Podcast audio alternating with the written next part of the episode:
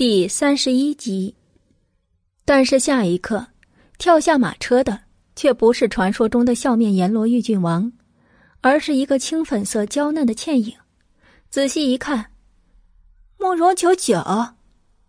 慕容子言下意识的皱起了眉头，他怎么会从百里玉华的车上下来？慕容九九，你怎么会？说起惊讶，苏轼绝对不亚于慕容子言了。听着他们母女的低呼，周围的一干贵妇也才后知后觉的明白过来，这从玉郡王马车上下来的人，居然是相府的大小姐慕容九九。一双双探究打量的目光，顿时齐刷刷的定格在了他的身上。慕容九九始终不动声色，纯净的小脸上再不复刚才车内的巧笑嫣然。他上前淡淡解释道。刚才半道上，九九乘坐的马车车轴断了，正巧玉郡王的马车路过，说是看在父亲的薄面上，便载了九九一程。原来如此，看在父亲的薄面上，慕容子言惊异的心态这才稍稍的恢复了平衡，暗道：这慕容九九也不知道是好运还是厄运。大姐跟着玉郡王同乘一辆马车。可有冲撞了玉郡王？当着众人的面慕容子言做出一副娇婉亲密的样子，关切道：“慕容舅舅暗自恶寒的撇撇嘴。玉郡王为人心地仁慈，又宽宏大量，又岂会与我为难呢？二妹妹多虑了。心地仁慈，宽宏大量，呵，这样的评价放在谁身上都行，唯独放在百里玉华的身上。”怎么听怎么别扭，但谁又敢反驳说不是呢？苏轼这才放下心来，将全部都归到了相府的薄面上，并没有多想，反而在众多官家贵妇的面前微微的昂了昂头。这时，慕容九九明显感到一股锐利的目光。慕容九九，听说你前几日被瑞王和楚世子连续两家退婚。如今你也算是残花败柳，居然也敢到高阳长公主的牡丹会上招摇过市，也不怕丢人现眼吗？一声冷嗤传来，就见工部尚书夫人陈氏的身边正站着一名满面挑衅的少女，而这个女子在慕容九九不多的记忆里可是常客。此人正是苏氏的母家工部尚书府的嫡女，慕容子言的亲表妹。苏云云，这个女人过去没少明里暗里的欺负她，虽然记忆已经久远，但慕容九九依旧对这个没什么脑子的女人充满了厌恶。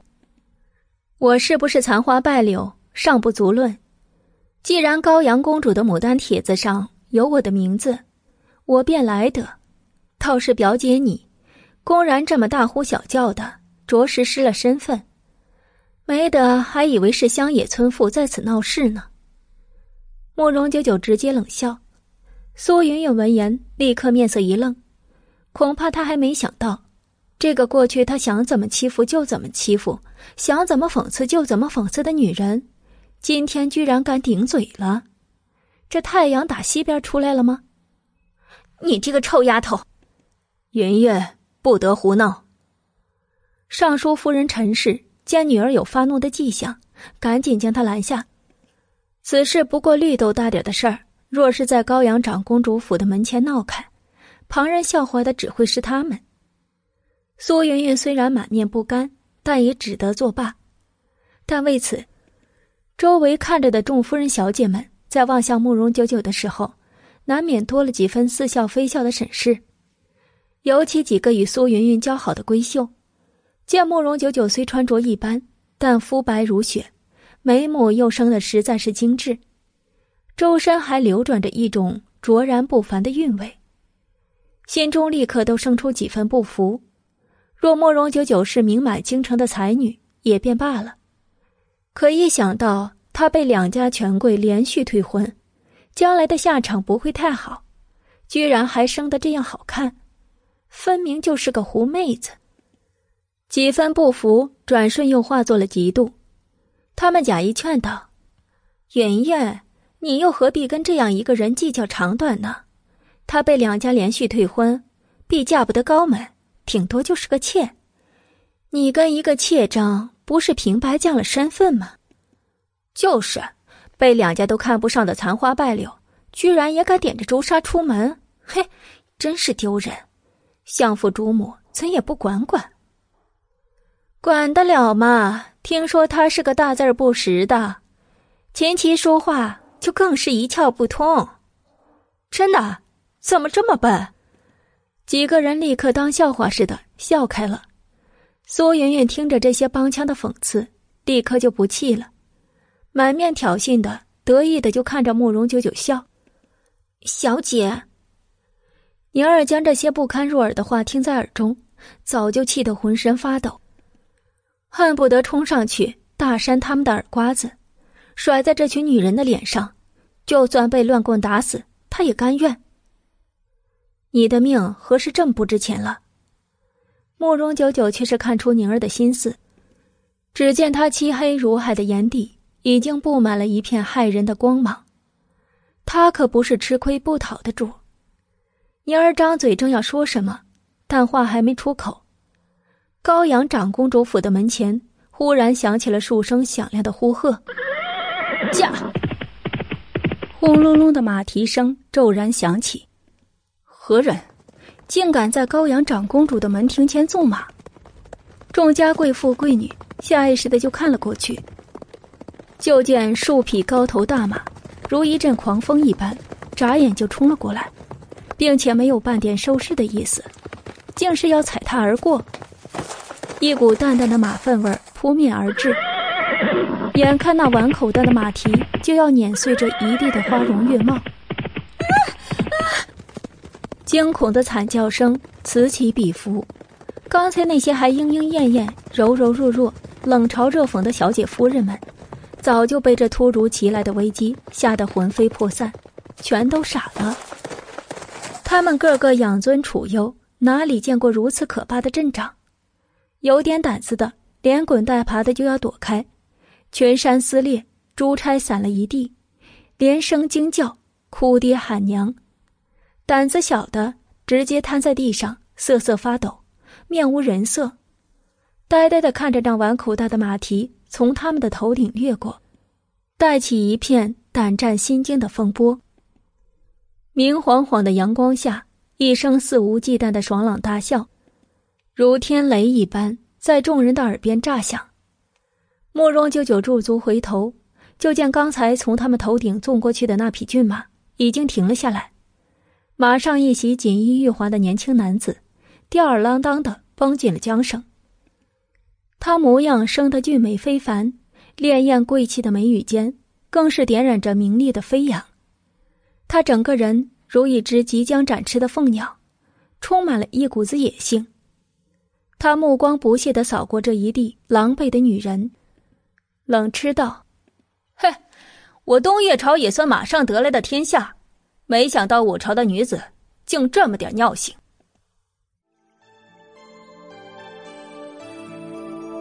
听众朋友，本集播讲完毕，感谢您的收听。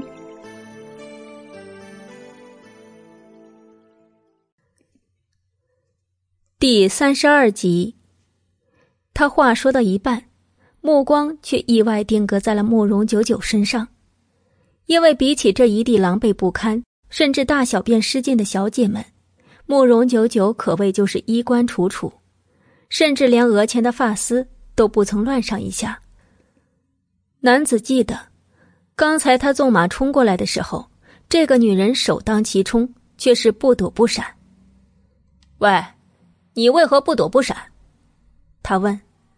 慕容九九无所谓的一笑：“你眼中没有杀机，而且马术精湛，我为何要躲闪？平白脏了我这身衣裳，瞧这一地的尿，真臭。”他讽刺的看了一眼几步外，包括苏云云在内的几个闺女，裙子下一滩尿，可不就是他们的杰作吗？此刻劫后余生，所有人才反应过来，这只是一场恶作剧。而自己的丑态居然还被慕容九九这般指出来，所有人羞愧的恨不得找个地缝钻进去。男子闻言，再次仰头放肆一通大笑：“哈哈，你叫什么名字？”慕容九九。好，本郡王记住你了，你也记住本郡王的名字。我叫苏雨彻。言罢，苏雨彻打马就去。苏雨彻，竟是高阳长公主之子，彻郡王，京城有名的小魔王。今日这般行迹。果然不负小魔王的名号，慕容九九抿嘴一笑，有趣。慕容子言从刚才苏雨彻纵马而来的瞬间，就被身边的几个丫鬟护在中间，可饶是如此，他也是被吓了个魂飞魄散，混乱中更是不知被谁撞了一下，扑在了地上，一身精致的打扮都乱了，华贵单薄的衣裙。更是被撕出一大条口子。正惊魂未定，被丫鬟们扶起来，就看到慕容九九气定神闲，与苏雨彻这一番对话，他心中立刻涌上一股难言的嫉妒。苏雨彻是谁？那可是高阳长公主捧在手心里长大的独子，这样的人居然被慕容九九这个贱人给结交了。母亲，我好恨。那个气定神闲与堂堂的彻郡王结交的人，为什么不是他呢？苏轼此刻也好不到哪里去。经过这个所谓的恶作剧，刚才还莺莺燕燕、各种是非不断的小姐们，哇的一声就都大哭起来。有的是被吓的，有的则是委屈的，委屈自己怎么这么不争气。结识彻郡王苏雨彻，这是个多好的机会啊！顿时，一双双刀子般的目光就戳向了慕容九九，好像他抢了原本属于他们的机会似的。慕容九九嘴角一抽，看来刚才苏雨彻说的一点不错，这帮子女人也就这么点尿性。诸位夫人、小姐息怒，我家彻郡王素来性子顽劣，连皇上也是屡训不改。长公主特命小人来给夫人、小姐们赔罪。请夫人、小姐们快快到府中梳洗一下吧。一名管家模样的人匆匆跑出来，虽是满口的赔罪，但言外之意却是我们家彻郡王连皇上都管不了，你们也就担待一些吧。高阳长公主可不是空架子公主，身有护驾大功，在场之人多是普通官员的家眷，哪敢有微词？感受着慕容子言那双锐利的眸子。慕容九九浑不在意的撇撇嘴，就抬步跟着人流跨过了长公主府的门槛。因为他不需要梳洗，所以直接被引进开满牡丹的园子。哎呀，小姐，奴婢这心呐，现在还扑通扑通的跳着呢。这个彻郡王当真是个小魔王。劫后余生的宁儿也不禁长长舒了一口气。之前若非小姐提醒。说彻郡王没有杀心，让他闭上眼站着别动，否则他的下场也不会好。可就算如此，他的腿还是软的。小魔王又如何？我倒觉得此人比那些趋炎附势、口蜜腹剑之辈强多了，一身的真性情实在难得。走在前面的慕容九九笑赞了一句，说话间。他们已经被引入了长公主府的后花园。之前的牡丹会总是听人兴奋的说起，但是当慕容九九真的看到这堪比御花园的大花园，与这满园子姹紫嫣红的牡丹时，他方觉得今日也算是不虚此行了。哇，好美呀！宁儿惊叹的小嘴儿更是能塞下一颗鸡蛋，应该是真壮观。只是高阳长公主府的后花园比皇宫还壮观，不知皇上会怎么想。此刻，牡丹园里早就聚集了不少早来的夫人小姐，个个衣着华丽，打扮的珠光翠玉，但慕容九九却是一个也不认识，索性乐得自在，自顾自的赏起了满园的春色。喂，你是哪家的小姐？怎么来了也不说话？这时，身后传来几声呼唤。慕容九九舍了跟前硕大的牡丹，回身看去，就见白玉廊上几名华贵的夫人小姐正结伴而来，其中一个小姐瞪着一双圆圆的大眼睛，好奇的看着他，估计在猜测他的身份。对呀，你是谁？本小姐往年怎么没见过你？还有，你见了公主怎么也不见礼？另一个贵女排众而出。高人一等的淡淡俯视了慕容九九一眼，公主，慕容九九抬眸一扫，就将目光锁定在了一个同样面容倨傲的女子身上，缓缓的见礼道：“臣女不识公主天颜，更不识诸位夫人小姐的身份，一时才不知如何见礼，望公主与诸位夫人小姐见谅。你不认得我们便罢了。”竟连明秀公主也不认得，哼，谁信？你究竟是哪家的小姐？报上名来。之前那介绍公主的倨傲小姐一声冷嗤。慕容九九好笑。臣女是相府长女慕容九九。因为家中夫人常说臣女的样貌粗陋，举止粗俗，礼仪不规，实在羞于见人，所以不让臣女出门。但不想。今日意外蒙高阳长公主垂怜，有幸能一赏这满园的春色，已经是不胜欢喜，万不敢冒犯公主与诸位。什么？你就是被三哥跟楚世子连续退婚的相府长女慕容九九？明秀公主一声惊异的喊出她的名字，但慕容九九却明显从中听到一片浓浓的不屑与轻视。慕容九九。本小姐没听错吧？你刚才说你母亲嫌弃你样貌粗陋、举止粗俗、礼仪不规，让你羞于见人，所以才不识得我们。可是，母亲，诸位夫人姐姐们，你们看，他是样貌丑陋、举止粗俗之人吗？倒是之前那倨傲的小姐忽然笑着出口。听众朋友。本集播讲完毕，感谢您的收听。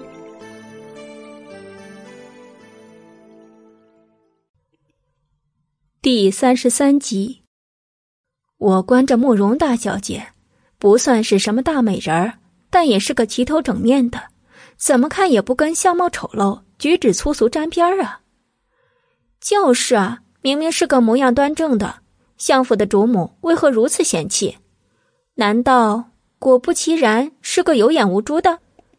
众夫人小姐七嘴八舌的就说了起来，眼里眼外都是对苏轼的冷嘲热讽，而这些小姐则是对慕容子言里外褒贬，倒是把慕容九九这个当事人给亮了起来。而经此一役，慕容九九也算看出来了，刚才门口那帮子夫人小姐，明显是跟苏轼交好的。而眼下这一帮子长舌妇，反之，就是跟苏轼不怎么交好的。其中尤其那个满面倨傲的小姐，言辞最是犀利，不难看出她跟慕容子言肯定有仇。由此，此女的身份已经呼之欲出了：宁王府的嫡女宁碧月。她跟慕容子言如今可是赤裸裸的情敌。都聊什么呢？这么开心？又有几声笑语传来，慕容九九抬眸一看，竟是两个熟人，楚夫人、远东侯夫人。呀，慕容大小姐也在呀！好些日子没见，小姐倒是丰盈了些许。楚王府二房的柳氏，也就是楚夫人，一脸欣喜的走上前来。慕容久久含笑应对的同时，目光也不着痕迹的扫视了一眼远东侯夫人楚氏。双方善意一笑，回楚夫人的话，我们刚才正聊着一件有趣的事儿。您瞧着慕容大小姐，分明是个端正的模样，可相府的主母却嫌弃他相貌丑陋，举止粗俗，这么些年都不让他在京中露面，反倒常常带着那个总哭哭啼啼的二小姐出来行走。您说好笑不好笑？楚夫人闻言淡淡一笑，苏轼的无耻。他们上次就见识过了，只是凉凉的笑道：“哼，这算什么？分明是个身体康健的孩子，上次还硬被相府的主母给说成了神志不清呢，把我们都吓了一跳。竟还有这事儿！众人立刻爆发出新一轮的议论。而也偏巧，苏氏母女与之前的众家夫人也都已经梳洗好了，正被引着朝这边走来。相府是百官之首，能与苏氏贴着脸好的，都是底下办事的普通官员家眷。苏轼根本就看不上。若说尊贵，还要数朝中三大王府：楚王府、宁王府、豫王府。而此刻，这三府的王妃夫人、小姐以及宫中的明秀公主都在，正是攀附的好时机。苏轼还不上赶着，拉着慕容子言，扯了张笑脸就迎上来了。命妇见过明秀公主，见过宁王妃，见过远东侯夫人，想不到诸位姐妹都这么早。苏轼细心装扮的脸上就差没笑出一朵花来了，可是他也很快发现，气氛好像有点不对，因为所有的人都在用一种古怪诡异的眼光。打量他们母女，哼！也不知是谁最先发出一丝不屑的冷笑，也不多言，众人一哄而散，明确的对苏轼表达一个意思：我们不待见你。而苏轼做梦也没有想到，他一到，这帮贵妇人居然就这么散了，这不是明显当众打他的脸吗？而这种打法，绝对比打在肉上还狠。令苏轼拢了一脸的笑纹，硬生生的僵在那里，青也不是，白也不是。正当他百思不得其解的时候，身后隐隐传来那些夫人小姐的议论：“瞧那对母女，看着光鲜艳丽，热脸贴我们的冷屁股的样子，也那么恶心。就是，懒得看他那虚伪的样子。”一股子血气顿时冲上苏轼的脑门儿。他险些没把自己这口老血给憋死，为什么？母亲是慕容九九那个小贱人。慕容子言看着母亲刚才的窘境，就知道刚才一定是发生了什么他们不知道的事儿，而造成这一系列结果的人只有一个，那就是慕容九九，这个贱人。苏轼气得浑身发颤，猛然回头，发现慕容九九。就站在他身后的不远处。你想问我跟他们说了什么吗？实话实说而已。慕容九九一脸无辜的撇撇嘴，看着苏轼那张憋得出不来气儿的脸，他心情忽然好起来。在高阳长公主的牡丹会上发飙教训女儿，可不是什么明智的选择。仿佛算准了他们不能怎样，慕容九九有恃无恐的大大咧开一张笑脸。然后扬长而去。你，苏轼黑沉着一张脸，几乎已经暴跳如雷，但是他不能发作，这会儿指不定那些长舌妇都在暗处等着看他笑话呢。慕容九九，你给我等着！慕容子言白着一张脸，也是极度阴郁。不过他现在脑子里想的不是生气，而是盘算着。牡丹会上稍后一定是高朋满座，他得想法子去结交自己的人。母亲遭了那些王妃夫人的厌弃，自己今日是万万不能跟母亲靠得太近了。这么想着，他的目光就开始搜索起了目标。上一次在街上，因为慕容九九那个贱人从中作梗，致使瑞王君莫对他拂袖而去。今日无论如何也要补救一番。慕容九九刚走出去没几步，身后又响起一声娇喝，回身就见不死心的苏云云又一脸挑衅的跟上来。表姐的衣服换好了。谁知慕容九九闲闲一语，原本前来挑衅的苏云云，噌的一下飙起一股怒火，一张脸恨不得一巴掌拍死这个小贱人，但是他不能在这里动手。你个臭丫头！等着瞧，哼！等你回了相府，本小姐整不死你。看着苏云云这张气喘如牛的表情，慕容九九实在是忍俊不禁。表姐，你过来就是为了给我喘气看的？哼！苏云云恨恨的瞪了他一眼，张嘴就道：“贱人，就算你今日跟彻郡王结交，但是也不准痴心妄想。彻郡王岂是你这种下贱的东西能匹配的？就算他来找你，你也不准搭理彻郡王。只要一想到这个小贱人要是有机会嫁入高阳长公主府，日后踩在她头上，苏云云就有种抓狂的感觉。”她必须要来警告这个不知天高地厚的蠢女人，你听到了没有？慕容九九愕然，不是都说古代女子保守吗？这果然是没有最彪悍，只有更彪悍了。这打击潜在情敌的方式，居然也这么……嗯，这么有创意。等一下，苏云云心仪的对象是高阳长公主之子。彻郡王苏雨彻吗？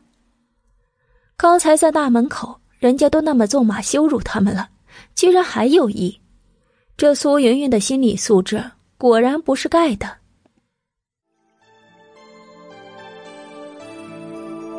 听众朋友，本集播讲完毕，感谢您的收听。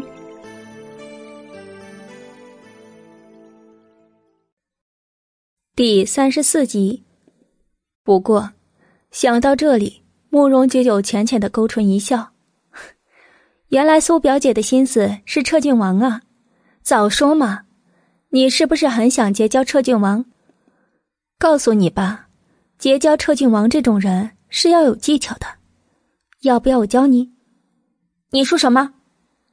苏云云本就是个没脑子的，尤其春心萌动的少女，对这种事更是毫无抵抗能力。他立刻就心动了，前一刻还是张牙舞爪的母老虎，后一刻就成了羞答答、含苞待放的花骨朵。你，你真的有技巧？苏云云有些期待的望着慕容九九，就算心里隐隐觉得没这种好事儿，可还是想试试。表姐，且附耳过来。苏云云立刻乖乖的凑上来，就听慕容九九低笑道。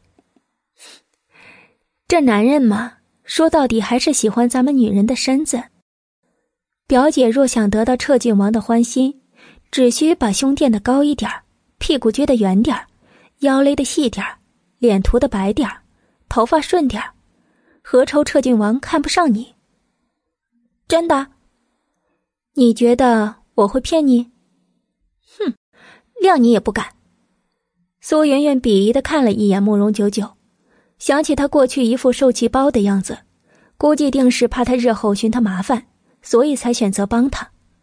不过经他这么一说，苏云云忽然意识到了，都是差不多年纪的花季少女，慕容九九这个个头似乎比他略高一点，胸口也鼓鼓的，腰肢细细的，屁股圆圆的，模样还那么标致好看，比紫妍表妹还有一股子俊气。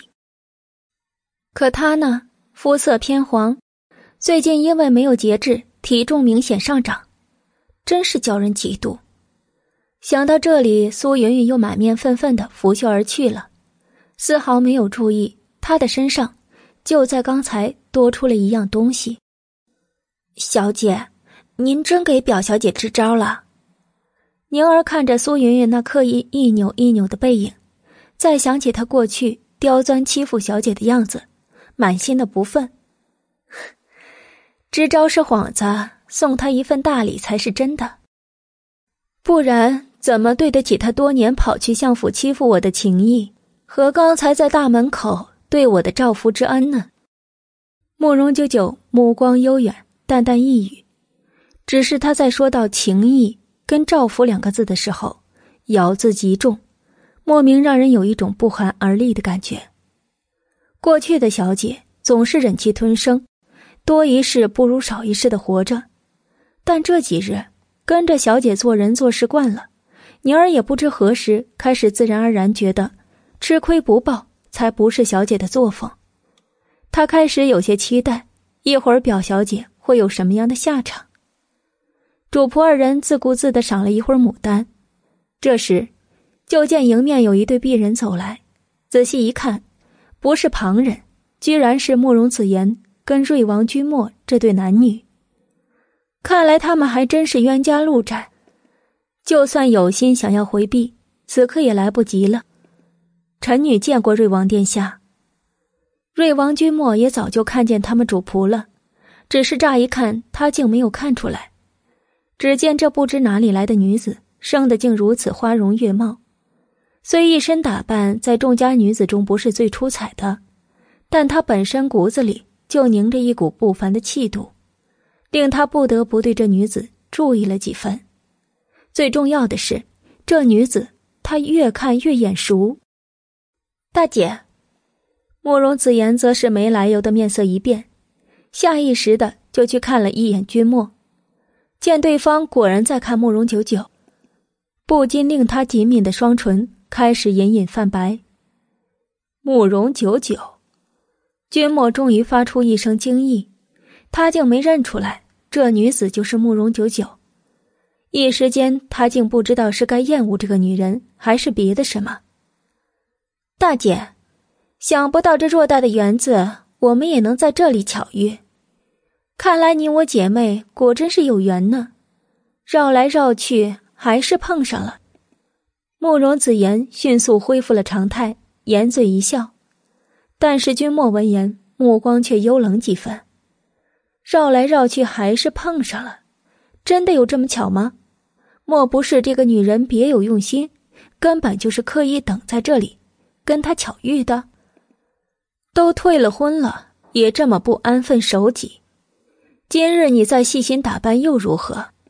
也不过是个什么都不会的草包，整日尽思量这些勾引人的下作手段。乔二妹这话说的，好像我很想跟你们碰上似的。既然二妹有此误会，那我就赶紧走了，免得打扰了你们花前月下。慕容九九转身就走，半点没有刻意勾引的意思。看着这华商女子毫不拖沓的转身欲走，白皙动人的优雅侧脸，似潮非潮的顾盼眉宇，竟是有种让人说不出来的怦然心动。这让前一刻还对慕容九九不屑一顾的君莫。立时又生出另外一种感觉，就跟坐过山车似的，忽上忽下。慕容九九，总算找到你了，怎么躲到这犄角旮旯来了？害得本郡王撞散了好几对鸳鸯。忽然一声飞扬的大笑传来，就见彻郡王苏雨彻，一身雪白的锦衣，面若冠玉，黑发如云，一双贵气的凤眸。在他这畅爽的笑声中，显得颇为惹眼。彻郡王，慕容九九淡淡一应，不知道为什么，与此人只是门前匆匆一瞥，却觉得心里格外的亲近，好似他们是相识多年的好友一般，莫名的有种契合感。人果然是要讲究缘分的，就像跟君莫，定了这么多年的亲，见了面也是没来由的讨厌。卓郡王。你跟慕容九九认识？瑞王君莫似乎也疑惑。苏雨彻对慕容九九这种热情，要知道，这位小魔王可是京城里出了名的难缠。他若是与你交好，那就能好到天上去；若是看你不顺眼，你就是捧着黄金相交，他也是不屑一顾。因为他母亲是高阳长公主的缘故，瑞王君莫很早以前就被自己的母妃。屡次相劝，要跟此人多多亲近，但很可惜，他们一直交情淡淡。而慕容子言在看到如此潇洒不羁的苏雨彻对慕容九九如此热情时，胸中立刻燃起一股极度的不悦，因为在很久之前，苏氏也曾告诉过他，朝中皇子王爷今日显贵一时，但来日夺嫡却是凶险万分，成王败寇。根本未可知，但朝中却有两个存在，是一定不会倒的。一个是高阳长公主府，一个是溧阳长公主府。他们身兼护驾大功，而且握有实权，而偏又是女流之辈，不存在夺嫡的范围。毫不夸张的说，这两座府邸至少可以在东岳朝昌盛百年。当时苏轼是希望慕容子言。寻机会嫁入高阳长公主府，或者是溧阳长公主府，但是任凭她是京中贵女的翘楚，任她才名天下，对方竟都不曾看她一眼。最终，他才退而求其次的选择了君莫，而对他爱搭不理的人，如今居然对慕容九九另眼相看，如何让他不恼呢？听众朋友，本集播讲完毕，感谢您的收听。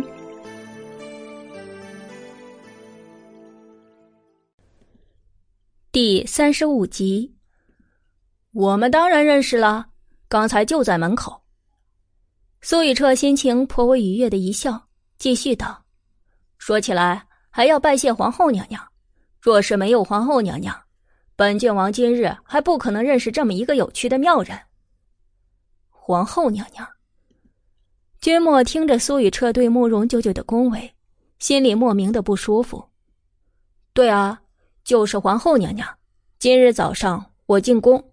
我与皇后娘娘抱怨说：“咱们东岳朝自她与我母亲，还有溧阳姨母后，便再无巾帼女子。”皇后娘娘却说：“满朝文武家的女儿个个出挑，都是巾帼女子。”我当然不信啊，就非要跟他打赌，要来验证一番。于是我纵马而回，见门口站着一群朝中的贵女，便直接骑马纵了过去。你猜怎么着？苏雨彻含笑的反问：“君莫面上一惊，暗骂：‘真是个小魔王，居然下得了手，可伤了他们。’切！”苏雨彻不屑的一笑：“本王的马术岂是盖的？我既然敢纵马过去，就有不伤他们的本事。可没想到，他们胆小的，那个东倒西歪的摔了一地呀，还有几个吓得大小便都失禁了。”唯有慕容九九站在那，不躲不闪，丝发未伤。我问他：“你怎么不躲？”他说：“看着我眼底没有杀机，自然就不用躲。”瞅瞅，纵观朝中贵女，也就这么一个知我懂我的。苏雨彻口才极佳，说的绘声绘色。君莫听得一时也呆了，脑子里不禁也浮现出众女东倒西歪。唯他一人傲然而立的景象，那该是何等的胆色！对了，当时这位慕容二小姐也被撞得满地打滚此刻心中可还恨本郡王？谁知苏雨彻忽然笑眯眯的盯住了慕容子言，惊得慕容子言原本微白的脸孔，忽的涌上一片火辣辣的青红。自自然不敢。他一张嘴，竟是下意识的哆嗦了，不是吓的，是气的。这时，君莫才从沉思中惊醒过来，目光有些异样的看了看眼侧的家人，慕容子言。自他们初初相遇之时，他就对这女子有种没来由的怜惜与疼爱，一直觉得她是最好的、最高贵纯洁的，也是最适合做他妻子的人。可是，一想到这个女子也如其他寻常女子，被那么虚惊一下就吓得满地打滚未免，未免也太……殿下，慕容子言低低一唤，眼底迅速笼上一片水雾，然后飞快的低下了头，露出一截白生生的脖子，好似暖玉。娟墨的心忽然就软了下来。觉得子言就是个需要呵护的女孩子，何须那种胆色呢？再说了，让一个深闺女子临危不乱，也实在是难为她了。瑞王殿下，这时一个宫女打扮的，匆匆自一个拐角走了上来，俯身一礼：“奴婢奉明秀公主之令，请瑞王殿下过去一同赏花。”明秀公主在的地方。宁王府嫡女宁碧月肯定也在，只怕赏花是假，给君莫和宁碧月牵线搭桥才是真的。偏偏这两个人，慕容子言还一个也不好对付，而聪明如他，立刻退了一步，软声道：“既然明秀公主有请，那殿下还是去吧。”君莫看着慕容子言故作欢颜、含泪含笑的姿态。忽然心上一动，觉得紫言越发的乖巧懂事，却也惹人心疼，点了点头，跟苏雨彻打了一声招呼，就去了。大姐，那我去寻母亲了，不打搅你们二位了。慕容子言好像非常有眼力劲儿似的，朝苏雨彻点了点头，眉宇羞涩一闪，青烟拂柳的身姿婀娜而去，凭空给人无限的遐想之意。哎呀，你这个妹妹不简单呐！若是本郡王是个心智不坚的，估计最后那含羞带臊的一眼。就得把本郡王的魂儿给勾去。苏雨彻咂了咂嘴，连连感叹：“那你现在的魂儿可跟他去了？”慕容久久不觉的打趣：“还在呢。”苏雨彻眯眼一笑：“刚才你那么挤兑我二妹，绝对故意的吧？”慕容久久忽然一问：“嘿嘿，被你看出来了。”苏雨彻无所谓的撇了撇嘴。他背着亲姐勾引未来的姐夫的事儿，可是传的遍地都是。原本我才懒得跟一个小女子为难，不过后来想想，你似乎挺委屈的，本郡王就顺手帮你打击报复一下，也让君莫那小子看看，他千挑万选的是个什么货色。怎么样，我够意思吧？谢了。慕容九九爽快的一点头，然后飞快的又补充一句。不过我一点也不委屈，反而要感谢我那二妹呢。她若不勾引未来的姐夫，我也没这么痛快的摆脱婚约呀。可是你为此背上了不祥之名，而且一背就是两个。背就背了呗，最好一辈子嫁不出去才好，这样自由自在的，以后就没人管我了。天高海阔，外面的生活是多么精彩。花儿是那么香甜，我干嘛非削尖了脑袋往那深宅大院里钻？我又没有自虐倾向。这番话说完，以为苏雨彻定要用惊世骇俗的表情看他，谁知后者双眼一亮，非常赞同的点点头。果然是吾辈中人，本郡王没有错看你。呃，彻郡王，长公主有事找您。一名府中的小厮匆匆来报：“快去吧，正好我一个人赏赏花。这么美的一院子牡丹，可不是日日都能看到的。”慕容久久笑着说。苏雨彻却有些不悦：“有什么可赏的？我天天赏，早就赏腻了。不过说起赏牡丹，晚上在月下赏，其实才别有一番意思。改天我请你，呃，彻郡王。”哎呀，烦不烦呐？在苏雨彻骂骂咧咧的声音中，他还是被请走了。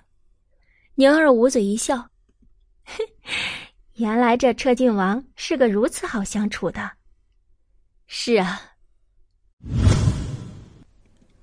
另一面，慕容子言一脱离众人的视线，前一刻还姣好的脸色，霎时间乌云罩顶，白皙的额头明显有青筋窜起。抬手就捏碎了一朵正半开未开的玫红色的牡丹，艳丽的娇蕊顿时碎了一地。二小姐，她的贴身丫鬟冰儿也被慕容子言这个样子吓得不轻。她跟了二小姐多年，也没见过二小姐如此失态过。母亲呢？良久，慕容子言寒声一语：“夫人在前面的凉亭里。”听众朋友，本集播讲完毕，感谢您的收听。第三十六集，作茧自缚。比起慕容子言，苏氏刚才的境遇明显也不好，一直被三大王府的女眷们不软不硬的疏离，这让交际圈子素来顺畅的苏氏大受打击。母亲，今日。我必要毁了他。母女二人一照面，慕容子言仿佛再也抑制不住满腔的怒火，凝声便道：“他真是忍无可忍了。他可以忍那个女人在他面前阳奉阴违，也可以忍他从中作梗，故意刁难。但就是不能忍他飞黄腾达、咸鱼翻身，所以慕容久久不死，他寝食难安。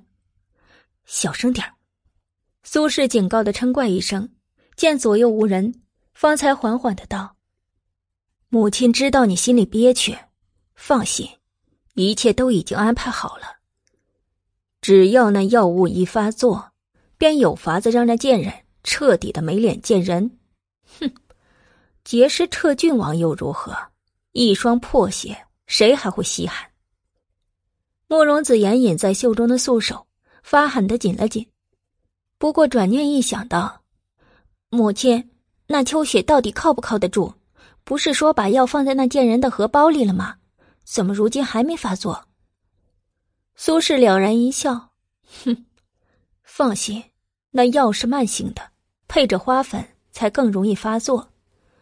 不过看时间，估计也快到了，你去看着，不能让旁人坏了我们的计划。”女儿明白。哎。夫人，二妹，原来你们在这儿啊！身后突然传来一声惊疑，就见慕容九九就那么笑眯眯的站在凉亭外的不远处，立在百花之间，群山曼妙，笑得格外灿烂。他是什么时候出现的？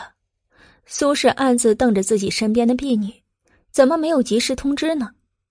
然后飞快的恢复了神色，面色不冷不淡的道。慕容九九，你不去赏花，跑这里来干什么？关键是派出去引他的丫鬟，估计是找不到他了。没什么，赏腻了呗，想到人多的地方再转转。慕容九九随意一语，人多的地方，母女二人闻言心中一跳。他要是在人多的地方，药性发作，岂不是都暴露了？慕容子言绝不会让那种事情发生，他立刻把心一横，跨前一步就笑道：“ 大姐，你看腻了，我还没有看腻呢，不如你陪我再去看看吧。妹妹正好也有些话想对大姐说。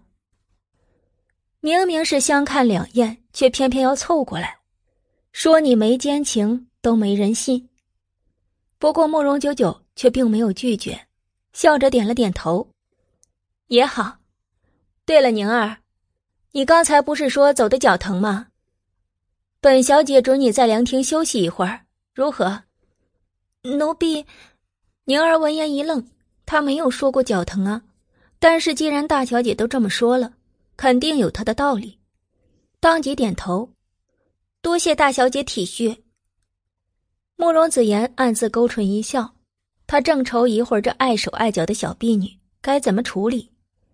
慕容九九就挥退了他，看来今天老天爷也不帮你啊。冰儿，你也留下来休息吧，省得也落个不知体恤下人的名声。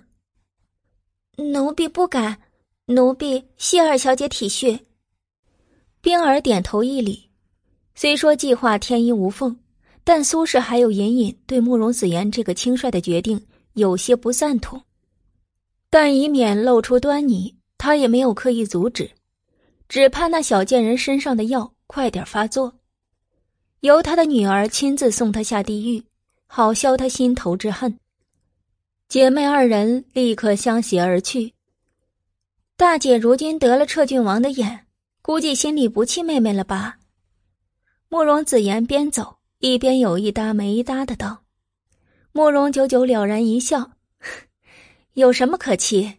压根儿就不气。”坏的不去，好的不来，不像某些人有眼无珠，捧个窝窝头当鸡腿还啃得那么香，生怕被人抢了似的。啊，二妹啊，你别误会，我说的不是你，分明说的就是他。慕容子言的面色明显暗了一暗，他发现他就不该开口跟这个女人说话，根本就是自找气受。很快，在慕容子言的刻意引导下，二人赏花的路线开始越走越偏僻。直到确定周围没人后，慕容子言才将狐疑的目光定格在了慕容九九健康红润的脸上。大姐，你身子没什么不舒服吧？慕容子言有些不确定的问，然后目光下意识的看向了慕容九九腰间的香囊。他认得这香囊，是他看着母亲将这香囊送到了秋雪的手中。难道是秋雪那死丫头临时变卦了？不过也没关系，幸亏她有两手准备。没有啊，我身子很好呀。哎，快看这朵牡丹，颜色好别致啊，之前真没看过呢。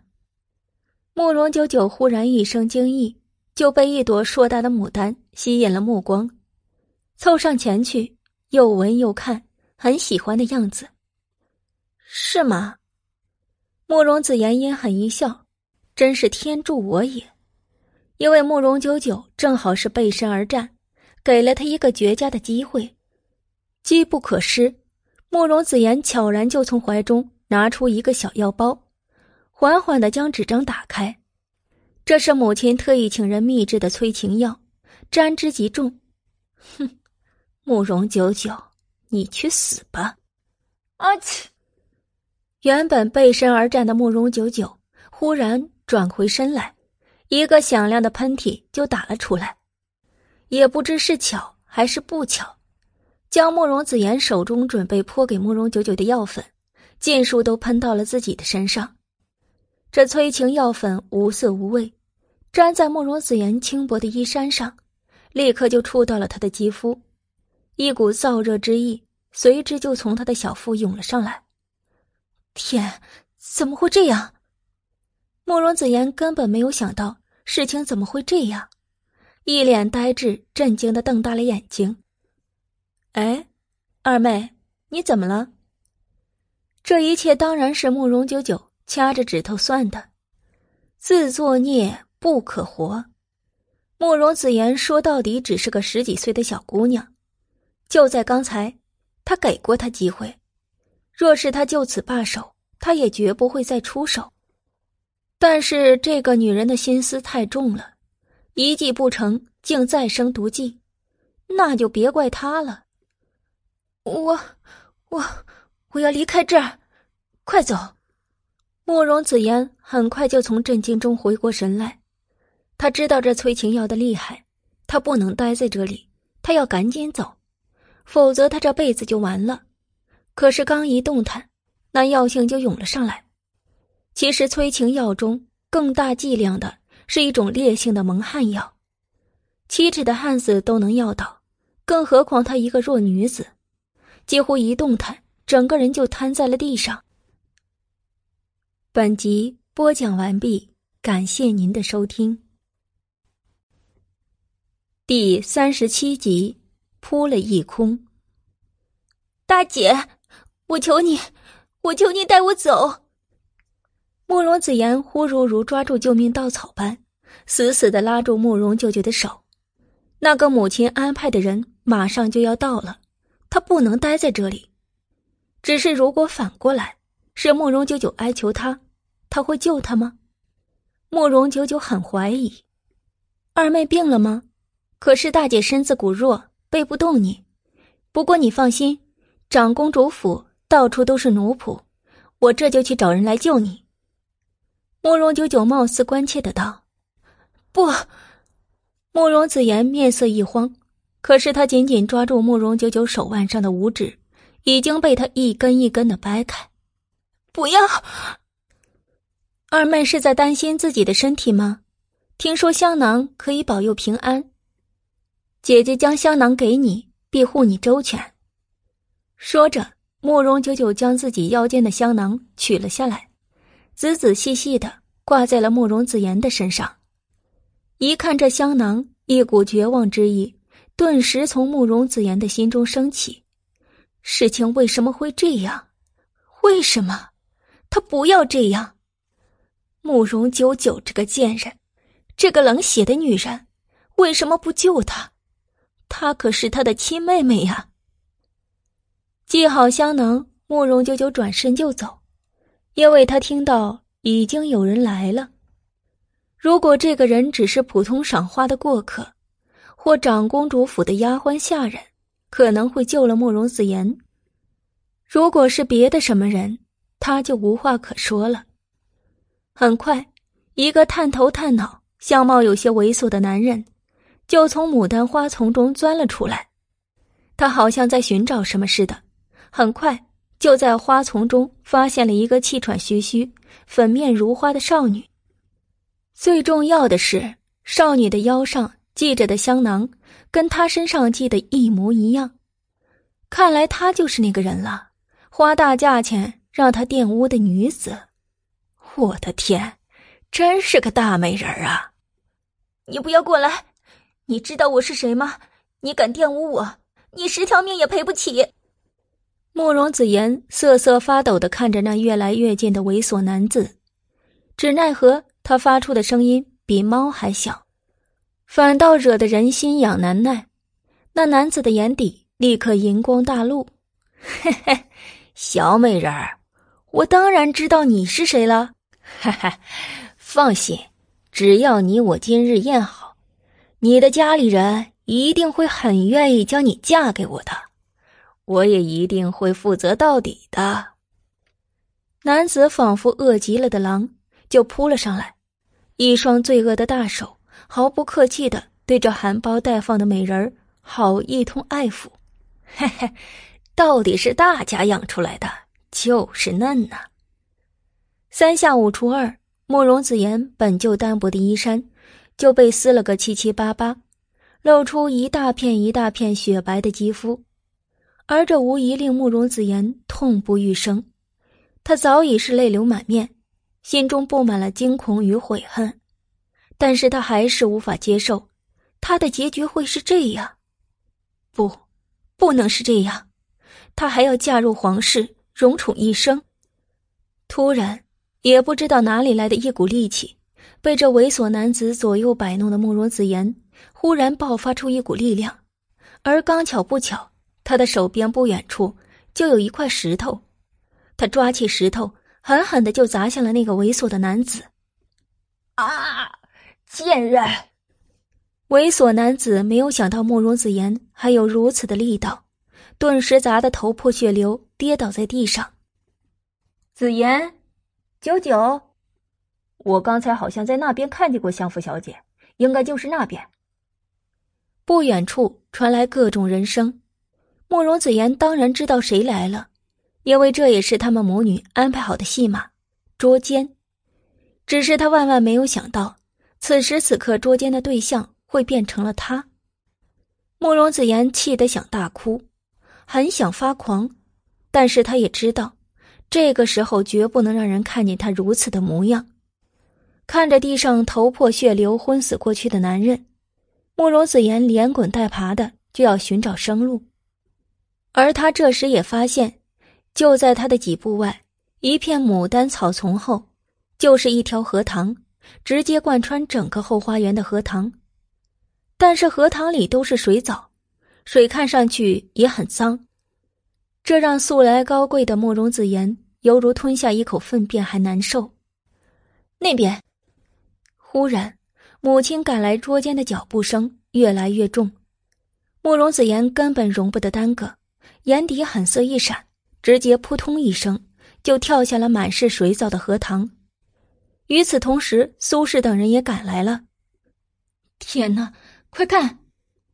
一声惊呼，苏轼与他寻来的众家夫人急忙赶来，想着马上就要捉慕容九九这小贱人的奸，苏轼胸口的心就开始兴奋的跳动起来。可是随着一声惊呼，他定睛看去，却并没有看到预期中的画面，只有一个头破血流、昏迷在地的男人，而这个男人他也知道。定是命李妈妈找来的小流氓陈阿四，只是慕容九九那个贱人呢。玉兰，这到底怎么回事？这怎么会有一个受伤昏迷的男子？是长公主府的家丁吗？跟苏轼一起来捉奸的，正是他的大嫂陈氏及一干别的交好的夫人。只是刚才苏轼谎称是来寻慕容九九跟慕容子言的，所以他们并不知道苏氏母女的计划。更不知道他们是来捉奸的，只是单纯的过来看看，不想就看到了这一幕。哎呀，这里莫名其妙多出个男子，该不会是坏人吧？我们还是赶紧禀报长公主吧。另一个夫人赶紧急急的建议道：“毕竟这里还是高阳长公主府，若是出了什么事，可不是他们这些普通的官家家眷就能承受得起的。”是啊，是啊，所有人纷纷点头赞同。可苏氏依旧满面不甘心的四处扫视着，恨不得将五谷消失的慕容九九给找出来。可是他无论怎么找也没有结果。身后诸多的夫人微词也越来越多了，因为比起苏氏这个相府的主母，他们更惧怕高阳长公主。也只能如此了。迫于无奈，苏氏只能松了口，而那边早就有人去报信去了。是不是很失望啊？躲在暗处将一切看在眼里的慕容九九正要蹙眉，头顶忽然传来一个好笑的男音。他一惊，一回头就见苏雨彻正笑眯眯的站在他的身后。这小子轻功竟如此了得，若是存了杀心，自己还不死路一条吗？慕容九九暗自磨了磨牙：“你怎么在这儿？”看他这副不识好歹的样子，苏雨彻顿时郁闷了。你个小没良心的！若不是看你那二妹不是好货，怕你吃亏，本郡王又何至于舍了美酒佳肴来此寻你？害得我还被蚊子咬了一口，这损失大了。本集播讲完毕，感谢您的收听。第三十八集，倒打一耙。说着，苏雨彻满面愤愤的抬起手，见白皙的手背上果然被蚊子咬出一个小包。你是来寻我，怕我吃亏的？废话。慕容九九抿嘴一笑，那刚才的事儿你都看见了，可觉得我狠毒？苏雨彻难得的收起他那副玩世不恭的样子，郑重的道：“当断不断，反受其乱。”既然动手，为什么不动死手？慕容子言这种女人，咎由自取。慕容九九双眸一亮，抬眸一笑，果然是吾辈中人，本小姐没有看错你。与此同时，躲在草丛后面荷塘里的慕容子言，忍着水里的阵阵恶臭，惊得大气不敢喘一下。天知道，他现在有多么的屈辱。他自出生就被父母呵护着长大，锦衣玉食，奴仆成群，绝对是平生第一次这么被作践，几乎已经是触到了他彻底崩溃的边缘。但最后一点点理智，始终还是拉扯着他，要想脱身的对策。这么想着，他隐在水中，缓缓的朝不远处的岸边游去。救命！救命啊！慕容子言的水性一点都不好，但好在岸边的水不是很深，他使劲吃奶的劲儿，一路扑腾着，也扑腾到了岸边。救命啊！也不知道是他扑腾出的水声，还是呼救声被人听到了。岸边不远处立刻出现了几道身影，而首当其冲的居然就是瑞王君莫。一看到君莫。慕容子言想到的不是庆幸，而是惊慌，因为他一直以来留给君莫的印象都是出淤泥而不染的高洁形象，他此刻污浊的模样如何能见人？但是他别无选择，只能背水一战了。殿下，我是子言。子言，君莫三步并作两步冲过去，一脸惊愕的看着水中狼狈的女子。尽管她脸上染了泥污，但他还是一眼就认出来，真的是慕容子言。可是子言怎么会变成这样？表哥，发生了什么事了？一声娇呼传来，宁碧月跟明秀公主居然也走了过来。当他们一看到水中狼狈的慕容子言，立刻都惊呆了，尤其是宁碧月，惊诧之后满眼都是狂喜之色。慕容子言，你个小贱人，你也有今天，真是苍天有眼。但是这些话，宁碧月可不敢真说出口，而是装模作样，尖着嗓子就喊了起来：“哟，慕容二小姐，您这是唱的哪一出啊？出水芙蓉还是出水白莲呐？想要惹表哥注意，也不用这么卖力吧？”慕容子言最讨厌的就是宁碧月了，此刻遭到宁碧月的羞辱，让他险些气得背过气去。但是现在不是生气的时候，殿下救我！慕容子言将一双泪眼朦胧的眼睛就锁定在了君莫的身上。这时，君莫也从惊愕中回过神来。不管子言如此，他到底还是子言。他毫不犹豫的伸手。就将慕容子言从水中拉了出来，脱下自己的外袍，飞快的裹在了慕容子言湿漉漉的身上，一脸的心疼之色。宁碧月看在眼里，脸色顿时黑了，只能恨恨的瞪了慕容子言一眼。子言，到底怎么回事？君莫一脸的疑问，感受着男子胸膛上传来的丝丝暖意。心里早就装满愤怒跟委屈的慕容子言，终于忍受不住，哇的一声就大哭起来，边哭边说：“是大姐陷害子言，说子言赏花，却暗中给子言下药，还找了一个流氓想要玷污子言。”什么？还有这事儿？宁碧月黑下的脸顿时又亮了，一时高兴的口不择言。也就是说。你已经被那流氓玷污了，你已经是一双破鞋了。君莫听在耳中，也是面色巨变，扪心自问：慕容子言要是没有了干净的身子，自己就是再喜欢他，也是绝对不会再娶她的。不，没有。慕容子言飞快的摇头，拉起自己的袖子就道：“我的手工朱砂还在，那流氓没有得手。”我趁机用石头打破了他的头，跳进了荷塘里，原想一死了之。看着慕容子言手臂上那嫣红似血的手工朱砂，君莫长长松了一口气。宁碧月则大失所望。子言别说了，君莫一脸心疼的将慕容子言搂进怀中。想不到慕容九九那贱人如此心思歹毒，他嫉妒你知书达理。才华横溢，嫉妒你得了本王的眼，竟下如此下三滥的招数。你放心，本王今日必还你一个公道。慕容子言闻之，哭得越发上气不接下气了。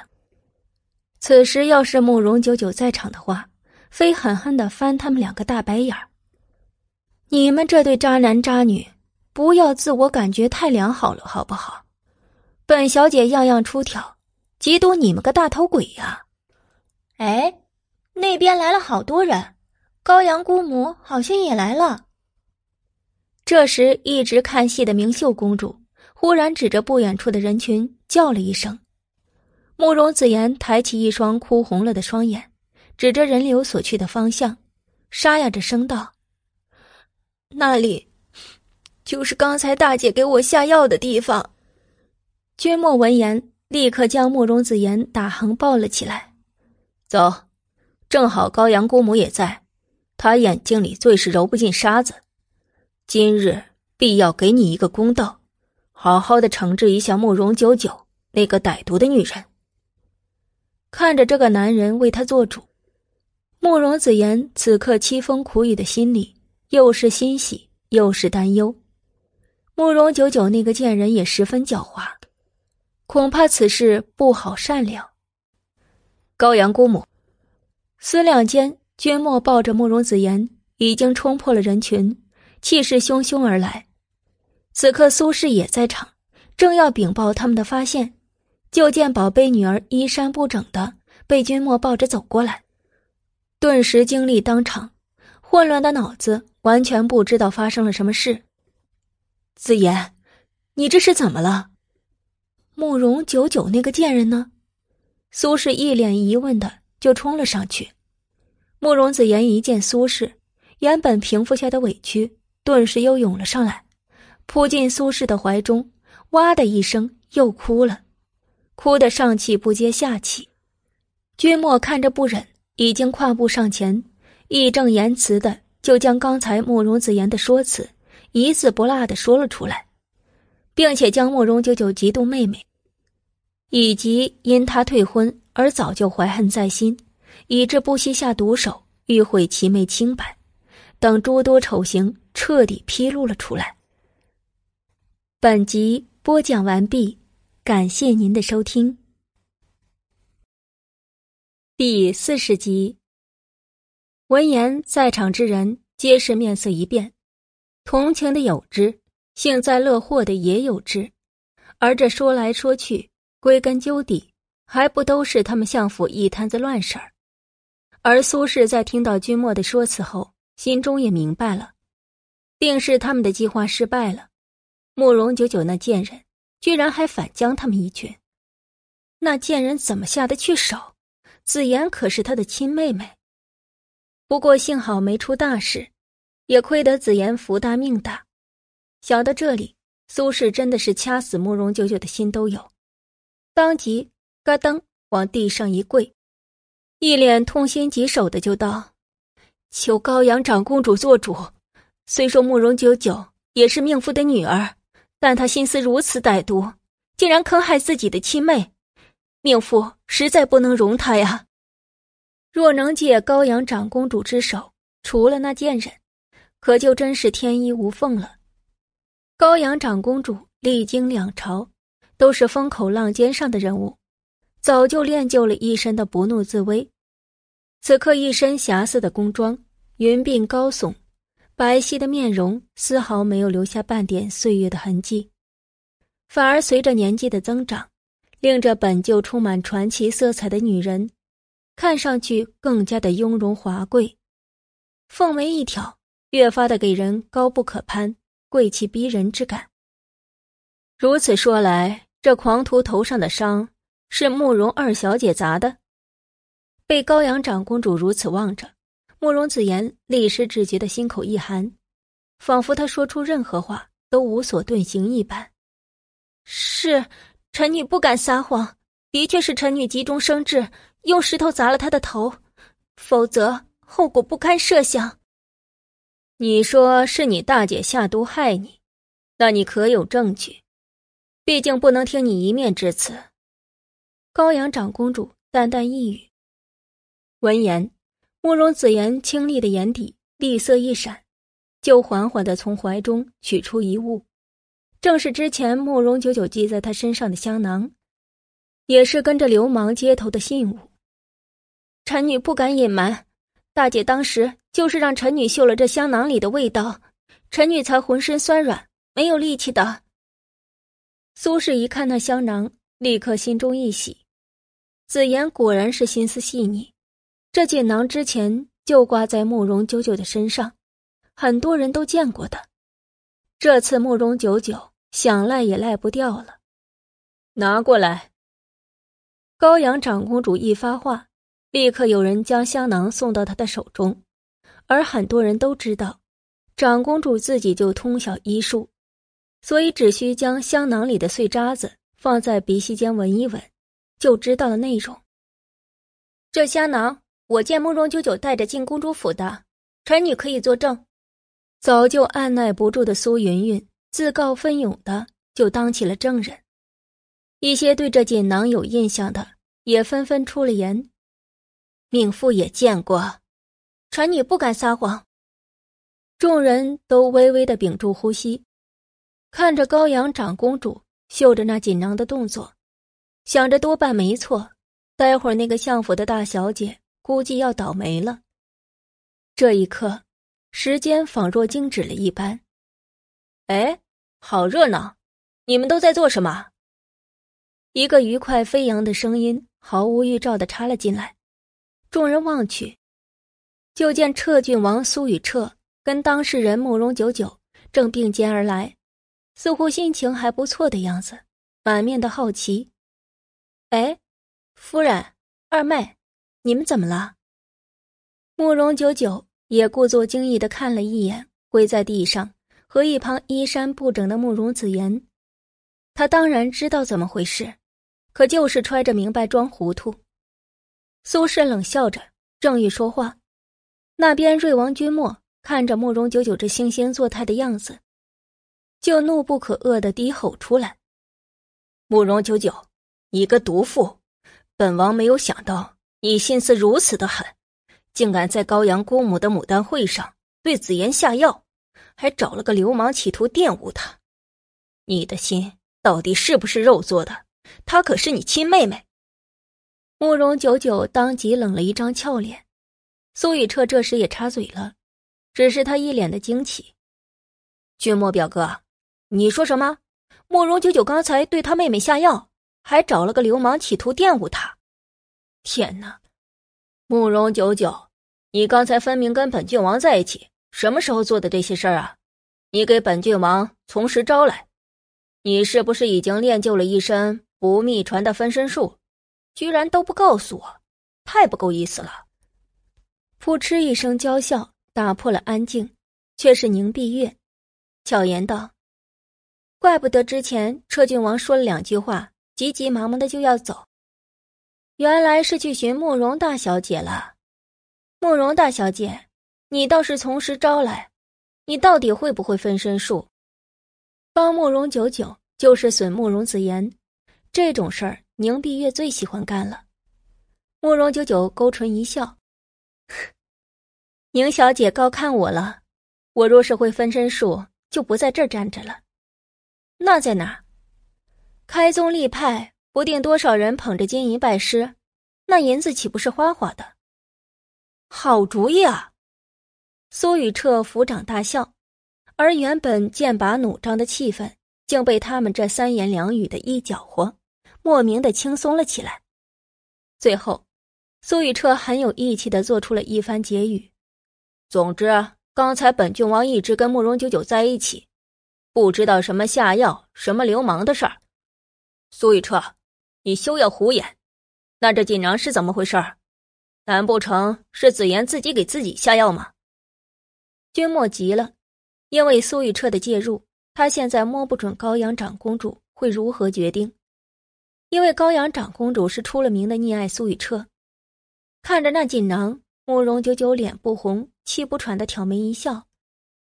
我说：“之前二妹为何突然说喜欢我的锦囊呢？非要讨了自己戴。原来你是在等着我呢。”你胡说！慕容子言的面色一白，正要辩驳，就听慕容九九忽然强势的拨高音调：“二妹，你下次若看大姐姐不顺眼，直说便可。”不用这么大费周折的陷害我，平白还污了自己的身子。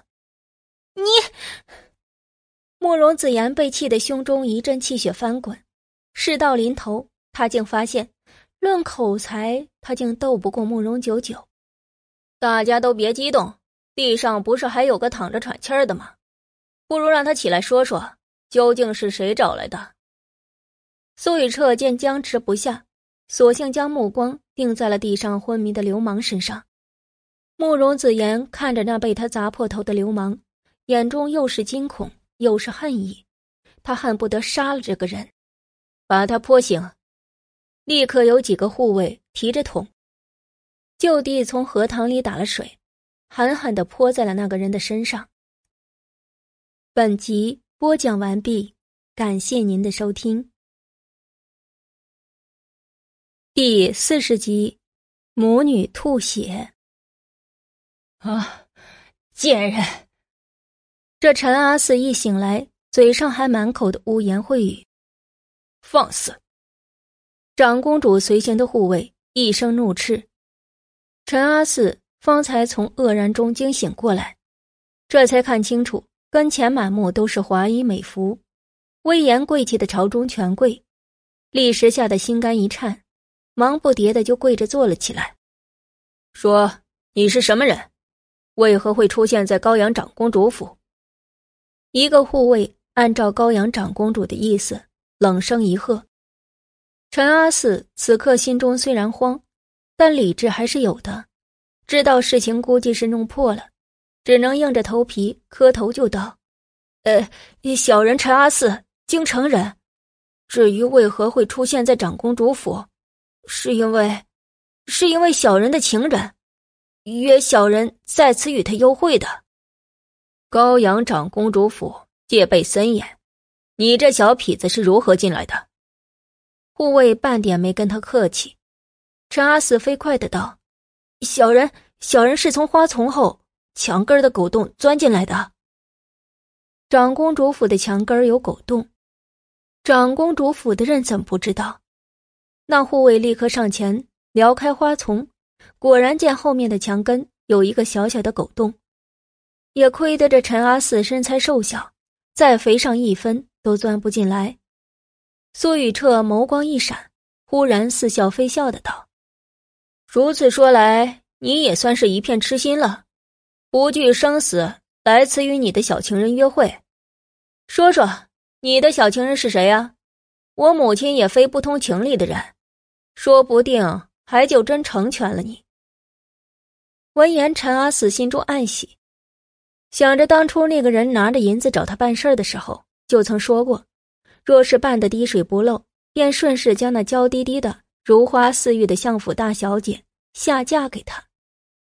虽然刚才混乱之下，他并没有真的得手，但至少剥了那相府小姐的衣服，也摸了好几把那细皮子嫩肉，所以机会还是有的。当即，陈阿四就跟打了鸡血似的，抬头就道：“小人的情人就是相府的大小姐慕容九九，小人有信物为证。”说完，就拿出自己怀中跟之前慕容九九一模一样的香囊。蠢货！苏轼几乎咬碎了一口银牙。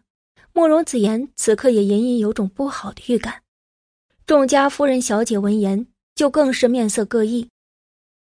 之前不是说慕容大小姐找流氓玷污二小姐吗？怎么现在这流氓口口声声非说是大小姐的情人？莫不是大小姐利用自己的情人陷害自己的妹妹？君莫的脸色也渐渐的沉了下来。高阳长公主是何等人物？几乎一瞬，他凤眸更危险的眯了起来，嗓音婉转而低沉的问：“陈阿四，你且说说，在场诸人谁是慕容九九？你若指出来，本公主便成全了你们。”苏轼闻言一急，想要做出点动静提醒陈阿四。那边苏雨彻忽然出手如电，一颗石子就打在了苏轼的肩膀，疼得苏轼直接弯下了腰。考我是吧？那边陈阿四根本就不知道怎么回事完全都沉浸在自己的美梦中，起身就指向了慕容子言，就是化成灰，他也认识这个砸破他头的女人。九九。我们的事儿已经暴露了，你就承认了吧。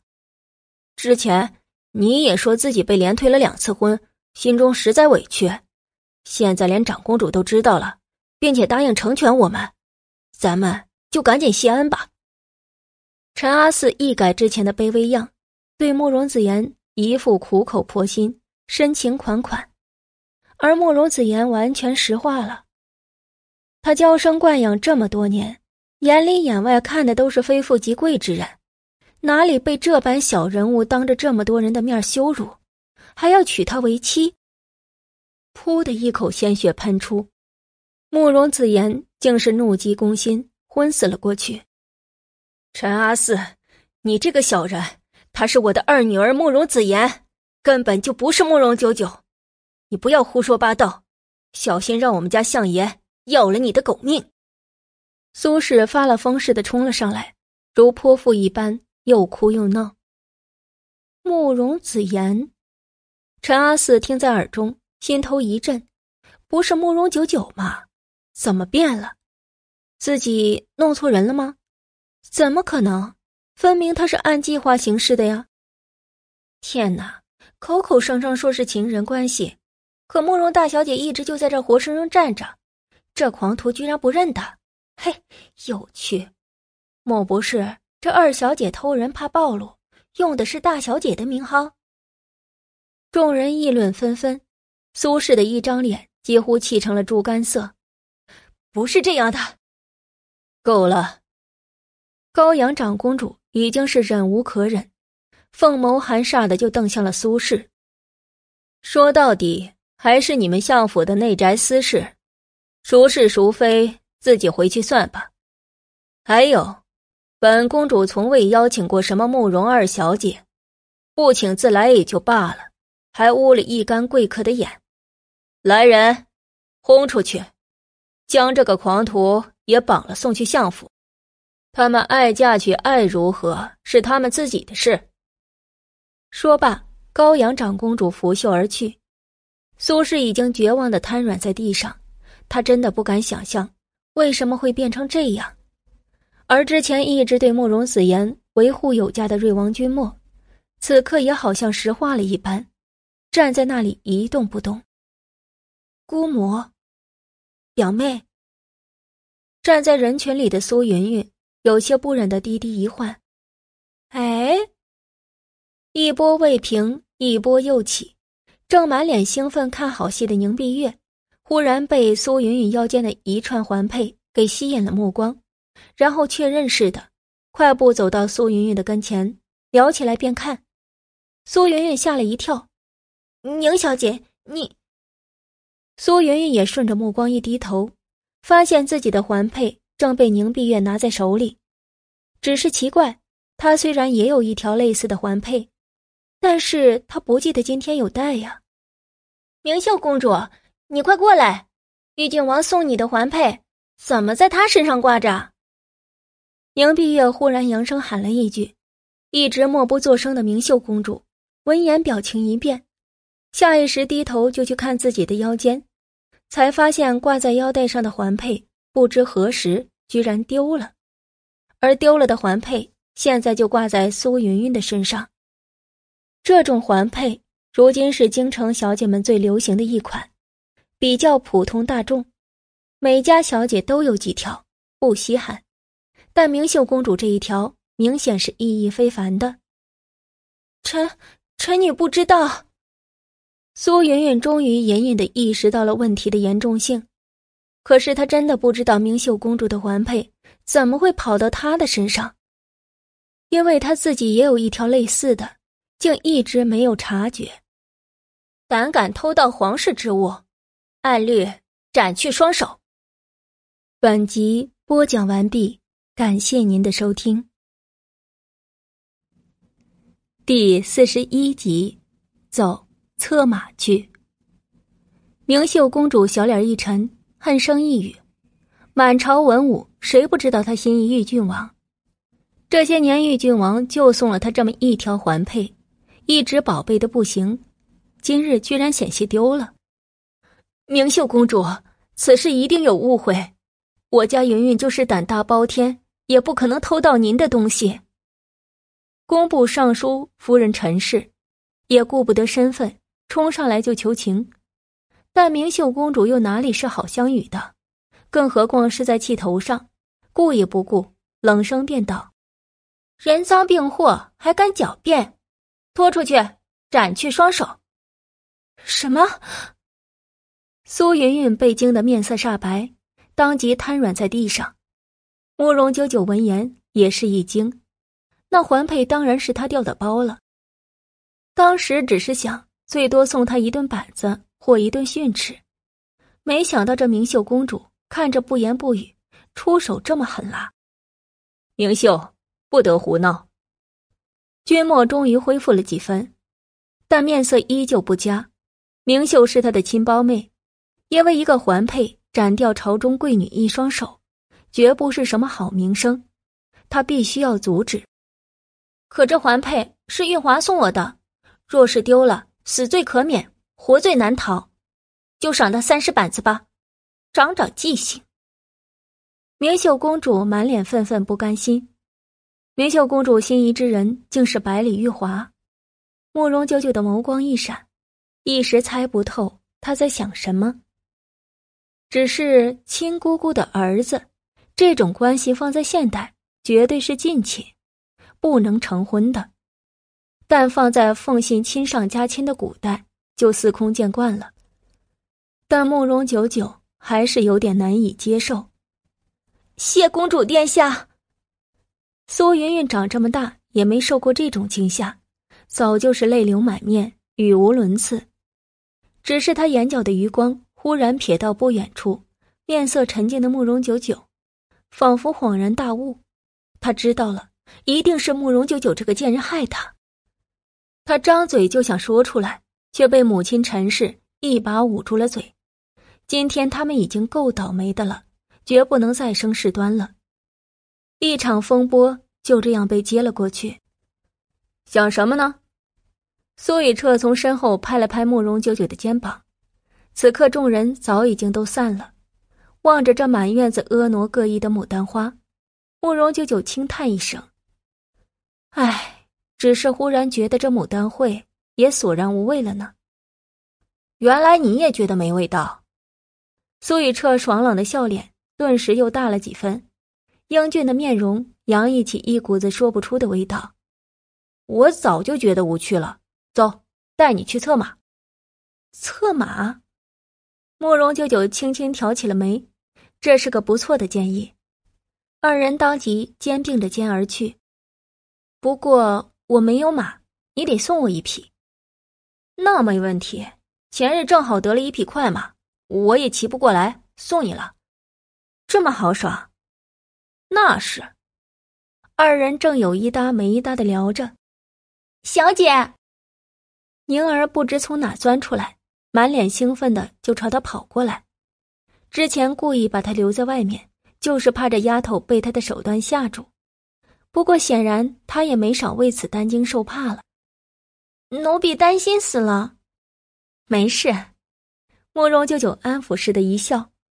苏雨彻看了他们主仆一眼，问道：“你的丫鬟会骑马吗？会的话，一块带上吧。”奴婢不会。宁儿闻言低下了头。策马纵横本就是摆脱束缚、无比快意的事，带一个不会骑马的丫头。的确累赘，慕容九九正为难，苏雨彻笑道：“嗨，多大点事儿？不嫌弃的话，把你丫头先搁到长公主府，本郡王令人以小姐的待遇啊，不，郡主的待遇伺候着还不成吗？若说信不过别人，苏雨彻感觉还是值得信任的。那就这么办吧，宁儿，改日我专程教你骑马。”今日就先在公主府玩玩，你刚才也听到了，彻郡王要以郡主的待遇招待你，别跟他客气，好吃好玩着，少一根汗毛，我回来唯他是问。宁儿明显还是不愿意，什么郡主的待遇，她不稀罕，她就是没离开过小姐的身边。宁儿，你要学会独当一面。这小丫头什么都好，就是人前胆子小。也怪不得她，主要是这个封建的时代打弯了人的腰。看着宁儿一步三回头的被长公主府的下人领走，慕容九九才跟苏雨彻再次转身而去。你对你的丫鬟都这么好吗？苏雨彻好奇的问。慕容九九摇摇头：“不啊，只有宁儿，我就对宁儿好。宁儿也值得他好，没有理由。”二人很快来到了豢养马匹的马厩，一匹正在被马夫刷洗身子的漆黑的骏马，一见苏雨彻来了，腾的一下就欢快起来，竟踢翻了脚边的水桶，风风火火的就朝苏雨彻冲了过来。嘿，你这老小子，才两日没带你出去，就想我了？苏雨彻也笑着跟着黑马玩耍起来，真是什么马跟什么人呢？慕容九九一笑：“本郡王前日得的那匹白雪玉雕龙呢？牵出来，认认他的新主人。”苏雨彻一声令下，那马夫立刻无比诧异的看了一眼慕容九九，心道：“彻郡王刚得这匹骏马，一直宝贝的不得了。明秀公主几次三番的讨要都没有得手，今日居然给了这位小姐。只是那白雪玉雕龙性子野得很。”怕是这小姐驾驭不了啊，但能不能驾驭是人家主子的事儿，他只管把马牵了出来。慕容九九闻声抬眸看去，就见一匹通体雪白、没有一分杂毛的骏马就出现在他的眼帘。白雪玉雕龙，有着堪比白雪般的毛色，仿若上好的玉雕琢而成。昂首抬足间，颇有马中贵族的傲慢。强健的四肢，通体流畅舒服的线条，充分说明了此马的硬件措施。好马！慕容九九双眼一亮，赞道：“光好有什么用？今日你若骑上去，那才是真好。”苏雨彻露牙一笑，颇有几分挑衅。慕容九九暗瞪他一眼，原来在这等着他呢。瞧好了，我若骑上你的白雪玉雕龙，你事后可别食言而肥，再为了一匹马，可别再为了一匹马。跟本小姐死拉活拽的哭鼻子，你才死拉活拽的哭鼻子呢！本郡王还是有这点气度的。苏雨彻顿时被逗得哭笑不得。说话间，慕容久久已经走到了白雪玉雕龙的跟前，这骏马立刻暴躁的跑起了四蹄，表示对陌生人的抵触。苏雨彻环着双臂，等着看他的笑话。本集播讲完毕。感谢您的收听，第四十二集《白雪玉雕龙》。白雪玉雕龙啊，白雪玉雕龙，你的上任主子为了降服你，定是给了你不少鞭子吧？我呢，不打你，也不骂你，你乖乖的，我以后就对你一个妈好，怎么样？慕容九九貌似亲切的上前套近乎。苏雨彻与在场的马夫皆暗自一个白眼，慕容九九也不理他们，缓缓的伸出一只手。只是没人知道，他的掌心此刻正握着一根牛毛细的针。趁着这白雪玉雕龙高昂着脖子，拿鼻孔看他的时候，慕容九九瞬间出手如电，将那牛毛细针插进了白雪玉雕龙的穴位。白雪玉雕龙立时周身一震。趁着这个空档，慕容九九瞬间利落的翻身上马，如一条滑不溜秋的泥鳅。上马后，他又飞快的拔出那根牛毛细针。白雪玉雕龙才知道自己遭了暗算，高傲如他，立刻撒开四蹄子就要撒欢儿，蹬的脚下一堆木盆子叮叮咣咣的飞了起来。小心！苏雨彻终于变了脸色，有点后悔，不该为难这丫头。但慕容九九却是锲而不舍，死死的趴在白雪玉雕龙的背上，并且将数根牛毛细针扎进了马的穴位。白雪玉雕龙只要一剧烈运动，浑身的穴位肌肉就疼，这可比鲜血淋漓的甩鞭子厉害多了。慕容九九笑骂：“嗨，刚才分明都说好了，乖乖的，你却还敢跟本小姐撂蹶子，现在知道厉害了吧？”这白雪玉雕龙虽是畜生，但也是有灵性的畜生。一来二去，疼得他不敢动弹，才知道背上坐了个小魔女，再不敢乱动，并且求饶般的痴痴的直出气。这本就是被驯马师训过的，很容易就屈服在他的新主人的淫威下。慕容九九见白雪玉雕龙不反抗了，这才将他周身上的牛毛细针取出来。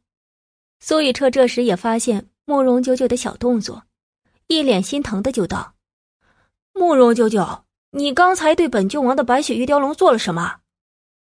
慕容九九则得意洋洋的端坐在马上，宣布道：“错，不是你的白雪玉雕龙，是本小姐的白雪玉雕龙。”苏雨彻一愕，但也没脾气，谁让这丫头合了他的眼缘呢？再说这白雪玉雕龙。本就承诺给了他，只是他不得不拜服。你刚才究竟是怎么做到的？人有穴位，马也有自己的穴位啊，只要找准他的软肋，就不怕他撂蹶子。慕容九九心情大好的解释道。只是苏雨彻沉思的摸了摸下巴：“你一个深闺中的大小姐，如何还懂这些？”慕容九九闻言一愣，随即。他敛去了面上的笑意，目光幽冷沉静的问：“玉郡王，这是我的秘密，你当真要知道？”只是我并不喜欢别人探查我的秘密。你若非要问，我便告诉你。但说完后，你我从此再无瓜葛，如何？”苏雨彻一愣，慢慢笑开了唇齿。这么严重？那我还是不知道的好了。慕容九九闻言再次爽朗一笑：“ 苏雨彻，你这个朋友，我慕容九九交定了。走，不是说策马去吗？同是长公主的儿子，当朝郡王。”看着苏雨彻这般爽朗不羁的模样，他就纳闷了：跟白丽玉华那厮的阴沉难缠，咋就差距这么大呢？他当初为何就没有先遇到苏雨彻这般妙人呢？好啊，苏雨彻的心情也被调动起来，迅速翻身上了他的黑马。二人双双驱马就出了公主府的后门，到了人流熙攘的大街上。你马术如何？苏雨彻先问了一句。慕容九九如实道：“尚可，只要别跟我玩命的跑，应该还是行的。”他原本还有些担忧，街上到底是人来人往，他们胯下的就是再好的马，暂时也跑不开呀。但是下一秒证明他完全多虑了，也不知道谁嗓门大，喊了一嗓子：“车郡王当街策马了，管撞不管埋，要死要活自个掂量。”一嗓子喊完，半条街的人齐刷刷的就都躲到了两边驾。苏雨彻哈哈一声大笑，就纵马而去。慕容九九也不落后，飞快的一加马腹，胯下的白雪玉雕龙似乎被憋屈久了，如插上翅膀一般，速度丝毫不让苏雨彻那黑马半分。二人在大街上一黑一白，一前一后。男子雪山锦衣，身似蛟龙，飞扬驰骋；女子妙衣似霞，如烟如云。巾帼之姿，不让须眉。就这样轰轰烈烈，如他们的年少轻狂的性情，朝着就近的一道城门狂奔而去。一路上，二人争相挺进，谁也不让谁。痛快！苏雨彻按在了慕容九九一声，却是怎么也不肯先让，挥着马鞭，转眼他们就冲出了城门，到了郊外，入目青山碧水。蓝天白云，仿佛鼻息间的风都是香的。阳光下，这般快活的驰骋恣意，才是他一直想要追求的快乐。慕容九九仰望天空，发自身心的扬起一抹明媚的笑容。咯咯的笑声更是如一阵翠铃，在风中婉转的回荡。苏雨彻闻声回过头来，苏雨彻闻声回过头来。见女子一身飘逸的纱衣，坐在如白玉般打造的骏马上，笑的竟是如精灵一样，那么美。那种美，绝不似京中那粉妆雕砌的美，而是一种让人心里痒痒的美。或许那个时候的苏雨彻并不了解当时那种感受，但这一抹笑却是永远的留在了他的心里。九九，你马术不错嘛。估计今年的马赛，你若参加了，必能拔得头筹。苏雨彻驱马上前，由衷的赞道：“马赛。”慕容九九却是听得一头雾水。苏雨彻解释道：“你往年没有参加过，是皇后娘娘提议开办的，督促我朝贵女不要总是沉溺于所谓的琴棋书画，要多接触一些骑射。”毕竟我东岳是马上得来的疆土，可奈何朝中的贵女响应的不多，就算有响应，也多是讨好皇后娘娘的花架子，不值一提。慕容九九这才恍然大悟，如此说来，皇后娘娘自己便是一位文武双全的奇女子了。那是，苏雨彻毫不犹豫的点头。咱们东岳朝。若说是真正文武双全的巾帼不让须眉的女子，我母亲算一个，李阳姨母算一个，最后便是皇后娘娘了。他们三人年轻的时候，绝对都是京城里的太阳。奈何如今都已做了妇人，不再驰骋，便有人就忘记了他们，偏还有一些不自量力的，敢拿自己跟他们相提并论？所以你今日才纵马踩踏中贵女？慕容九九反问。苏雨彻傲娇的一仰头，算是吧。不喜欢一群女人聚一块儿说三道短的样子。本集播讲完毕，感谢您的收听。第四十三集，前未婚夫。踏得好。慕容九九直接伸出一根大拇指，苏雨彻露牙一笑，神采奕奕的望着他。所以说嘛，你懂我，你本跟我一样是个直肠子的。可今日牡丹会上却是硬生生弯了好几个弯，不难受吗？难受，但人同命不同。算了，不说了。外头你熟，我们去哪？慕容九九却是匆匆结束了这个话题。今天，他决定要好好的放纵自己一场。苏雨彻也收住了话头，一脸开怀的道：“走去兰塔寺，那边水美草肥。”我让我的护卫打一只鹿来，咱们今日中午就在那吃了。慕容九九双眼一亮：“苏雨彻，你当真甚得我心呐？那还不快走！”苏雨彻哈哈一笑，继续打马而去。慕容九九也咯咯笑着，紧随其后。整个蓝天白云间，顿时充斥起二人的欢声笑语。很快。一片坐落于半山腰上的古刹隐隐在望了，不过，他们的目的地却并不是兰塔寺，而是兰塔寺脚下这片肥美之地。苏雨彻提前吩咐抵达的护卫千木，已经打好一只梅花鹿在草地上候着了。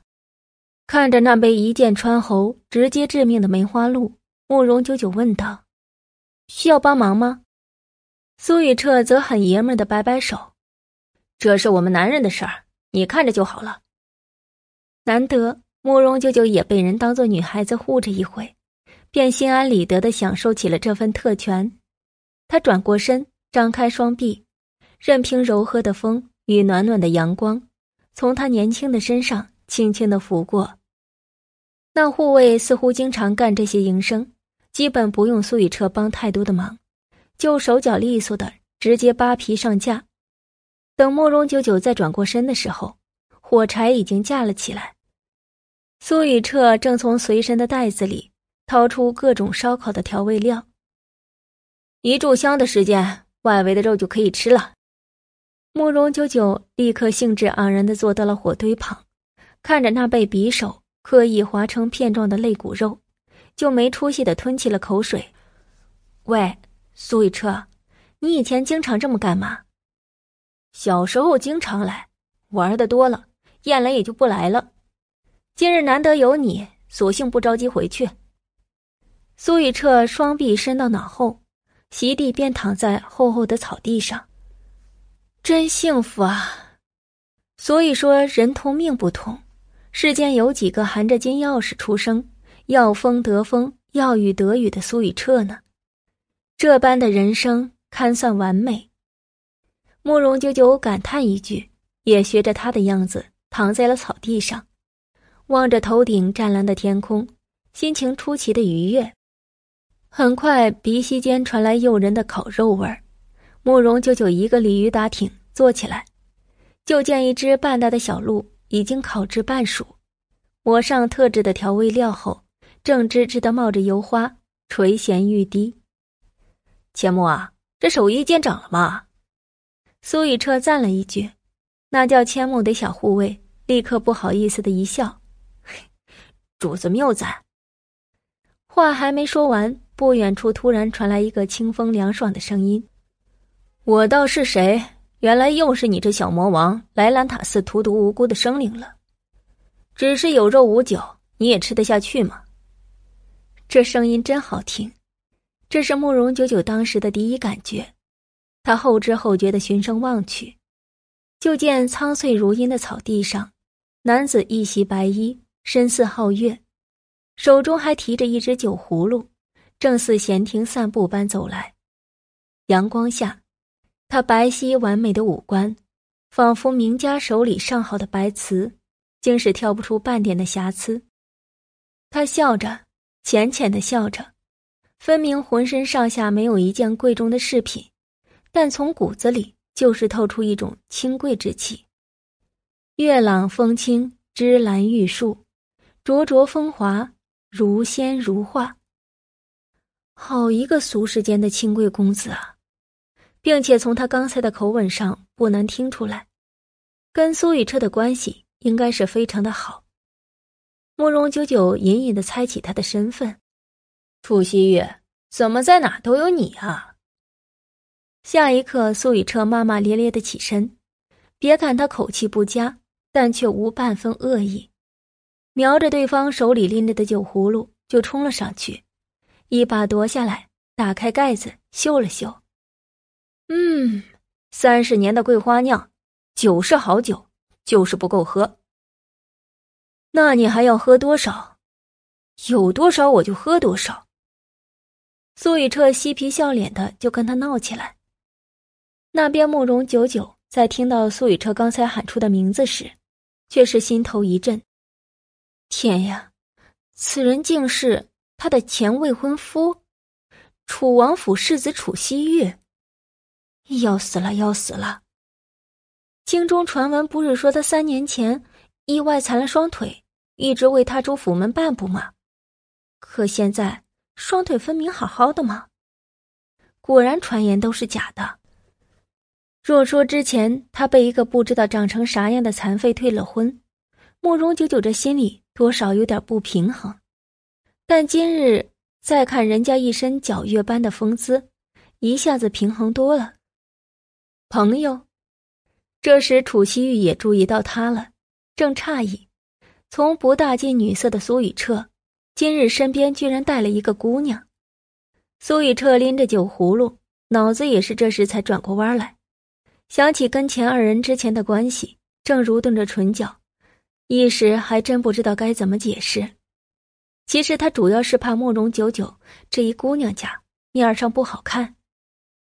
慕容九九当然看出他的难色了，其实他并不在乎，只是怕这难得的好气氛被他们那段狗血的婚约给冲没了，就太可惜了。当即他模棱两可的主动道：“朋友们都叫我阿九，楚世子唤我阿九就行。”原来是阿九姑娘，对对对，她叫阿九。苏雨彻见问题迎刃而解了。赶紧命千木割肉倒酒。慕容九九半点没有少女的矜持扭捏，直接将累赘的裙摆撩到一旁，跟他们席地而坐吃了起来。虽说手边没有像样的餐具，但动作也是出奇的优雅。只是从他们的言谈中知道，似乎楚西玉信佛，有事没事的总爱到佛寺中礼佛。苏雨彻笑话他是假和尚，楚西玉却说：“酒肉穿肠过，佛祖心中留。”就算慕容九九从始至终只管闷头吃肉，但总体上的气氛感觉还是不错的。不过这种不错的气氛并没有维持多久，迎面就听到一声冷嗤：“哼，苏雨彻，想不到咱们冤家路窄，在这儿也能碰上。”本集播讲完毕，感谢您的收听。第四十四集，送你板砖。慕容九九抬眸，就见不远处两个差不多大年纪的少年，正带着一帮貌似狗腿子的护卫，气势汹汹而来。为首的是个身着大红锦袍的少年，身子修长。相貌还颇为英俊，姿态很是贵气。从腰间系着的一串玉佩上，不难猜出，竟还是个宫里头出来的。而紧随其后的是一个蓝袍的少年，白皙富贵的脸上也生得英俊好看，但眼角眉梢皆是一股骄狂之气，明摆着来者不善。苏雨彻吐出口中的骨头，不屑的道。韩成飞，上次打掉你一颗牙，怎么，如今觉得牙口还好？让小爷我再敲掉几颗吗？你。那名唤韩成飞的蓝袍少年气得面上一红。今天你左右跑不了，本世子也非敲掉你几颗牙不可。哼，苏雨彻、楚西玉，你俩为何见了本皇子还不上前行礼？另一个红色的锦袍少年这时也上前叫嚣一句。慕容九九坐在草地上，并不知道对方是什么人。不过看气势上，估计身份也低不了，便用胳膊肘捅了捅身旁的楚西玉，问：“他们谁啊？是不是要打架？”楚西玉侧头，就见这姑娘吃的小嘴油光，一双乌溜溜的黑眼珠转来转去的看，说不出的灵动。他不禁礼貌似的递过来一方帕子，慕容久久没跟他客气，接过帕子，擦擦手，擦擦嘴。耳边的楚西玉才道：“蓝衣服的是誉王府世子，红衣服的是当朝六皇子。他们上次被苏雨彻修理了一顿，这次肯定不能善了。把这个拿着。”楚西玉一边优雅淡然的跟他解释，一边塞了他一块长方形的板砖。我腿脚不便，一会儿乱起来顾不了你，谁敢动你？你就拍他，他们王府护卫禁得住打，所以你往死里拍就行。出了事儿，苏雨彻兜着。楚西玉这些话说的绝对是不急不缓，斯斯文文。但慕容九九听着咋就那么别扭呢？原本以为他要说出了什么事他兜着，结果换成了苏雨彻。好吧，其实苏雨彻他债多了不愁嘛。放心，我一定往死里拍。就在二人愉快的达成协议后，那边的韩成飞又跟苏雨彻交涉几句，但似乎敌不过对方的嘴毒，被气得大骂：“给我打，连女的也打！今日本世子不出这口恶气，我就不是韩成飞。”苏雨彻怪叫：“哼，这么不要脸，连女的也打！”说话间。韩成飞身后的十几号身经百战的护卫，已如猛虎下山一般冲了上来，而他们都心里有数，绝不敢下死手。但制住苏雨彻给世子出气还是可以的。楚新月，你护好阿九。苏雨彻匆匆的吩咐了一句，就纵身而起，跟韩成飞和六皇子缠斗起来。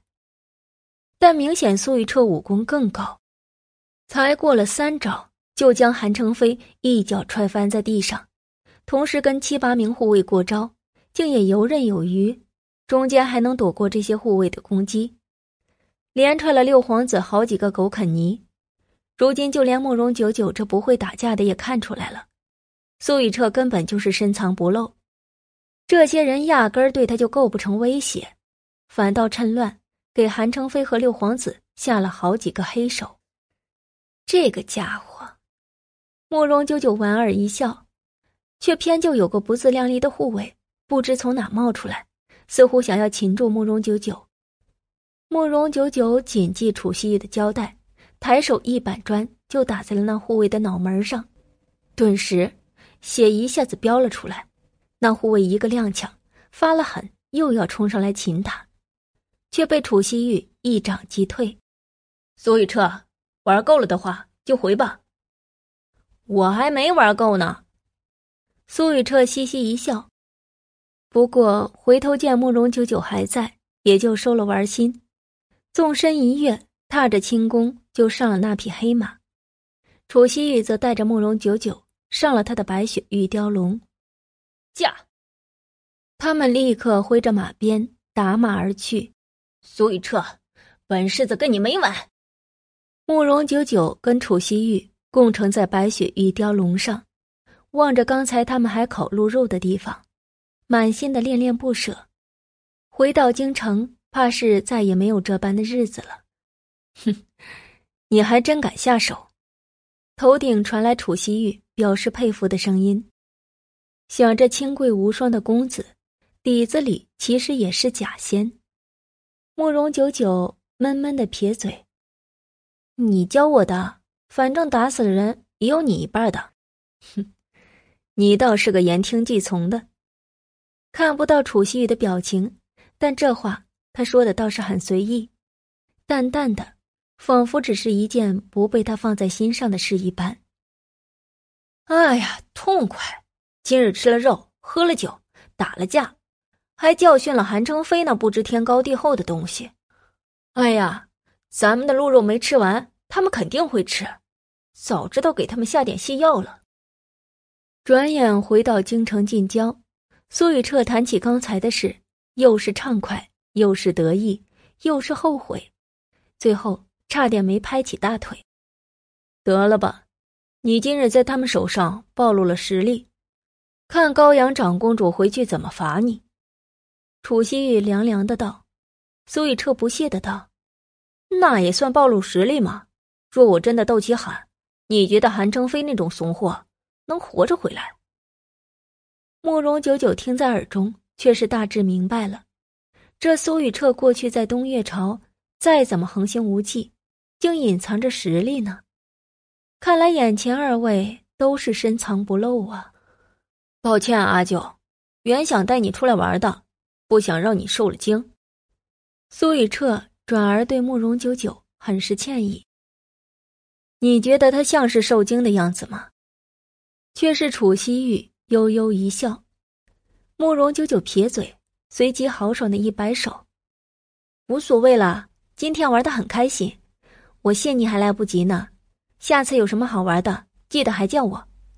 行啊，只要你肯来，我就叫。”慕容九九仰头看了看天，我该回府了。想必今日的府中定是多事之秋。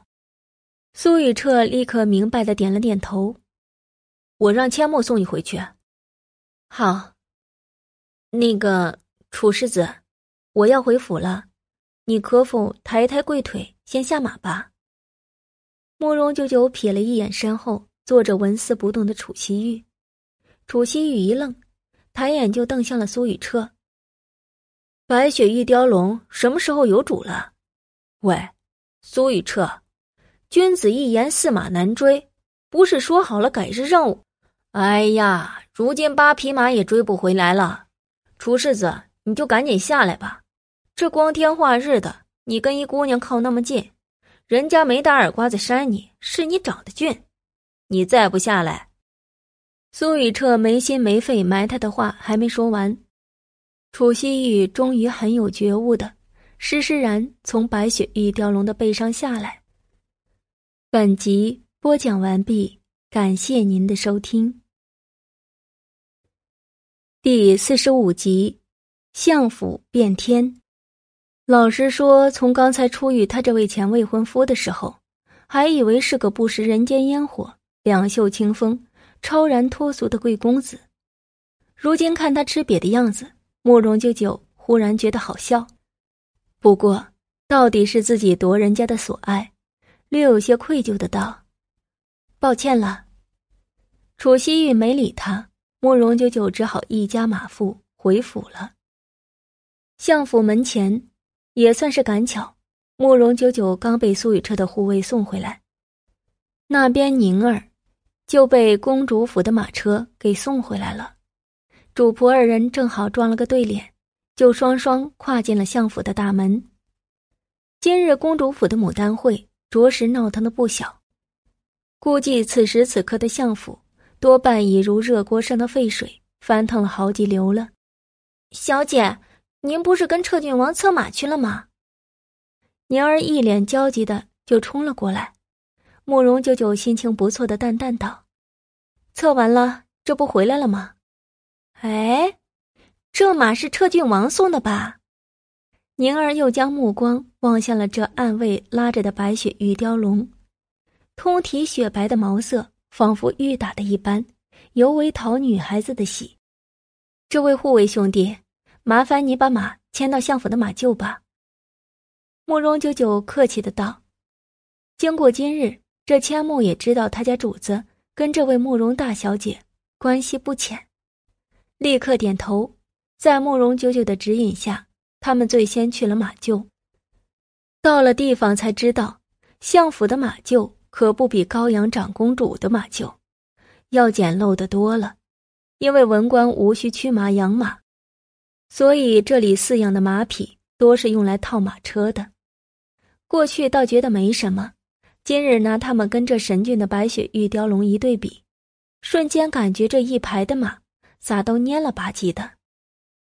唉，委屈你了，慕容九九。不禁给白雪玉雕龙顺了顺毛，白雪玉雕龙似乎对他的手段还心有余悸，抵触的扭了扭脖子。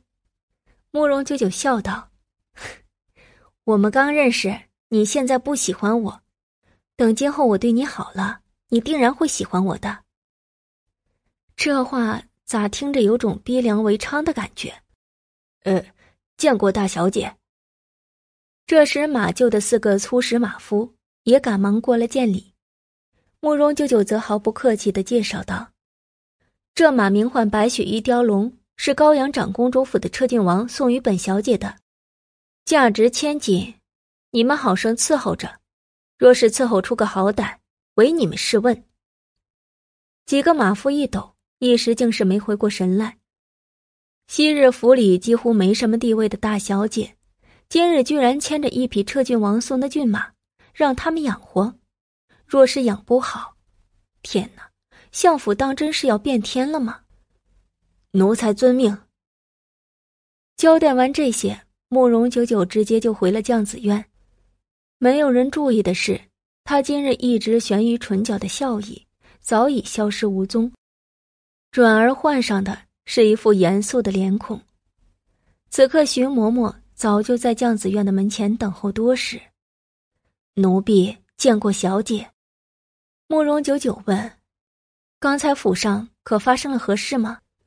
徐嬷嬷会心一笑：“夫人跟二小姐今日提早回来，像是发生了什么事。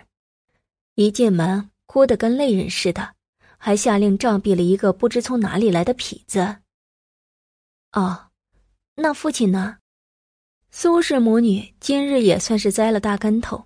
赔了夫人又折兵，高阳长公主府无权干涉相府的内宅之事，但相府一家之主慕容正，怕是肺都能给气出来了。相爷闻讯也赶回来了，不过刚进门就被老夫人给请去了寿安堂。慕容久久不动声色的点点头，然后抬步就进了绛子院。目光锐利的扫向了院内正干活的两个二等丫鬟，秋菊、秋雪。秋菊的神色如常，倒没什么，而秋雪却是一直心不在焉。闻声，他慌忙抬头，就见慕容九九已经抬步走到他的近前，如画般标致的容颜，不笑也不怒，秋水般的眸子却是直勾勾的看着他。看得秋雪打心眼里一颤，膝盖竟是一软，扑通一下就跪在地上。奴婢。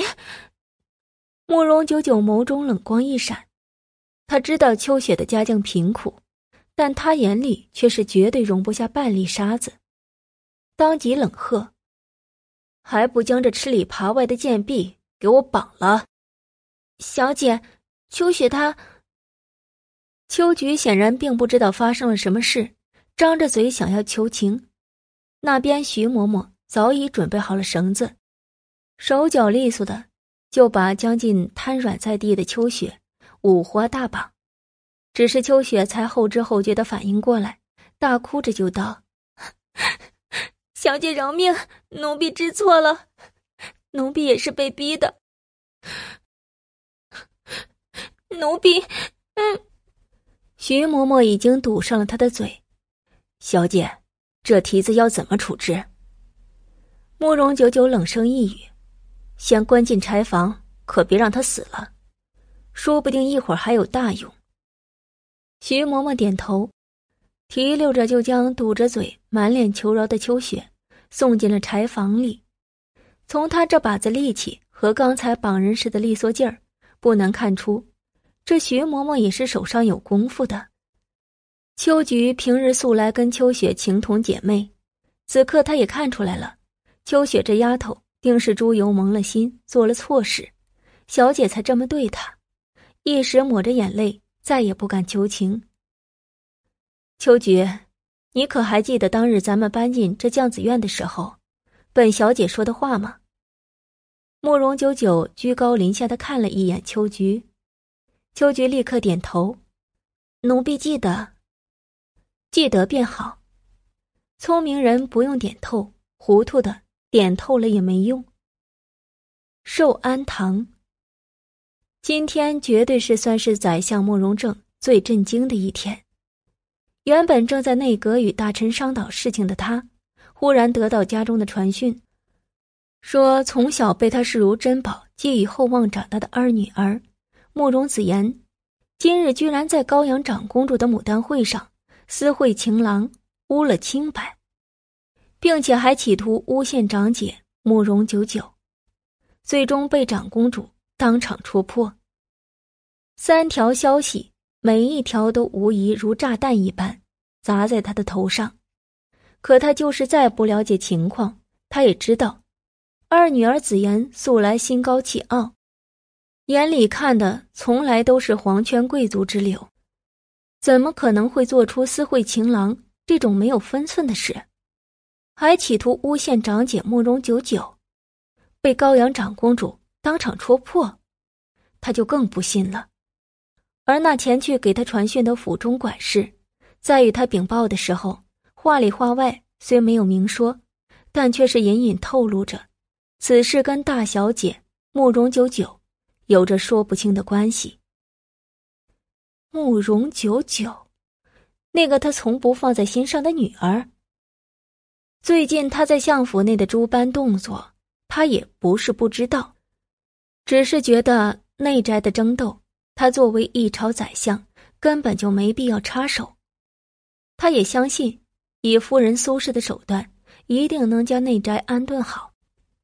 但却是万万没有想到，这个被视作不祥的女儿，竟敢在牡丹会上跟自己的家人耍手段，那他就绝不能轻饶了。今日，非要打断那逆女的腿。正当慕容正满腔腾腾的怒火没处撒的时候，就被老夫人请到了寿安堂。本集播讲完毕，感谢您的收听。第四十六集，罗氏训子。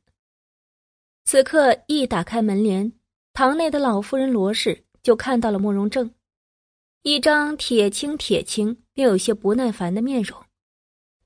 正儿，这般火急火燎的是要去哪里呀？罗氏依旧安坐在榻上，只是今日坐得异常端正，苍老的容颜，暮气中竟是透出几分当家老佛爷的威严。母亲，府中的事你该知道了吧？慕容正有些气，出了这样的大事儿。这老夫人就算不在他回府之前料理清楚，也该出来说句话。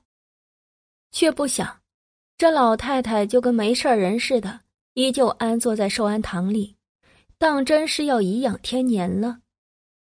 罗氏的眼底闪过几分冷意。我的眼睛没瞎，耳朵也没聋，自是知道。只是你知不知道，我就不清楚了。慕容正耐着性子，正要言说什么，却见老夫人罗氏忽然抬手，将桌上事先准备好的一碗凉水，尽数就泼在了他崭新的官袍上。你，慕容正大惊，他是朝中宰相，受百官礼遇，何曾被人泼过水啊？还是自己的母亲？老夫人却冷笑：“哼。”我早就想泼你一碗冷水了，泼醒你这个糊涂鬼！哼，你是不是觉得二丫头不是那种轻浮的人？今日牡丹会上，绝对有人故意耍手段害她，而害她的人是大丫头九九，对不对？慕容正按下心中的怒意，冷声道：“难道不是吗？”老夫人不屑一笑：“哼，所以才说你是个糊涂蛋。相府早晚是要毁在你的手上啊！毁在我的手上？慕容正大皱齐眉。当年若不是他高中状元，在官场内苦心打拼，从而平步青云，不然，他们慕容家还是凌城老家的普通官宦，这辈子都不可能登上京城的地界。这老夫人不念他光宗耀祖，如今竟还说相府迟早要毁在他的手上。老夫人的面上毫不遮掩的浮出几分讽刺。正儿。说句实话，我并非你的生母，只是你的嫡母。你能将我从陵城接到京城来奉养，已经是仁至义尽。所以这些年你跟我不亲，我也不计较，也不过分插手你的内宅之事。但是，老夫人的苍老沙哑的音调。骤然拔高了几分，你睁开眼看看，如今相府后院是个什么样子？若不尽早插手管管，咱们慕容一族恐怕在京城天子脚下待不过多久了。母亲这是何意？慕容正下意识的又皱了皱眉。老夫人继续道：“正儿啊，如今你站得高。”也看得远，你难道不会看看旁人家的后宅吗？男丁自然是开枝散叶、光宗耀祖的，但女子的作用也很重要。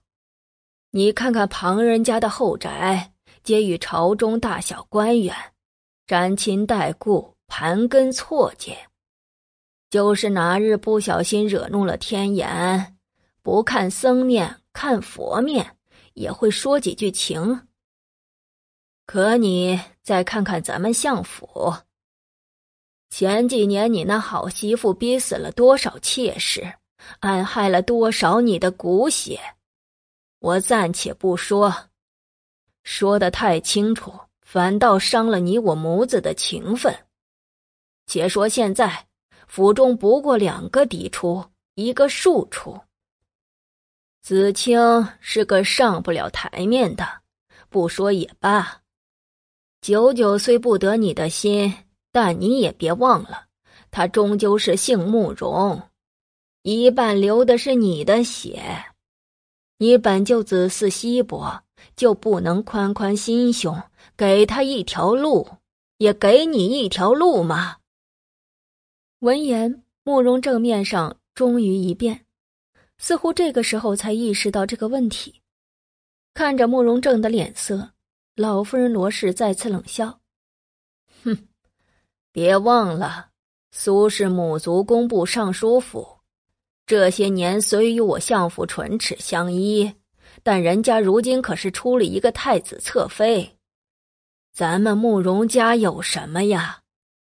我知你一心想把紫妍丫头嫁入皇室。”但经过这几日观察，紫妍丫头也不过如此。就是给他一条锦绣大道，他也未必有那个命去走。你呀，也别嫌我老婆子嘴冷。既然她不行，那就再换一个。只要是姓慕容，那便是我相府的荣耀。老夫人的话可谓是斩钉截铁。掷地有声。慕容正闻言，终于是面色大变，原本铁青的面容已然苍白一片。枉他行走官场多年，甚至摸透了天子的脾气，却是从没看过自己的后宅。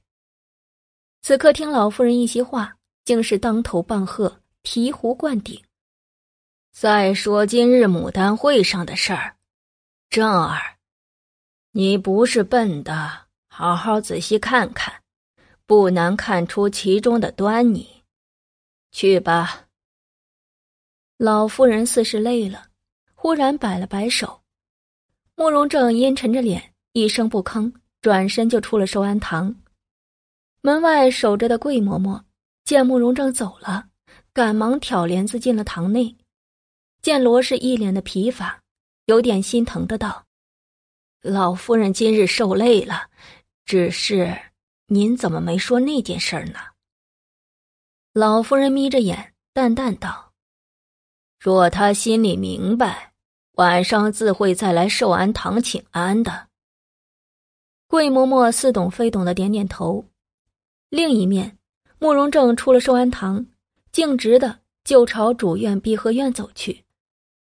此刻的碧荷院可谓是一片愁云惨雾，岂是一个惨字了得？慕容子言自吐血醒转之后，就一个人抱着被子，呆呆傻傻的坐了半晌。他虽没让那贱人得了手，占了身子，但今日当着那么多人的面还当着瑞王的面他受了这么大的羞辱，他的脸面算是彻底的丢尽了，将来还如何能出门呢？每每想到如此，他就恨得泪流满面。毁了，他的锦绣前程全毁了。苏轼看着他多年一手浇灌出来的牡丹花，如今被慕容九九那小贱人害成这样，他也气的是又怒又骂，哼。子言，你放心，等你爹回来，必掀了那贱人一层皮，给你出气。这些年，苏轼在相府里只手遮天，无人能挡，他更是摸清了相爷慕容正的脾气，知道他因齐王府旧案，对云氏的女儿有种没来由的厌恶。再说他这么疼子言，怎么忍心看宝贝女儿受委屈？所以这口气。必定是要出的。他心里甚至已经酝酿好了对付慕容九九的各种极刑。夫人，相爷过来了。苏氏一听丫鬟的禀报，腾的一下就从木凳子上坐起来，抹着眼泪就要迎出去，但大门却被另外一股巨力一脚踹开，然后慕容正已经面色不善的进了屋。本集播讲完毕，感谢您的收听。第四十七集，厌弃苏轼。苏轼早就憋着一肚子的委屈，一见主事的回来了，当即大哭了起来：“ 相爷，你可要为我们母女做主啊！慕容九九那贱人，嫉妒子言。”竟用这种毒辣的法子害我们的女儿，他的心怎么这么狠呢？爹，慕容子言一见父亲回来了，也是哭得泪眼朦胧，但慕容正却并没有想象中的安慰或者愤怒，而是铁青着脸站在那里，目光仔仔细细的看过了妻子苏轼那张悲痛欲绝、泪流满面的样子。他说不上来对这个女人有多爱，但昔日的宠跟情分还是有的。他在外行走官场，一直都对苏轼信任有加。可是，经过刚才老夫人的一番话，他忽然将这些年府里发生的事都给匆匆过了一遍。他府里有过的姨娘不算少，可为何却都是命苦？不是落胎，就是恶疾。没两年就撒手人寰了。到底都是意外，还是他眼前这个妻子因妒忌的暗害呢？才导致他如今的子女如此微薄。老夫人刚才的话更是如针一般扎进了他的心里。然后他又想起，前几日府内夜里闹贼，为何偏偏这贼就进了慕容九九的屋子？究竟是虚惊一场，还是当时他本就存过疑心，只是并没有在意。此刻想来，却是疑点重重。夫人，我且问你一句话：今日的事是不是你先做的手脚？苏轼正被慕容正盯得有些不自在，就听到这么一句，顿时心中更委屈了，哭得更凶了。相爷，你我夫妻多年，你怎么可以这么想妾身？就是借妾身一个胆子，妾身也不敢在高阳公主府做手脚啊。你不敢做，难道慕容九九多年大门不出二门不迈的，他就敢做？慕容正说了这么一句话，转身就出了碧荷院。任苏是如何委屈的哭喊，他头也不回，因为有些事一旦生了疑心，那就是铺天盖地，不容回转。而当慕容正刚走出碧荷院，迎面就碰上了相府的管家王福。王福的面上似乎挺急的，上前就禀报道：“相爷，刚才大小姐回府的时候，还牵了一匹骏马，叫白雪玉雕龙。”说是彻郡王送给大小姐的，但我们相府的马夫哪见过如此良种的骏马，都不知道要如何养活。偏大小姐还撂下狠话，说养出个好歹就为他们十万。奴才想，我们要不要请一位专门的饲养骏马的师傅来？毕竟这马是彻郡王送的，若真养出个好歹，不是咱们相府没脸吗？你说什么？彻郡王送了慕容九九一匹白雪玉雕龙。旁人不知道也就罢了，但慕容正却是耳闻过那白雪玉雕龙的，绝对是价值千金的骏马。彻郡王居然就这么轻而易举的送给了慕容九九，他们之间的交情何曾这么好了？慕容正呆愣当场，一时竟是有些接受不了。若说他一直被寄予厚望，并一直娇养着的二女儿慕容子言得了彻郡王的眼，他只会觉得理所当然；可当人变成了不起眼的慕容九九，他只会觉得不可思议。相爷，王福见慕容正久久不说话，提醒一句，慕容正这才回过神来，坚定的道：“请，务必请个好的。”那白雪玉雕龙金贵的很，若真被你们养出个好歹来，就是卖了你们也赔不起。王福一惊，想不到那桀骜不驯的骏马竟如此值钱。慕容正撂下这句话，就再次朝寿安堂的方向走去。或许老妇人说的对，那个被寄予厚望的人的确该换一个了。不管他愿不愿意，慕容九九是最合适的人选。至于慕容子言，他虽堪堪保住了清白，但颜面已损，想嫁入皇室已经是痴心妄想了。虽然很心疼，但慕容正知道，这个时候绝不是顾及亲情的时候。如果他没有一个子女能打入皇室，那么他这个相爷的位置，估计只能做一代，也就到头了。寿安堂内。老夫人正诧异于慕容正居然这么快就折返回来，紧接着就听到他质问般的道：“母亲，这些隐患，您既然心知肚明，为何不早几年与孩儿坦诚相告呢？”闻言，老妇人浑浊的眼底一片漆黑的幽暗闪过，她慢条斯理的摩挲着手中的珊瑚念珠，片刻才悠悠的说起。我只记得早年间有个姓孙的姨娘，求到我跟前，希望我保住她腹中的孩子。我应了，让她在寿安堂住下，日日与我参禅念佛。可不想，连盆之际还是血崩而死，一尸两命啊！当时我便知道是那两个请来的稳婆有问题，便命阿贵扣下了这两个人。不想，还没扣时就被玉兰以审讯为名给要走了。之后就再没了音讯。这事儿啊，我记得跟你说过，你也命人去寻过那两个稳婆。奈何人海茫茫，还没找到罢了。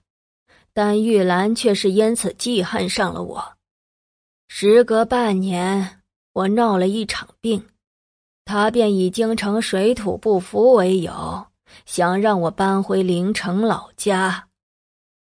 你顾及孝明没应他，不然，你以为我这老婆子如今还能安然在这寿安堂内颐养天年吗？老夫人说起当年的事，口气中透着无奈。谁让慕容正不是他的亲生儿子呢？当年把他接进京城奉养，不过也是为了图个孝名罢了。这老太太比谁都明白。慕容正当然也记得这件事，而他接老夫人进京，也的确是为了图一个孝名。可当初苏轼居然提议要撵老夫人回陵城，若老夫人回了陵城，不管出于何等原因。百官还不戳断他的脊梁骨吗？所以他没有同意。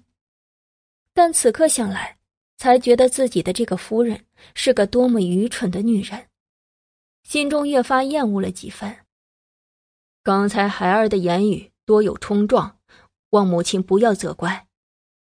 说着，慕容正的口气就不觉软下了几分。这也是多年来他第一次以一个儿子的身份。躬身站在了老夫人的跟前，只是他没有看到老夫人眼底迅速而过的波涛汹涌。无妨，你我母子何须说这些？相府的荣耀难道不是我自己的荣耀吗？慕容正点点头，母亲说的是，子言的确是个不中用的了，九九。也许是个值得抬举的，那你觉得抬举一个九九就够了吗？老夫人悠悠的又道：“那母亲的意思是？”慕容正移了移。本集播讲完毕，感谢您的收听。第四十八集，老夫人的目的。老夫人缓缓叹了口气：“唉，咱们慕容一族的根基，毕竟还是在陵城。如今托我儿的福，虽位极人臣、富贵一生，但却是离了故土，不及他家枝繁叶茂啊。”慕容正下意识皱了皱眉，又听老夫人道。想法子调遣你陵城的两个哥哥进京任职吧，咱们打断了骨头还连着筋，都是慕容家的人，就要齐心合力呀。这话说的无可厚非，但慕容正却始终皱着眉。他的两个嫡出兄长都是老夫人生的，而他如今虽位极人臣。是慕容家最出息的，但却是最见不得人的庶出。虽之后他给自己的王母抬了平妻，但胸中到底还是有一股气。如今时移世易，他也看开了，当即点头：“儿子明白，必然尽快想法子。”老夫人点了点头：“嗯，你放在心上便好。”去九九那看看吧，听说他也刚回府。慕容正也是这么想的，虽说他始终不待见那个原配生的大女儿，但谁让这个女儿如今最出息呢？得了彻郡王的眼，若好好的调教，说不定是个能成气候的。比起他的仕途跟慕容一族的荣耀，之前的满腔怒火，此刻俨然。烟消云散，将子院，慕容九九已经悠然的吃过了午饭，就听院外通报，说慕容正来了。当即他便满是讽刺的一笑，起身迎了出去。父亲可是稀客呀，不知有何贵干。听到这样的打招呼，慕容正的心里有点不好受，但不好受他也受了。然后缓缓的抬眸，他看到慕容九九的第一感觉就是，这个女儿变漂亮了。上次见还是捉贼的那夜，当时他一副孤苦伶仃的感觉。可如今一身华裳在身，云鬓流转，名贵的珠翠点缀着他白皙光洁的面容，越发的精致美丽。一颦一笑，竟是流转着灵动的风情。怪不得素有“小魔王”之称的苏雨彻也将他看进了眼，姿色竟是不差紫妍半分。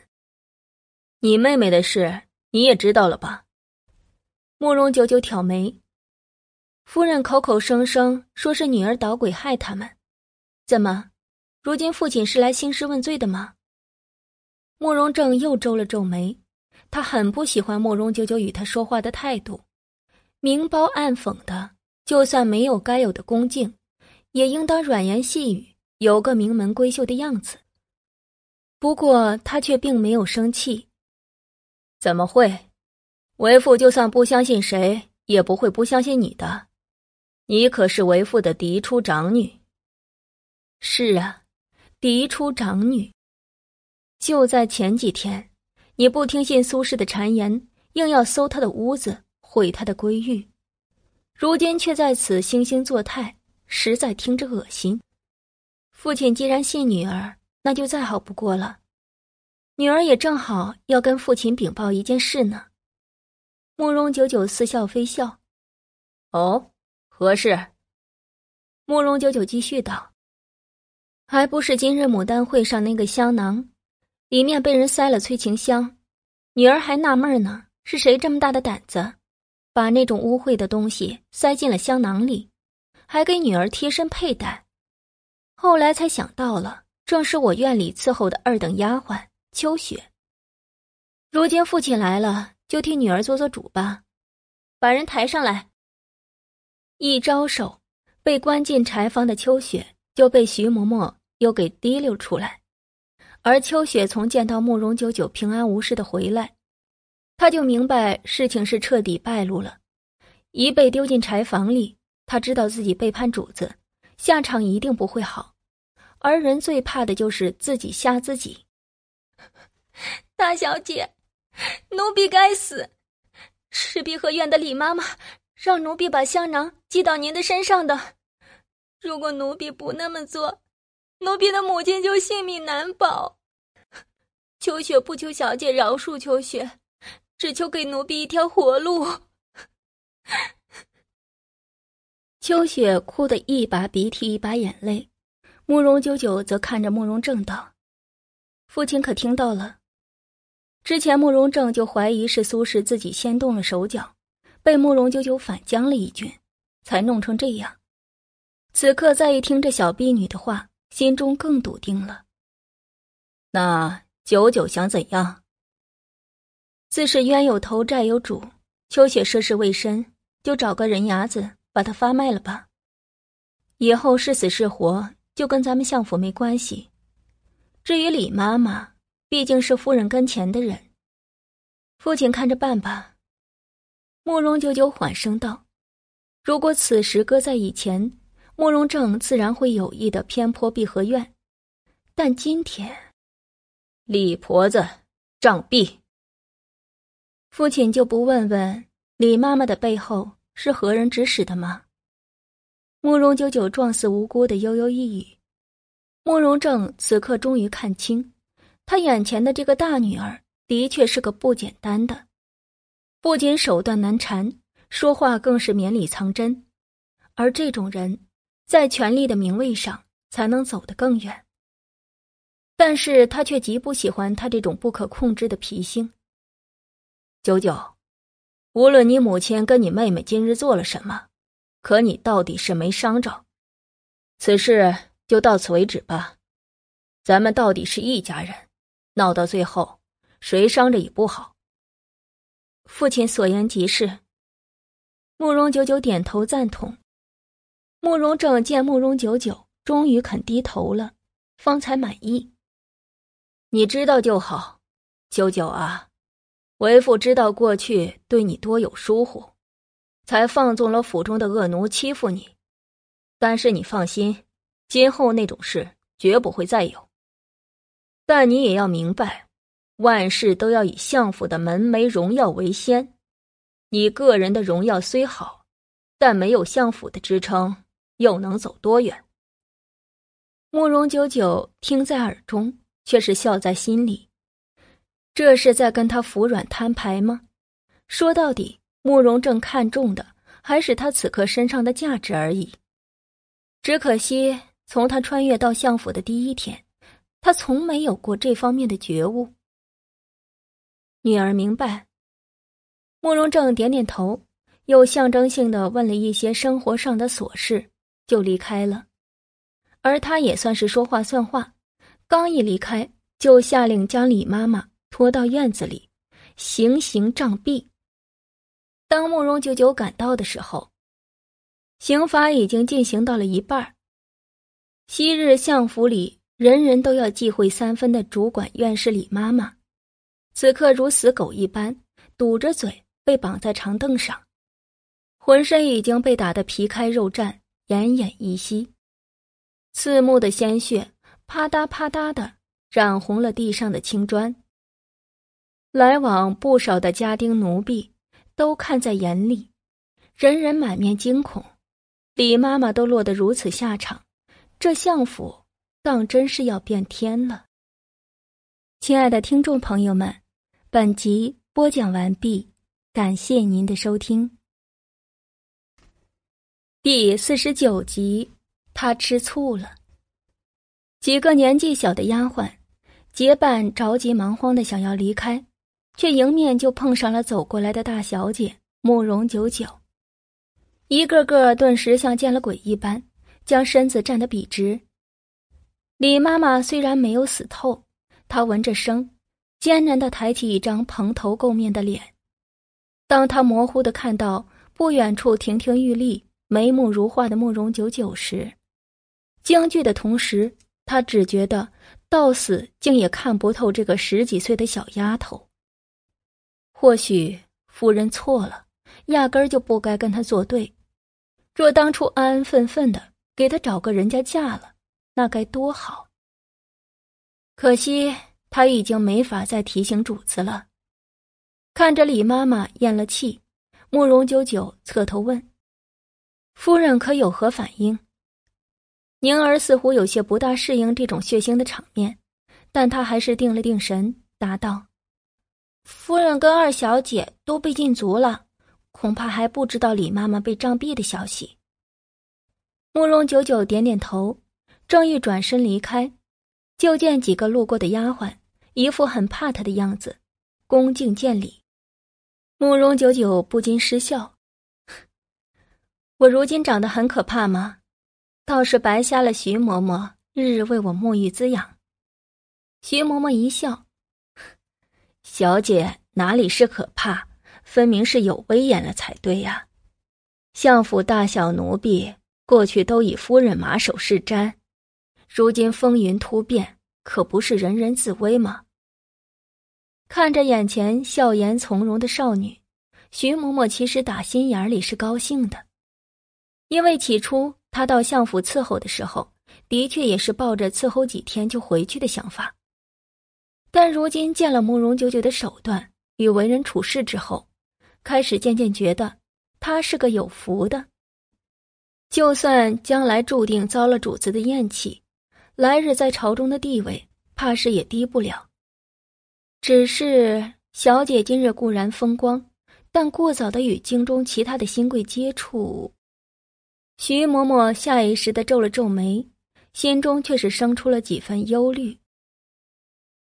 转眼便是日近黄昏，溧阳长公主府书房，明亮橙黄的烛灯下，如工笔细心描刻出的美人，此刻正半倚着软软的靠垫。坐在镂空的竹榻上，伏案专心查阅着今日从各地快马加鞭送来的急件，或匆匆翻阅，或朱笔备注，如此这般，竟也忙了大半日。若是旁人早已厌倦的不行，但百里玉华却似乎经常这样。如诗似画的眉宇间，仅也是染上了几分皮色。不知那丫头今日过得如何？空暇之余，他喃喃一语，暗卫元奇立刻送上一本册子，上面几乎记录了慕容九九今日全部的行踪。只是当百里玉华映着烛光，看清上面的内容时，一张风华绝代的面容瞬间笼上了几许冷煞之气。他冷冷一笑：“哼，倒是个会沾花惹草的。”旁上一直跟着世墨的绿芍、绿药两个姐妹，闻言不禁都变了变脸色。她们当然是听出来了，前日刚得了主子脸的那位小姐，怕是这会儿又恼了主子。只是沾花惹草吗？啪的一声，百里玉华一掌将手中的册子拍在桌上，冷声道：“还不让他给我滚过来！”是。这次请慕容九九去公主府，可不似上次那样避开旁人，而是护卫阿轩直接上门，待他将玉郡王要见相府大小姐的消息说明后，直接便惊动了宰相慕容正。你说什么？玉郡王请九九过府？他不敢置信的直接站了起来。那前来传话的管家王福也是满面的百思不得其解。是啊，那人持的的确是玉郡王的令牌，点名说是来请大小姐的。可如今天色已黑，小姐还是未出阁的姑娘，恐怕……既然是玉郡王来请，那就让九九过去就是了。谁知慕容正忽然话锋一转，白日当他知道慕容九九得了苏雨彻的眼时，他就惊诧不已，不想这才几个时辰。他这个女儿又跟玉郡王百里玉华有了这种说不清的关系，这个女儿真是越来越让他看不透了。但无疑攀附玉郡王这个富可敌国的阎罗，对相府绝对是有利而无害。就算是晚上也无所谓，按我说的做，去吧。是。此刻将子院那边。也已经得了消息，只是慕容九九却并没有想象中的轻松，而是微微的皱起了眉，因为他从中嗅到了一种反常。可反常又如何？阎罗相邀，你能说不去吗？整理了一下仪容，慕容九九随着面色冷淡的阿轩上了玉郡王的马车。等到了溧阳长公主府，天已经彻底黑下来。几乎和上次一样，入眼就是一片婆娑的竹林。他被引路的婢女一路引到了一处像是书房的地方，然后推门而进。里面虽是烛火通明，但慕容久久还是感到了一种不一样的冷肃。绿芍、绿药双双笔直的立在桌案的侧面，微垂着身，目不斜视。寂静的房间里。除了轻微的烛火跳动，静静的落针可闻。百里玉华此刻在桌案前，盘膝而坐，一身淡淡宣紫的衣衫，早不似他们初见时绣满曼珠沙华的那种妖艳霸气，而是绣着朵朵富贵的云纹，打在橙黄的烛灯下，给人一种很舒服的感觉。不过再舒服。也盖不住这个男人那张如诗似画，却笑得异常美艳、异常森冷的容颜。当真是冰做出来的一个美人儿，就是冷笑，笑得也这么惨绝人寰。小女见过玉郡王。都说伸手不打笑脸人，慕容九九上前就是嫣然一笑。绿芍、绿药姐妹两个人，则在闻言后。都双双替他捏了一把冷汗。这小姐上次来还是个精明活力的，怎如今竟是看不出火候了？没看出主子今日心情不好吗？但他们的思想可改变不了事态。过来。百里玉华淡声一语，慕容九九立刻缓步上前，明艳精致的脸蛋儿开始越发的清晰，婉约而不失天真的从容。下一刻，他一个旋身已经被百里玉华卷进怀里，鼻息间传来一股淡淡的檀香。听说你今天玩的很开心呢。如果你要是觉得一个笑面阎罗对你笑是好事的话，那么他今天注定要怎么死的都不知道。虽然看不到百里玉华此刻的表情，但慕容九九已经笃定他生气了。生他今日跟苏雨彻、楚西玉出城策马的气吗？都说男人是占有欲极强的动物，更何况本就阴沉不可测的百里玉华了。被他看在眼里的人，如今跟别的男人一起，他能高兴才怪呢。看来他今日是的确太放纵了。慕容九九心中懊恼的想着，但面上却是不动丝毫声色。依旧笑得俏皮，并顾左右而言他的说起了牡丹会上的事。看着自己不喜欢的人倒霉，自然是开心。不过我很善良，并不打算追究他们。本集播讲完毕，感谢您的收听。第五十一集，与阎罗叙话。身后的百里玉华闻言，依旧笑容不变，只是磁性的嗓音越发的慢了，如慵懒高贵的猫儿，轻轻的划拉着他耳际的发丝。不止吧？听说你近日还认识了不少人，小魔王苏雨彻不仅送了你一匹白雪玉雕龙，还带你出城策马驰骋。嗯。是不是很有趣啊？觉得他人不错。慕容九九敢保证，这厮此刻的笑绝对能渗出血来，因为他的脊梁骨已经开始冒寒气了。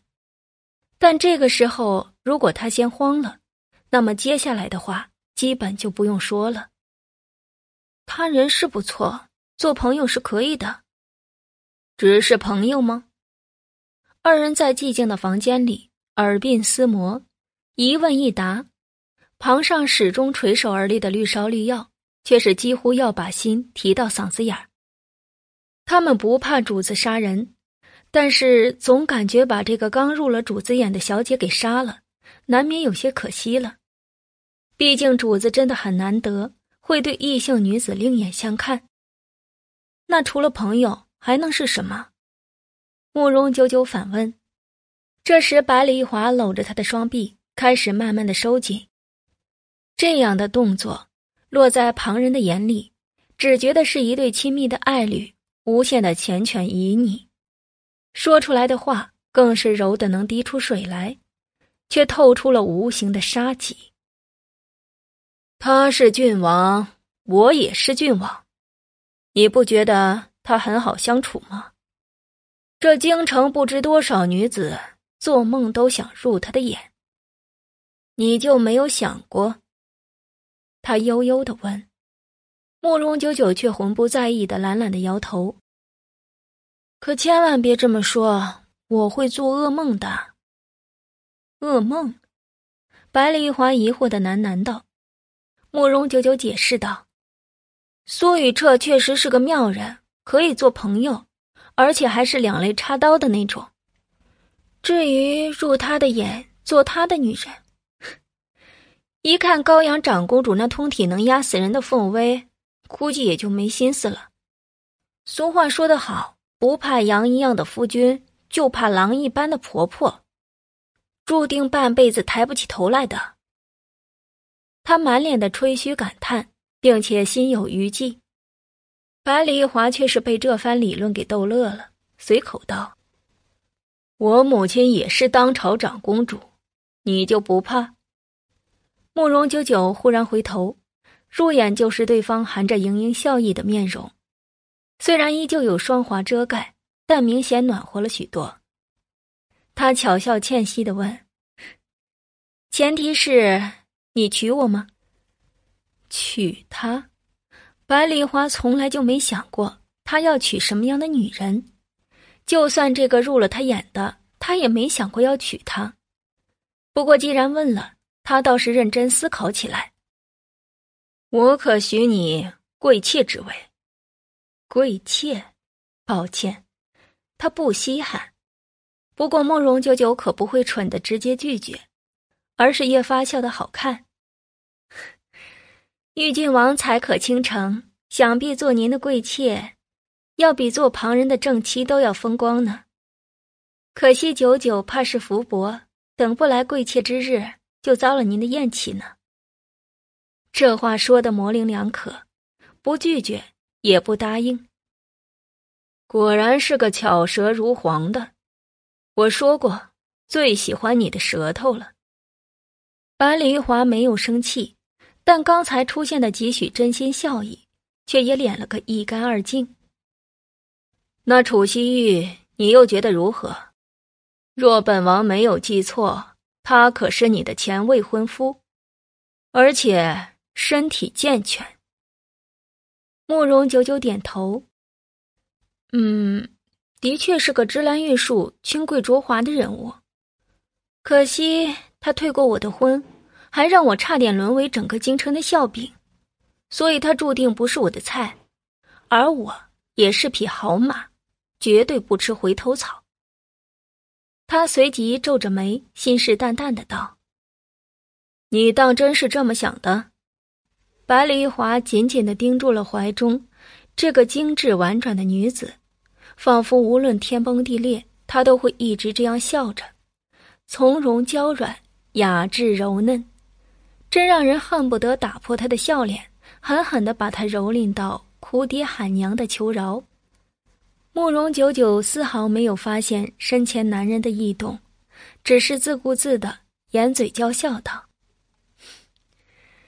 那我要怎么想？红杏出墙。话不及说完，忽然天旋地转，他的身子已经被百里玉华的一双大手按在了身下的竹榻上，邪魅的笑着：“红杏出墙，怕是你没那个命。”话毕，轻身俯下，慕容九九先是一僵，但随即身子便化作了一滩荡漾的春水。虽说前世今生。他都没有什么调情的经验，稍微大点的风流阵仗，他都招架不住。但亲个小嘴儿还是可以现学现卖的吧？慕容九九嘤咛一声，似乎是有些悔了。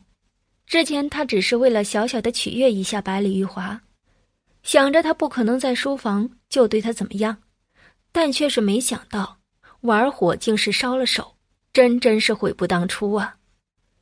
也不知是染上春色的缘故，还是羞的怕的，湿漉漉朦胧的双眼开始透出淡淡的哀求，身子更是下意识的扭动，躲闪着百里玉华的游移，却殊不知，他这般模样如雨打芭蕉，虽七零八落，却是更加的欲拒还休，让人难以自持。但是他又不能真的反抗。因为他是百里玉华的眼中人。很快，他的衣襟是解开了大半，暖玉般的景象上，被百里玉华动情的印下了点点俏丽的红梅，头发也散了，珠钗翠玉散了一榻，百里玉华这才平息了气息。春色点燃的无双容颜上，有些恨恨的暗瞪了他一眼，小丫头。小丫头，下次还玩火吗？慕容九九躺在他的身下，泪眼朦胧，可怜兮兮的摇头：“不敢了，再也不敢了。”见他这副小可怜的样子，百里玉华暗沉一笑，缓缓的支起了身子，鄙夷道：“料你也不敢，不过味道真真是不错，只是还是个雏。”来，把这个拿去，好好看看再来。他也不知从哪里拿出一本红色的册子，递到了慕容九九的跟前。慕容九九伸手接过来，然后衣服也没打理，就坐了起来。翻开册子一看，里面白花花的各种男女调情的画面，立刻引入眼帘。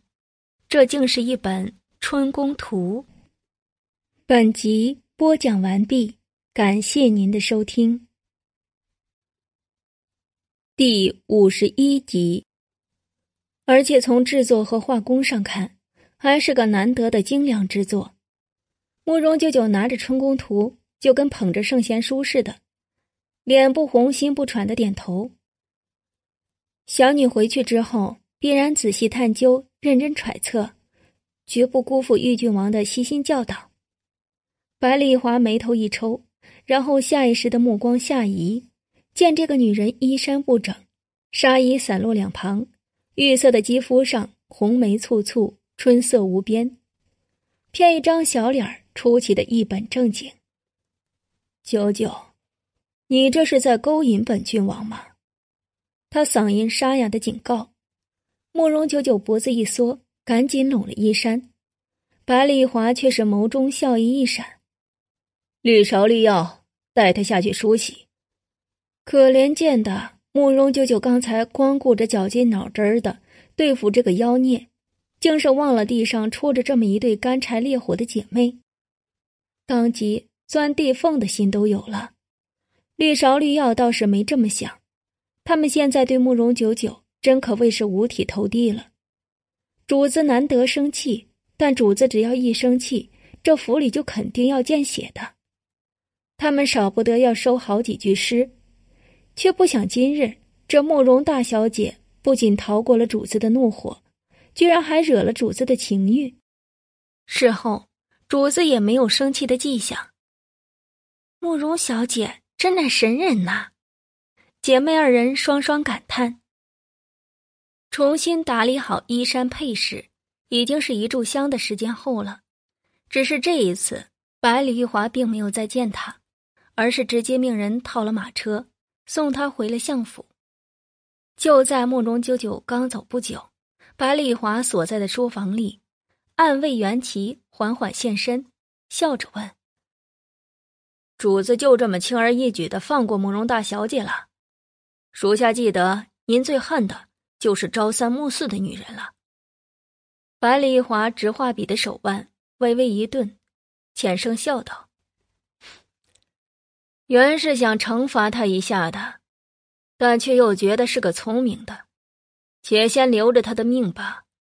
派人盯着，若有半分异心，不用禀报，直接取了项上人头带回来就是。主子果然还是那个冷血无情的。这时袁琪似乎才发现，主子一直伏在桌案上，竟是在画画。他微凑前去。想要看看主子在画什么，却被百里玉华冷声喝退。你若想看，就挖下你的眼珠子送过来。属下不敢。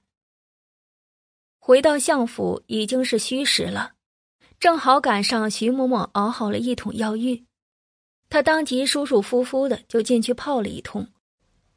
只是待到徐嬷嬷为他素体时，看到他玉像上的点点痕迹。立刻就笑开了眉眼。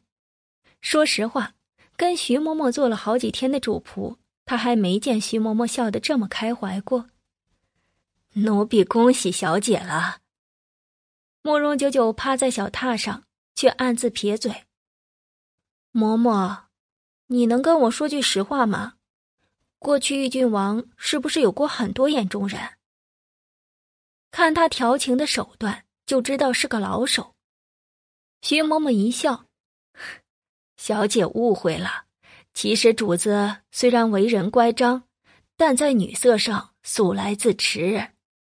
红山是第一个，也仅做了几日主子的眼中人而已。小姐便是第二个了。”慕容九九闻言，之前因为忌讳的问题，他一直不曾问过红山的死因。现在也是趁着徐嬷嬷心情好，他随口问了一句：“嬷嬷可知红山是为的什么死的？”徐嬷嬷手上的动作明显一顿，随即叹道：“唉，只能说他该死吧。该死，世上竟还有这样的死因。其实主子并未真的将他看在眼里。”只是因为一时兴趣，才将他纳为眼中人，想试探他背后真正的主子是谁，若说了，说不定主子还可放他一条生路。可惜是个实心眼儿的。慕容九九这才彻底明白过来，想着那日撞破百里玉华、剜掉红山眼珠的时候，估计正是红山背叛他的时候，所以当时他刚弃了红山，就纳了他为自己的眼中人，着实令周围所有的人都大跌眼镜。徐嬷嬷更是觉得，以官家小姐那种娇滴滴的性子，在主子的手中只会死得更快。所以他刚来几天，从未对慕容九九上过心，但今日他似乎看出来了，主子应该是认真的。小姐，您若想在主子的身边待得长久，切记三点：主子不喜欢撒谎的女人，不喜欢不识抬举的，不喜欢朝三暮四的。今天他跟苏雨彻策马。跟楚西玉共乘一马，算朝三暮四吗？小心眼的男人。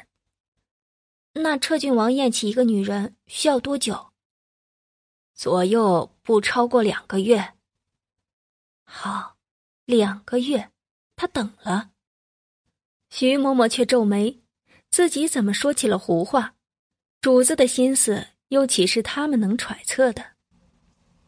一惊一乍的一天。就这样稀里糊涂的过去了。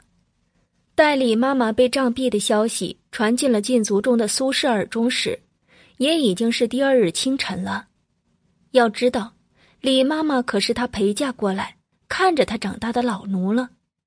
当乍一闻死讯，竟是险些没昏死过去。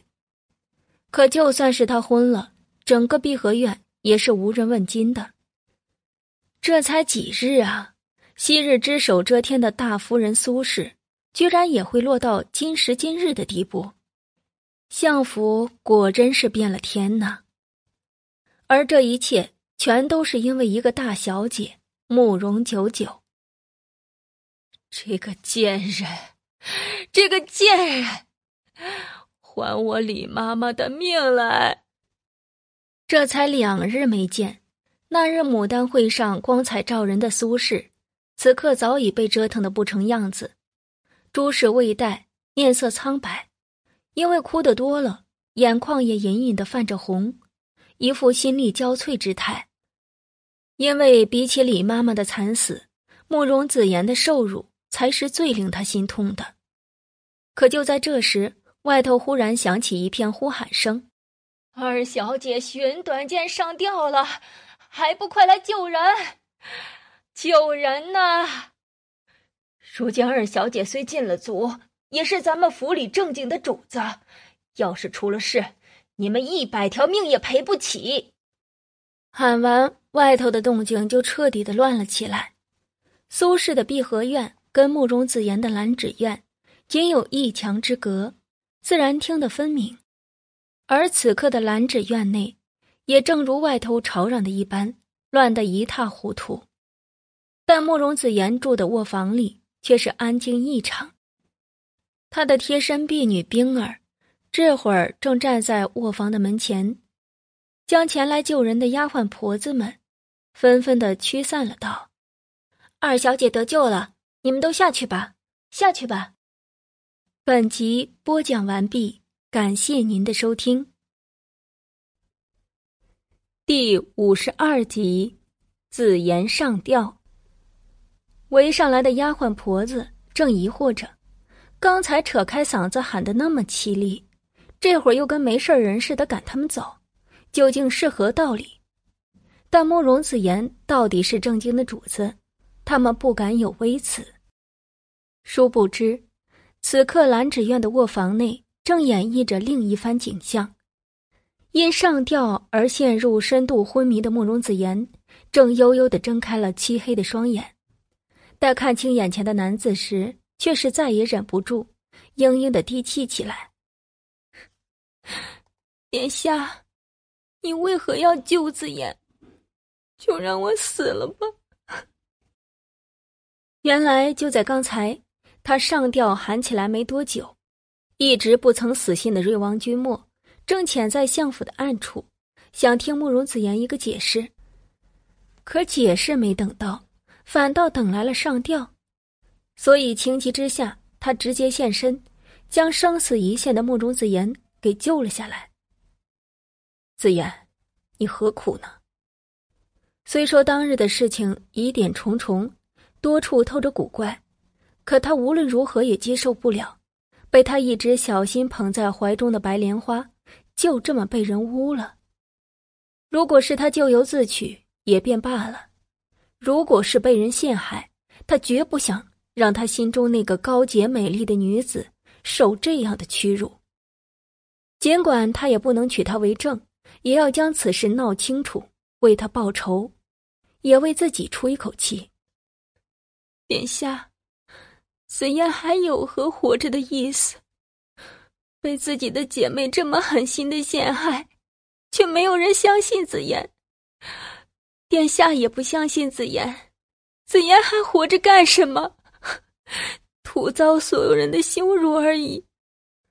慕容紫妍哭着，忽然激动的挣扎了起来，袖摆落下，嫣红似血的手工朱砂就露了出来，而这代表贞洁的朱砂，立刻就刺痛了君莫的双眼。紫嫣，本王信你。君莫赶紧将挣扎的少女。紧紧的搂进怀里，生怕她再有半分的想不开。慕容紫言听到这话，嘤嘤的大哭起来。美人垂泪本就别有风韵，加之他此刻这般无助苍白的模样，更是惹得本就对他有心的君莫触动了柔肠。年少初见之时的那一抹惊艳，到底是无法割舍的。这时，卧房紧闭的大门忽然被人推了开，就见慕容正匆匆而入。说到底，他还是真心疼爱这个二女儿的。当一听说他寻了短见，立刻就赶了过来，却不想撞到了这么一幅画面：女儿娇弱无骨的窝在一个男人的怀里，哭得如小猫一般的哀婉动人。瑞王殿下，慕容正也被惊了一下。同时，严肃的眸中迅速划过一抹旁人看不到的光芒。慕容大人，紫妍是被人陷害的，本王愿意相信他。君莫拥着柔弱无骨的慕容紫妍，缓缓的起身，斩钉截铁的朝着慕容正道：“只是，他当然不会接自己女儿的短。或许君莫今日的出现，或许会是紫妍的一个转机，也说不定。”当即，他满是惆怅的悠悠一叹，表情做足了一副为人父的艰辛，摆手道：“罢了，殿下还是先回吧。紫妍虽毁了名誉，但到底还是未出阁的姑娘。”君莫这时才发现，他竟当着人家爹的面抱着人家的女儿，可看着紫妍如此梨花带雨的楚楚模样，他心头一软，又实在松不开手。殿下，慕容紫言如小猫一般软软一语，似乎也才发现这些，苍白精致的小脸上隐隐透出几分红晕来。殿下，你先回去吧，紫言答应你，不再轻生就是了。君莫这才放下心来，将慕容紫言小心翼翼的搁在榻上。紫言，我的女儿。这时。外面忽然传来苏氏凄厉的低呼声，竟是闯破了禁足令，从碧荷院跑了出来。慕容正闻声，下意识的皱了皱眉。君莫这时也匆匆离开了。他前脚刚走，后脚苏轼就满面仓皇的冲了进来。待看到榻上安安稳稳的慕容子言后，才彻底的放下了心。但他这副人不人鬼不鬼的样子。慕容正却是厌恶的冷下了脸。瞧你这副样子，成何体统？相爷，苏轼见了与自己同床共枕十几年的丈夫时，心中又是委屈又是难过。父亲，如今您气也出了，可否容女儿跟母亲说几句贴己的话？却是慕容子言迅速恢复了常态，口气平缓的道。慕容正点点头，拂袖就离开了。子言，你这不是吓母亲吗？你知道，刚才听到你寻短见的消息时，母亲差点就惊得魂飞魄散。如今屋内只剩下他们母女二人，苏轼再次恢复了一副愁苦之态，但慕容子言却没有半点应承的意思。他沉默了片刻，才道：“女儿怎么可能那么傻，真的去死？”女儿太了解瑞王了，知道他必然不会甘心，早就命人留意他的行踪了，也是算准了他今日会来找女儿问一句，这才费心演了这么一出上吊的戏。苏轼闻言，还不及抹去眼角的泪，就愣住了。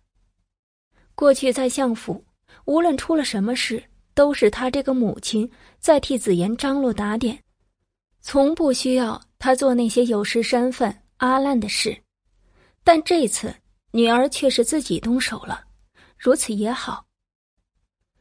想不到瑞王对你倒是真的。苏轼满是感慨的道。慕容子言却苦笑：“真的又如何？他不会娶我的。那个男人如此高傲，能来看他一眼已经是极限了。”怎么可能会娶她这个被污了名誉的女人呢？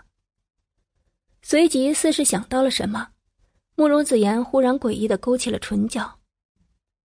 不过，经过今日之事，依照君莫的骄傲，无论对错，他都是无法再容下慕容九九那个贱人了。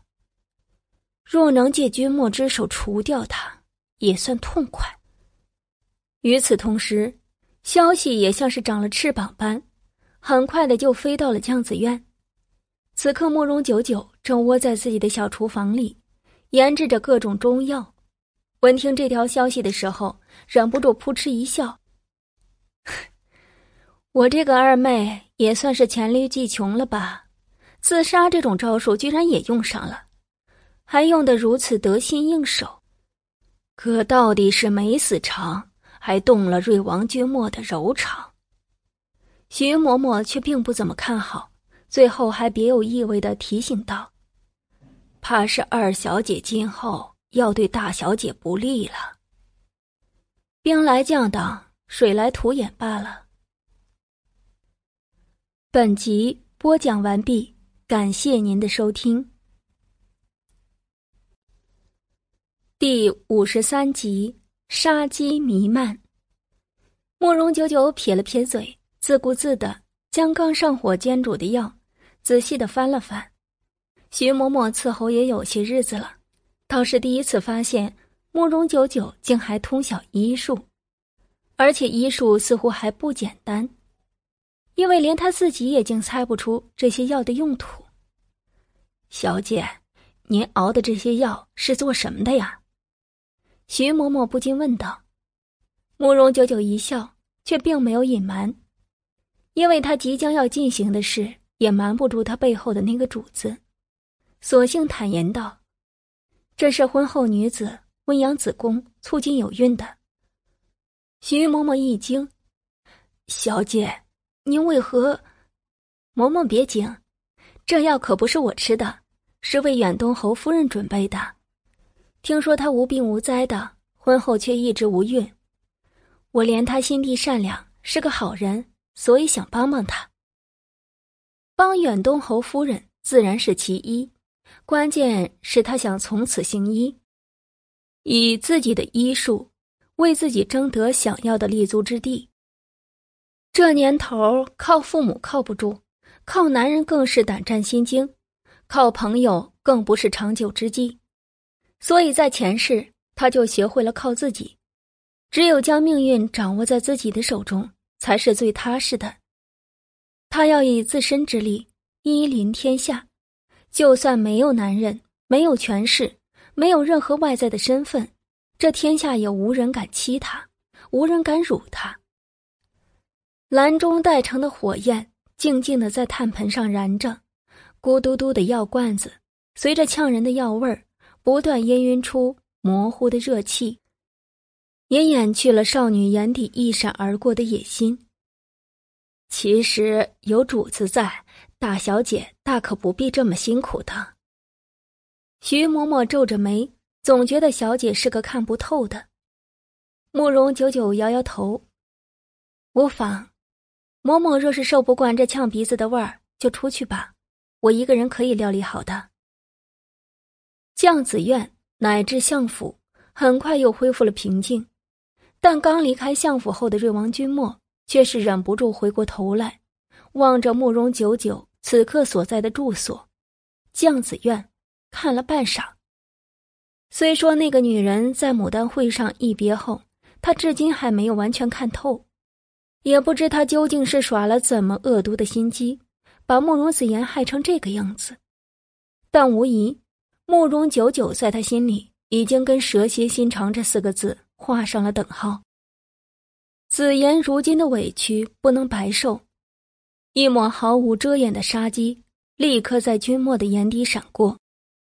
这时有随从过来禀报，说宫里的宁妃娘娘请瑞王殿下进宫一趟。宁妃便是瑞王的亲生母亲，宁王府当年的嫡女。虽然如今君莫出宫建了府，也封了王，但母子二人的关系。却一直很好，几乎日日请安相见。今日为何突然传他进宫呢？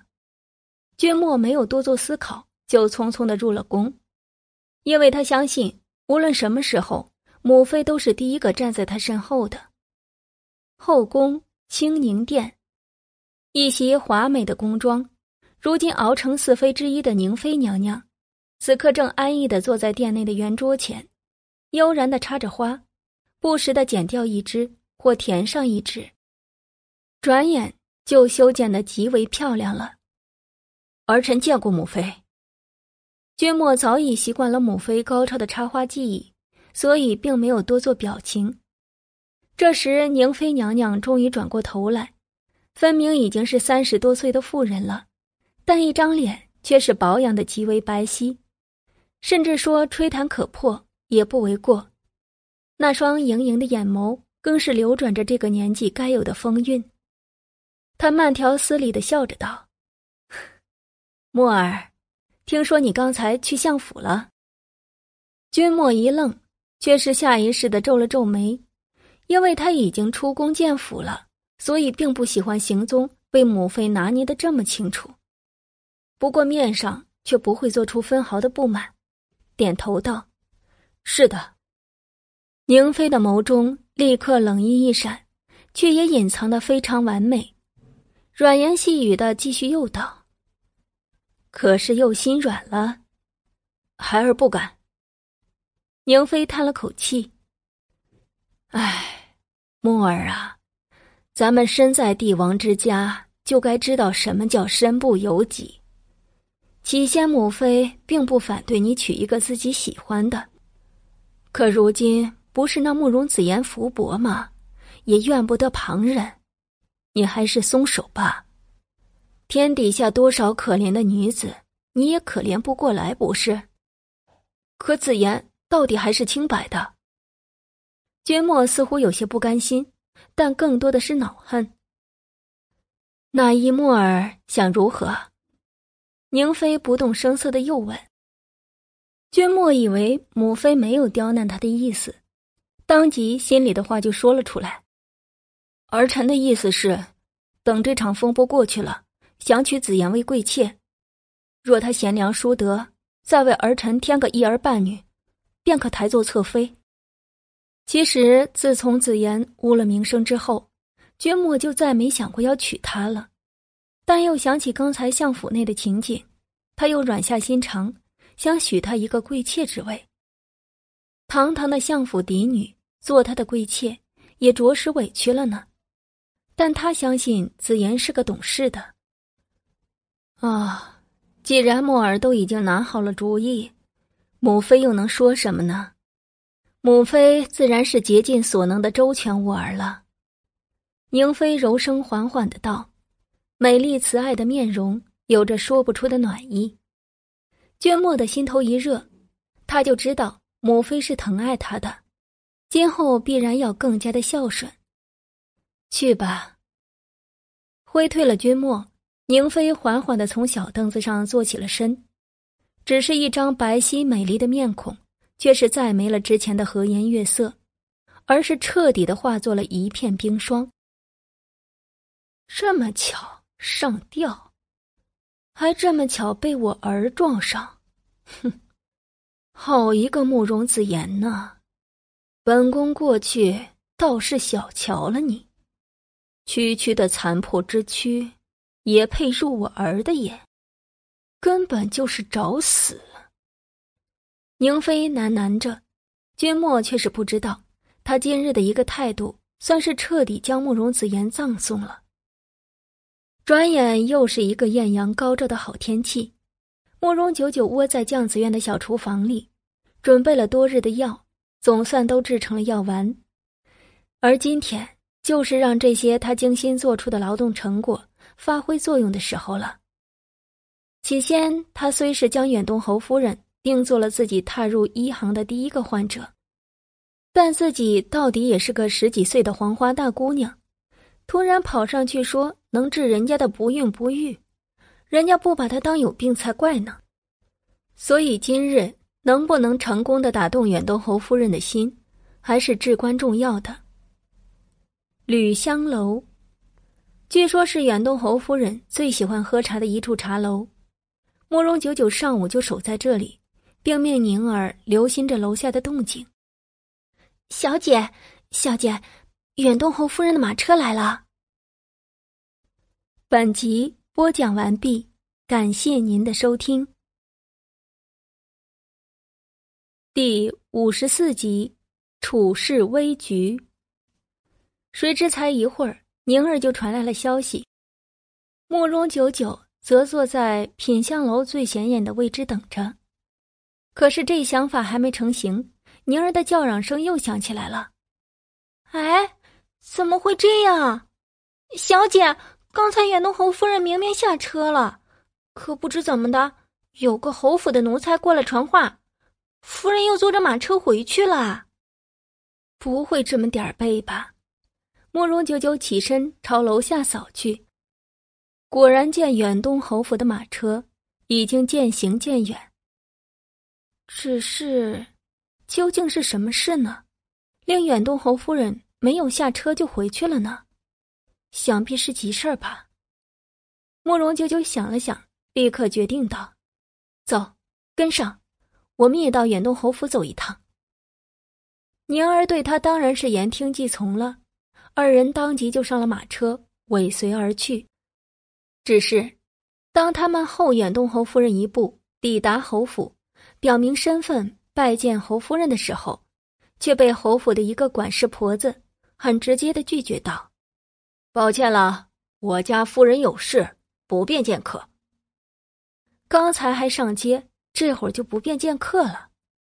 慕容九九心中的疑惑开始越聚越大，当即他笑着就从荷包中取出一张三十两面额的银票，递到了那婆子的手中。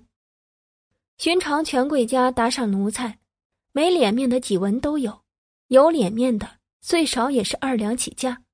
最得脸的，如相府的桂嬷嬷之流，得五两也是非常难得的。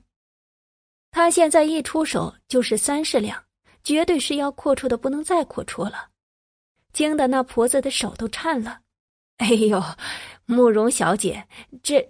哎，慕容九九笑眯眯的道：“我与府上侯夫人交好，上次更是承过她的恩惠。”所以刚才见她面有忧色的回来，实在是担忧，所以想朝嬷嬷打听一二，也好了了我一番报答之情。所以嬷嬷可千万别推辞了去。这婆子顶多就是在前院负责洒扫的，哪里见过这么多银子，自然是想要的很。想着这相府的小姐也是个深闺不知愁滋味的，就算告诉他。估计也不妨事，当即笑呵呵的收了银子，将他们主仆小心翼翼的拉到侧门，就说道起来。与此同时，远东侯府的后院，一处妾室所住的精致小院内正闹腾着。原来，竟是远东侯两月前新纳的一方娇妾，在吃了侯夫人处事屋里的桂花糖糕后，就上吐下泻，脸上还起了疹子，一副快不行的样子。小妾哭着，指证定是夫人嫉妒她得了侯爷的宠爱，所以下毒。要知道，这侯府人丁本就稀薄，侯夫人是个不会生的，唯一的一个贵妾，前两年也只生了个赔钱货。偏这远东侯还是个爱妻的，不愿意多纳妾。这娇妻还是老夫人连算计带哄着，硬塞进了儿子的怀中。指着能抱个孙子，不想孙子没抱着，就等来了娇妾中毒的消息，而且下毒之人居然还是他一直信得过的长媳楚氏。这侯府老太太几乎气的是直跺脚。楚云染，你说我侯府到底是哪点对不住你？你要这么害我侯府，你就巴不得我侯府断子绝孙吗？这老太太可是个嘴毒的，楚氏乃楚王府的嫡女，何曾受过这样的委屈？但不孝有三，无后为大，生不出孩子便是她的短，所以再多的委屈她也只能忍了。儿媳没有下毒，这其中一定有什么误会。是啊，母亲，我也相信云染不是那样的人。远东侯此刻也闻讯赶过来。多年枕边人，他还是信得过自己的妻子的。但这侯府的老太太却是认准了，不是他，难不成这焦姨娘自己作践自己吗？你瞧瞧去，人都成什么样子了，你还护着这个蛇蝎心肠的媳妇？侯夫人处事直接便气得哭了。可就在这时，门外忽然有人禀报。相爷，相府大小姐求见夫人。侯府的老太太闻言，当即就要挥袖说不见。如今哪里还有闲心会客呀？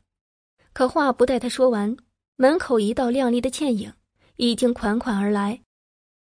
这如娇蕊般漂亮的少女，竟就是那相府前些日子传得沸沸扬扬、被连退两次婚的相府大小姐。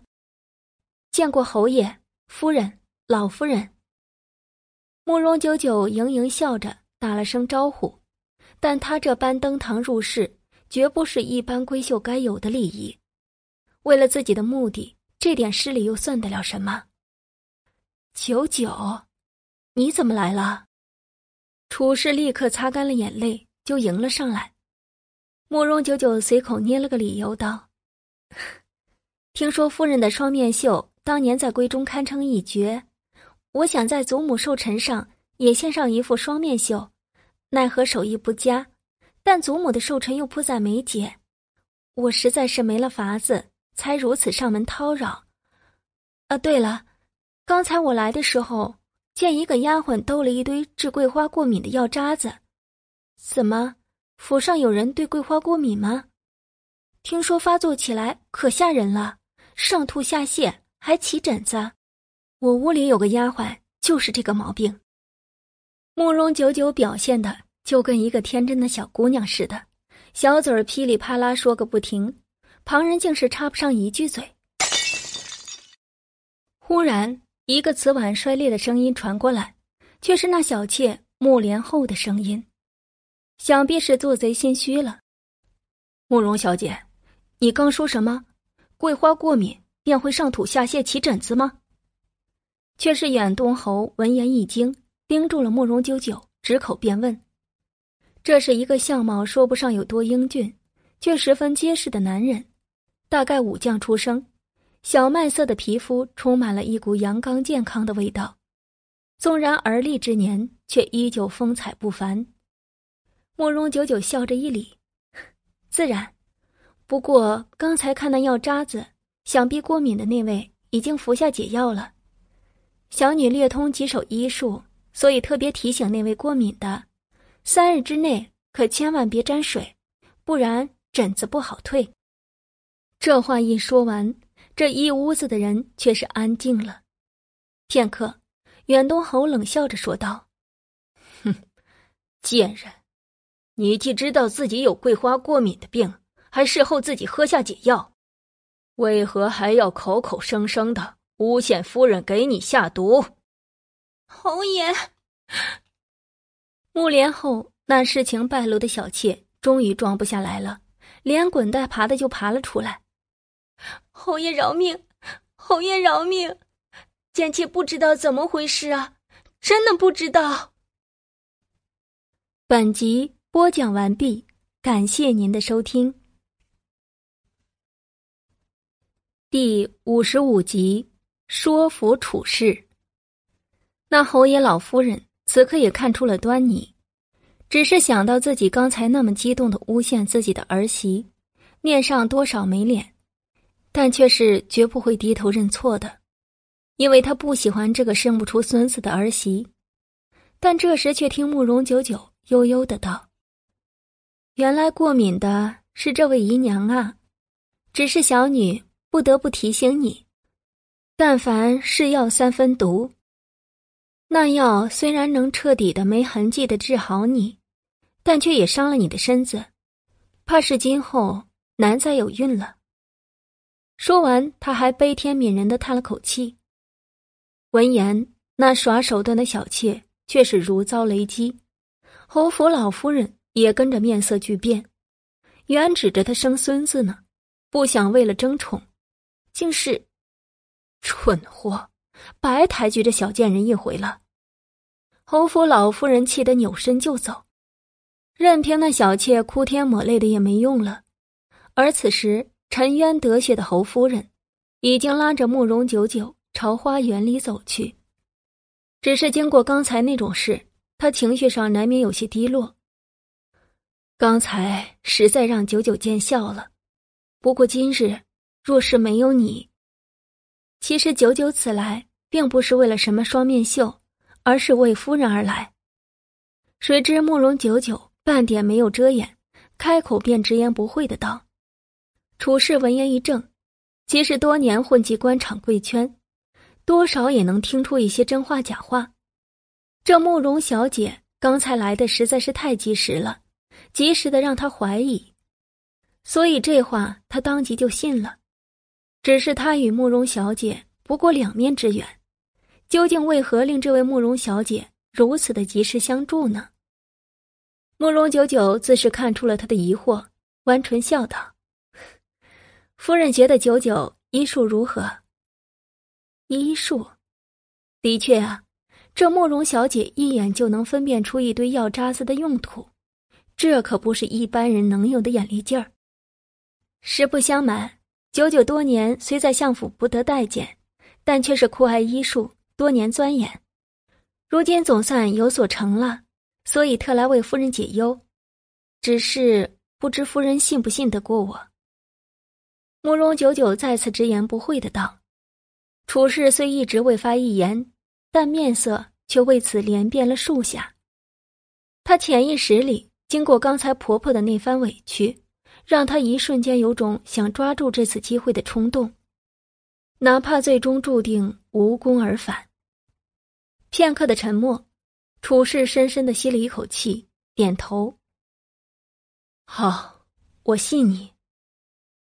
看来自己果真是来对了。”慕容九九自信一笑，那我可否为夫人先把一把脉？自然。其实就算不把脉，依照之前慕容九九的推测，也多半猜得出来，楚氏自小养尊处优，应该没什么大病。之所以不孕，怕是因为这个时代的妇科太过短缺，才会小病酿成了大病，所以他之前才自作主张的。给他研制了温阳子宫的温性药物，而此刻把脉，不过也是为了证明这个事实。但当慕容九九摸清了楚氏的脉象时，却是微微皱起了眉，不禁问道：“夫人每次小日子过完，膝下位置可会隐隐作痛？每次都在深夜，但痛过就没事了。”楚氏凝眉想了想，很快确定的点头。是的，是会疼。只是每次都是深夜，半睡半醒之间，疼的也不是很厉害，所以他从未在意过。毕竟谁家女子过小日子都会不舒服，他又不是娇气的人。但慕容九九却为此沉了沉心神，坦言道：“夫人多年不孕，怕是中毒所致。”你说什么？楚氏闻言面色大变，简直不敢相信。他堂堂的侯府夫人，楚王府的嫡女，当今皇后娘娘的幼妹，谁敢对她下毒？见楚氏如此激动，慕容九九赶忙安抚道：“夫人莫急。”这并不是致命的毒药，只是为了让你不孕，而这毒似乎也有些年头了。就算不解，三年后夫人也会有孕了。听到这些话，楚氏才微微的平复下心情。只是他更关心的是，你说就算不解，我三年后也会有孕。这一消息顿时让楚氏有种喜极而泣的感觉。天知道。这些年他在外风光，但却因为不孕，暗中受了不少委屈。慕容九九含笑的点头：“ 你中毒并不深，若我猜的不错，这毒两年前就停掉了。夫人可仔细想想，不难猜出背后下毒的人。两年前，楚氏加入远东侯府，身边伺候的皆是娘家带过来的心腹，所以他从未疑心过。”但若说两年前，他却是想到了一个人，原来是他。楚氏素来是个软和性子，但此刻一想到他口中那个他，眸中竟也闪过几分狠色。只是那个他究竟是谁，已经不是慕容九九需要关心的了。他随即缓缓的从袖中取出了自制的药丸，递到了楚氏的手中，叮嘱道。这是九九自制的温养之物，最是对女子的攻防有好处。然后我再开一道解毒的方子，可以助夫人喜事将近。若说之前对慕容九九还存有几分疑惑，但此刻处事却是信了七八分。将那一瓶子药丸握在手里，顿时有一种如获至宝的感觉。九九，你叫我，我与夫人有缘。夫人万不可说感激之话，说不得将来九九还有事要求到夫人门下呢。慕容九九含笑一语，楚氏的眼睛一亮，自是心领神会。离开远东侯府已经是将近晌午，宁儿今日一直寸步不离的跟着慕容九九，可却是始终没有看明白。此刻坐在回府的马车上，宁儿才忍不住问了出来。小姐，咱们进侯府的时候好像没有见过什么药渣子呀，你怎么就知道是那个小妾在作怪？慕容九九靠在车壁上，不觉得狡黠一笑：“我那是瞎掰的。”什么？这也能掰？宁儿顿时傻眼了。慕容九九撇撇嘴，继续道：“因为我相信楚氏的为人。”就算真要狠心做什么，也不可能做得如此没脑子，所以多半是那小妾自己做鬼。若是他自己做鬼，就肯定要给自己留一条后路。宁儿眼睛一亮，啊，原来如此。只是那药真的能伤人身体，造成不孕吗？慕容九九继续摇头，自然没那么厉害，只是在说那话的时候。我悄悄的在那小妾身上下了一点东西而已。他也算是自作孽不可活，我只当帮一个该帮之人。宁儿的眼睛不觉又亮了一亮。本集播讲完毕，感谢您的收听。第五十六集，路遇劫匪。过去的小姐软弱可欺。可后来的小姐却是有仇必报，而且手段颇高，就连从来精明的夫人跟二小姐都连遭了亏，相府更是为此变了天。但宁儿觉得小姐做的都是对的。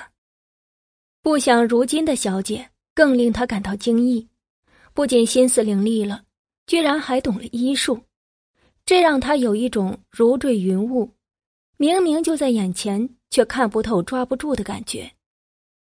宁儿是个藏不住事儿的，心里想什么就都搁在脸上了。慕容九九看在眼里，心上一叹。说起来，自从自己穿越到这个世界，宁儿这丫头就一直对他不离不弃。平日虽然碎嘴唠叨了些，但也不失为一个贴心人。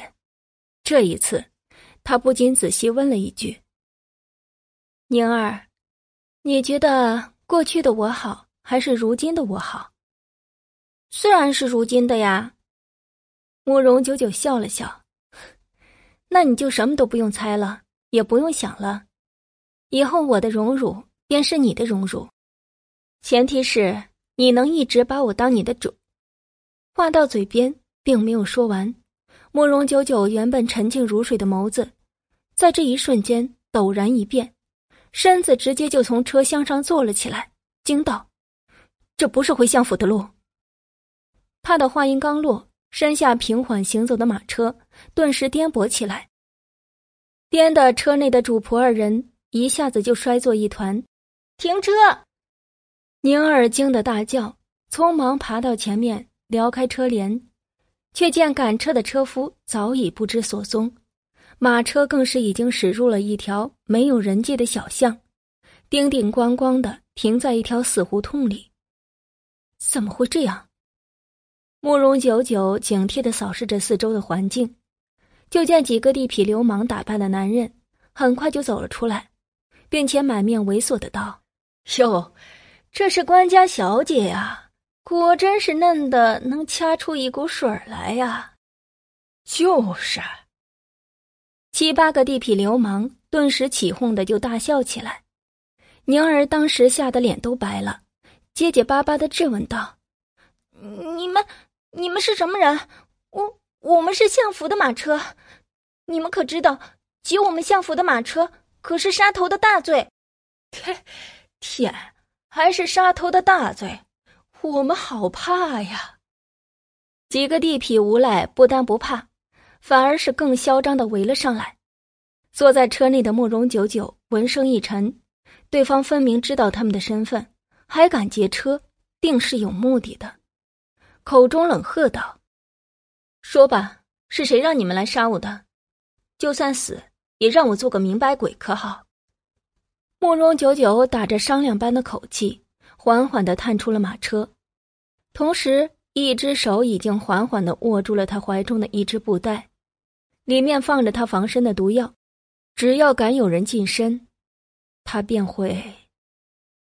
这条巷子很脏很乱，所以当清丽如画的贵族女子缓缓探出身的瞬间，那流氓头子。立刻贪婪淫邪的吞了吞口水，朝同伴直接就做了一个上的手势，收人钱财，替人消灾，无需多言。这么漂亮的小娘们儿，今日让他们玩了，也不算亏了。已经有人迫不及待的淫笑起来。慕容九九眸中冷色一凝，看来是不说了。看着那渐渐朝他们逼近的猥琐男子。慕容九九毫不犹豫，拉出怀中的药包，大片的白粉，大片白粉似的东西，瞬间铺天盖地的就朝着那几个流氓盖了上去。啊，什么东西？啊，好疼啊！药粉所过之处，立刻就能在人的皮肤上留下一道道恐怖的血痕。宁儿，走！趁着短暂的混乱，慕容九九拉着瑟瑟发抖的宁儿。跳车就跑，只要跑到人来人往的大街上，应该就没事了吧？他们跑了，还不快追，截住他们！无论前世还是今生，慕容九九都是养尊处优的身子，此刻才被人追赶了半条街，就有种气喘吁吁之感。这时他眼角的余光忽然扫到，又有一道人影正从前面急了上来。该死！慕容九九大怒，将怀中最后剩下的一点花石粉都撒了出去。但这时耳边传来一声疾呼。但这时耳边传来一声疾呼，休伤我家世子！哪门子的世子？慕容九九一抬头，才看清刚才劫来的人，并不是那帮流氓地痞，而是一个白衣公子。此刻他正举着绣摆，以内功强行将化尸粉散去。可饶是如此，他的手腕上还是出现了一道化尸粉留下的血斑。楚西玉，慕容九九惊愣的认出了眼前之人的身份。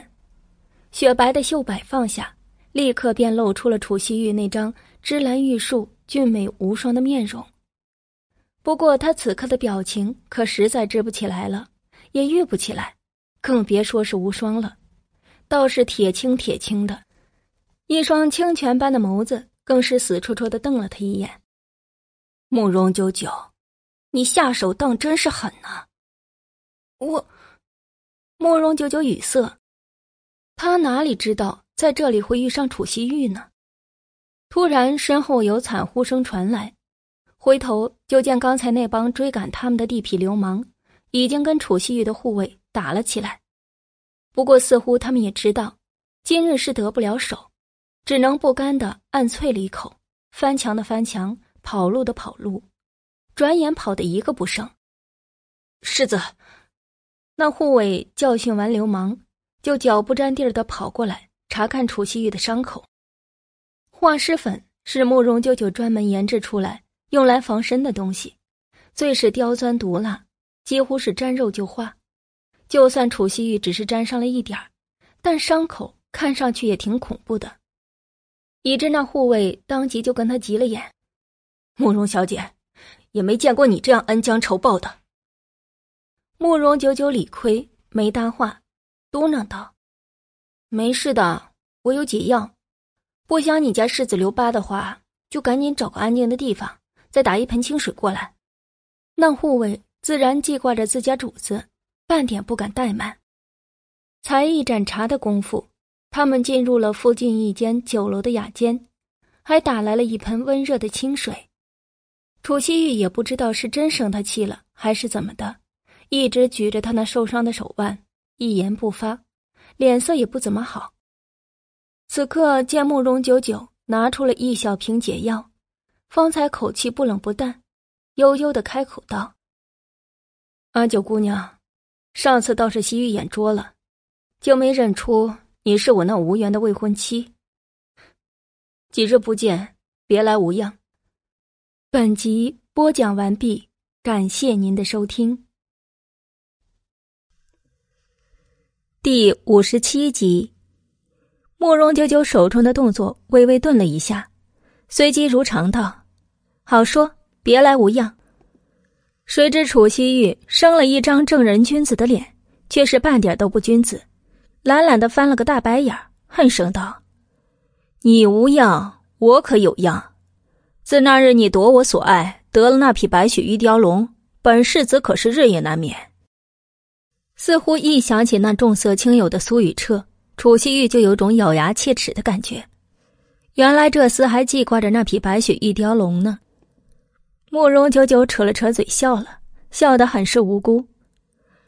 那可真是抱歉了，不过没事儿，你放心，我会医术，我一会儿帮你配一道安神的药，保你日日好眠。这话绝对是故意埋汰他。楚西玉当即就暗瞪他一眼。可眼还没瞪完，他立刻疼得倒抽几口凉气。原来竟是慕容九九已经用清水开始帮他洗伤口了。文生鄙夷的道：“男子汉大丈夫，这点疼就受不住了？”那护卫看着不忍，气得恨不得拔剑斩了这个让他家世子受苦的妖女。慕容小姐，你可别忘了，我家世子的伤可是拜你所赐，若不是我家世子，你指不定。我知道，慕容九九拉着长烟截住了那护卫的话茬，心道：“谁让你家世子嘴上不老实？”不过他也良心发现，立刻低头在楚西玉的伤口上吹了几口凉气，将手中的解药一点一点涂在伤口上，凉丝丝的。楚西玉这才舒服了点儿，连带着看慕容九九也顺眼几分。只是当他如此近距离的看他时，竟发现这丫头的脸上的肌肤竟是如此白皙，嫩得如剥了壳的鸡蛋一般，甚至能看清她脸上细微的绒毛。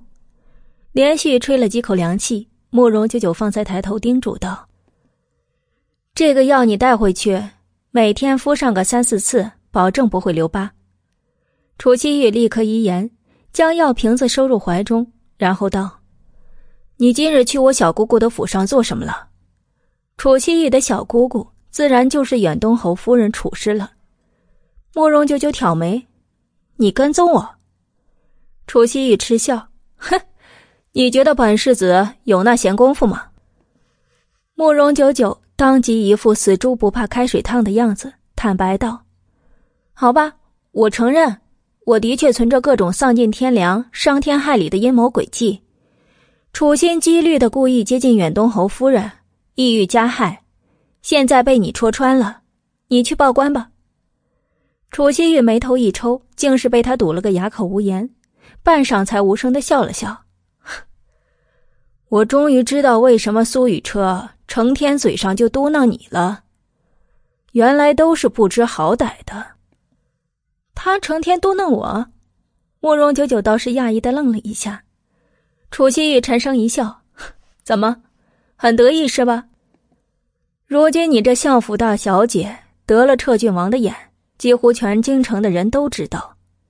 慕容九九，你今后的福气可长着呢。”不知为何，楚西一说这话的时候，胸中若有似乎染上了几分不悦，这是连他自己都不曾察觉的。慕容九九却是动了动唇角，并没有说话。这时雅间外有店小二敲门，原来是送上了酒菜。楚西玉解释道：“我午饭还没吃呢，就在这儿吃了。你呢？”慕容九九点头：“我也没吃呢，不过这顿饭算在我账上。”借花献佛吧，也算是报你之前搭救我的恩情了。楚西玉凉凉的看了他一眼，面色很是欠扁的道：“原来你还记得这茬呀？我当你都忘了。救命之恩，永生难忘。墨竹，你去再加几道菜来。”慕容九九一撇嘴，这厮倒是很现实。原来那一直跟他吹胡子瞪眼的小护卫叫墨竹，他转身就去叫菜了。看他临走时的那架势，估计已经跟他较上了劲儿。他不得不做好一会儿打包的准备。双方都出身大家，进食的时候自是食不言，寝不语，直到吃饱，楚西玉才悠悠的道：“今日劫你的那几个劫匪不简单，估计是有人存心要了你的命，下次你可要小心了。”慕容九九点头：“我知道。”还有。楚西玉犹豫了一下，最终还是道：“抱歉了，让你沦为京城的笑柄。”慕容九九学着他之前的目光，同样凉凉的道：“原来你还记得这茬呀？我当你忘了。”楚西玉动了动唇角，似乎还要说什么，却是他那个小护卫忽然禀报：“世子，明英公主来了。”明英公主，慕容九九并不认识。不过他隐隐听说过传闻，似乎有位皇帝极为宠爱的公主，从小就倾慕楚西玉。此刻看楚西玉皱着眉的样子，恐怕多半就是这位了。不想倒霉的话，就先躲起来。楚西玉立刻递给慕容九九一个眼色，慕容九九立即起身，半点不拖沓的拉着宁儿，就藏到了雅间的屏风后面。墨竹，楚西玉紧接着又递给墨竹一个眼色。那墨竹也不知从哪搞来一只拐杖，就递到了楚西玉的手中。而楚西玉刚刚接过拐杖，雅间的门就开了，就见一道风风火火、亮丽的宫装身影冲了进来。西玉哥哥，西玉哥哥，你出门怎么也不告诉我一声？明音可以陪你啊。明音呐，这是楚西玉的声音，却是半点没有之前不冷不热。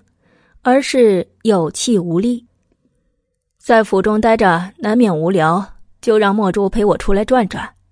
我们刚吃过午饭，不如明音你陪我回府吧。说着，透过眼前模糊的屏风，就见楚西玉坐在凳子上的身影，非常艰难的就要起身。世子小心。墨竹则一改之前的恭敬，满含担忧的上去就要搀扶。说来也巧。楚西玉一个不稳就从凳子上摔下来，堪堪被墨竹一把扶住。世子，太医都说不让您轻易出门，您非要出门，这……墨竹的声音仿佛都快哭了。屏风后的慕容九九却是嘴角直抽，这护卫墨竹绝对是人才呀！西域哥哥，你的腿还没有好吗？那位明音公主满含忧心的声音也悠悠响起来，仿佛饱含了许多的不可接受。不可接受，那个从小如仙童一般好看的西域哥哥，如今为何变成了残废，连走一步路都需要人帮忙？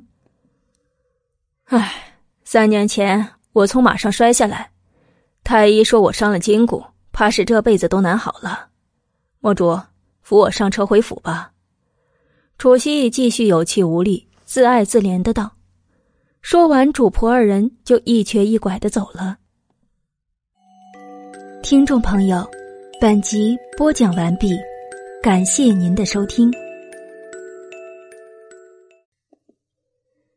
第五十八集，良久，慕容九九主仆才从屏风后探出头来，宁儿看得直瞪眼，小姐。这位楚世子绝了！早就知道他是个假仙货。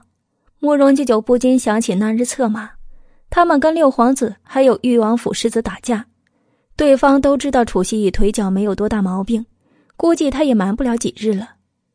果然是家家有本难念的经。小姐，那我们现在怎么办？慕容九九深吸了一口气，打包。当看到酒楼收账的单子时，慕容九九硬生生咽了口唾沫星子。区区一顿饭，居然就花了他两百多两。就算他手上有两家的还礼，这么下去也是坐吃山空的命啊！因为之前马车被劫，车夫也不知死哪里去了，所以主仆二人又雇了一辆马车。等回到相府，已经是午后时分。当他们走进将子院的时候，却见徐嬷嬷顶着烈日站在门前，慕容九九一惊，连忙迎了上去，问道：“嬷嬷怎么站在太阳底下？中了暑可怎么好？”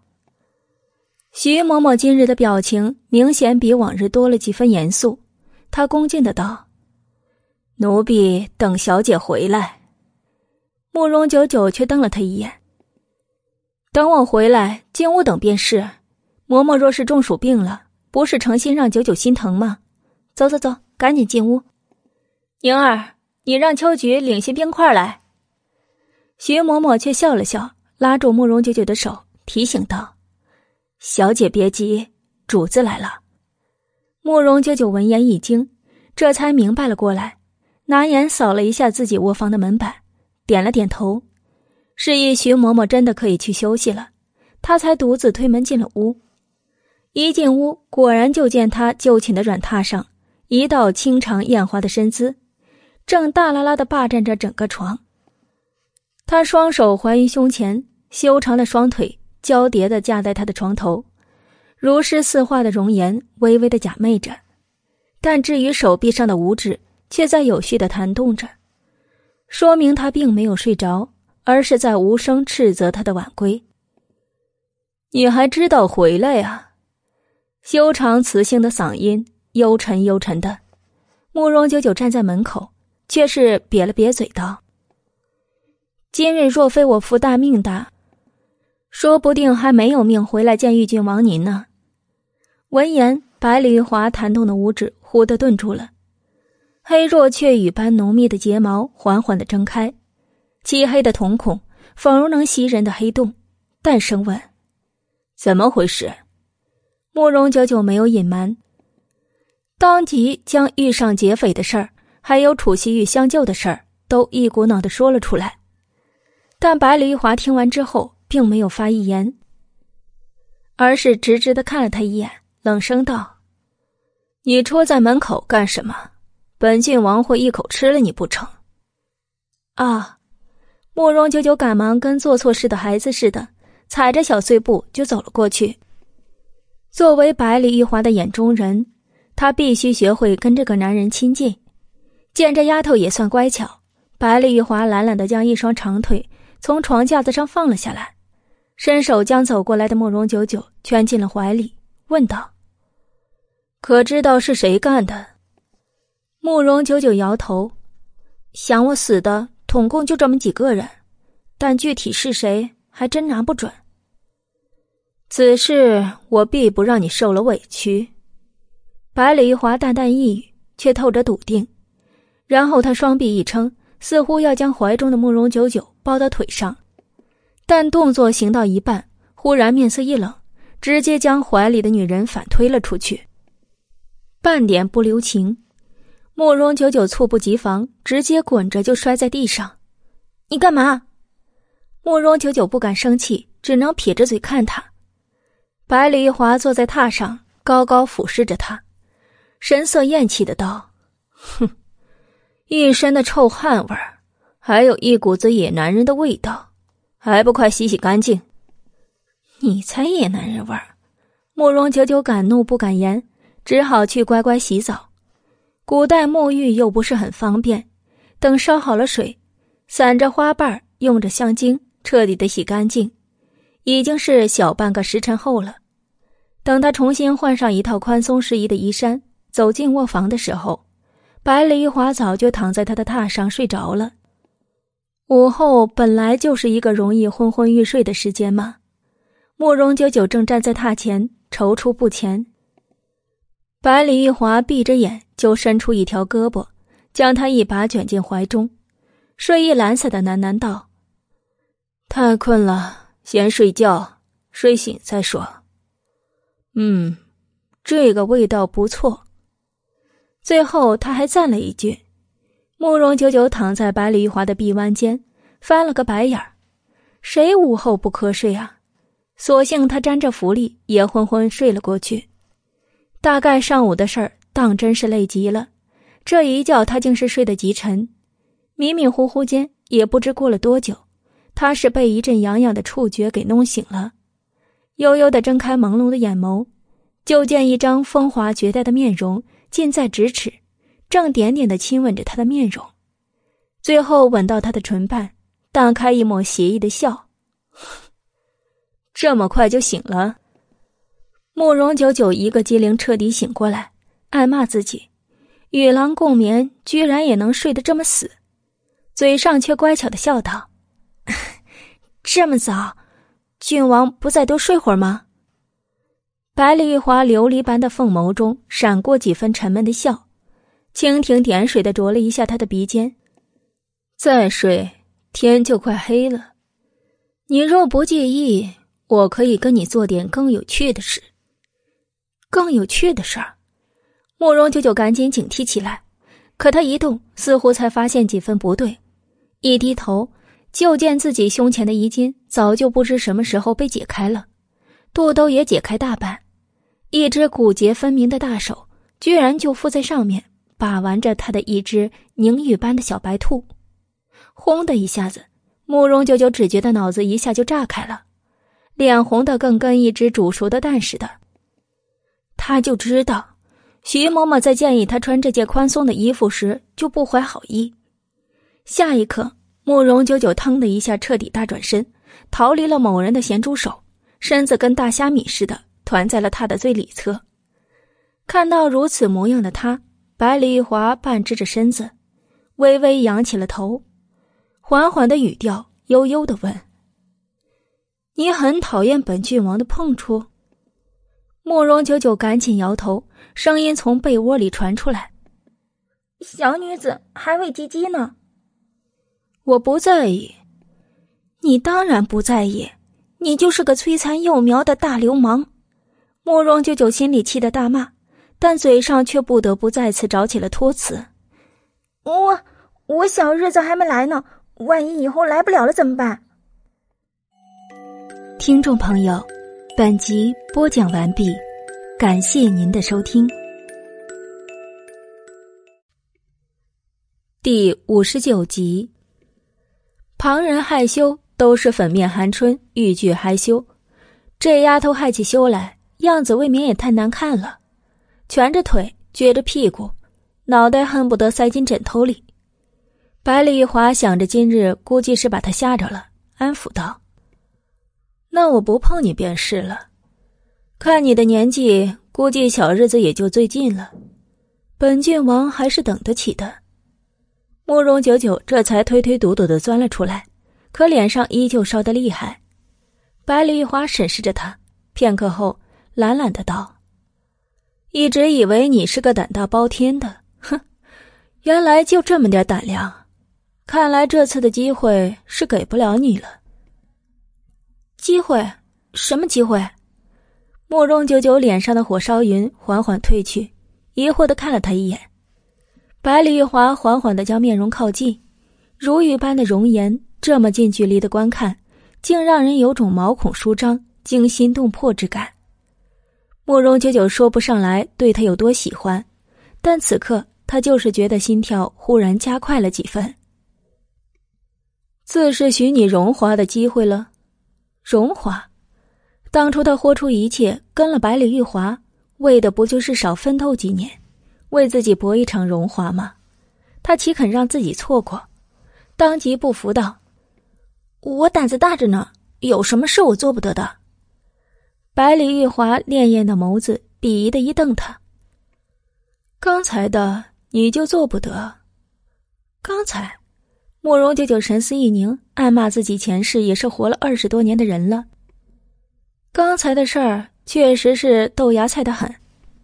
他如今都跟了百里玉华了，还给自己立什么贞节牌坊？谁说我做不得？慕容九九一扫之前的鸵鸟样，忽然伸开双臂，上前就拥住了百里玉华的颈项，红润的小嘴缠绵的吻上了他的唇畔。虽然笨拙生涩的很，却是自有一股动情之处。百里玉华似乎也僵了一下，随即他将怀中努力证明自己的小女人纳入怀中，仔仔细细的亲吻起来。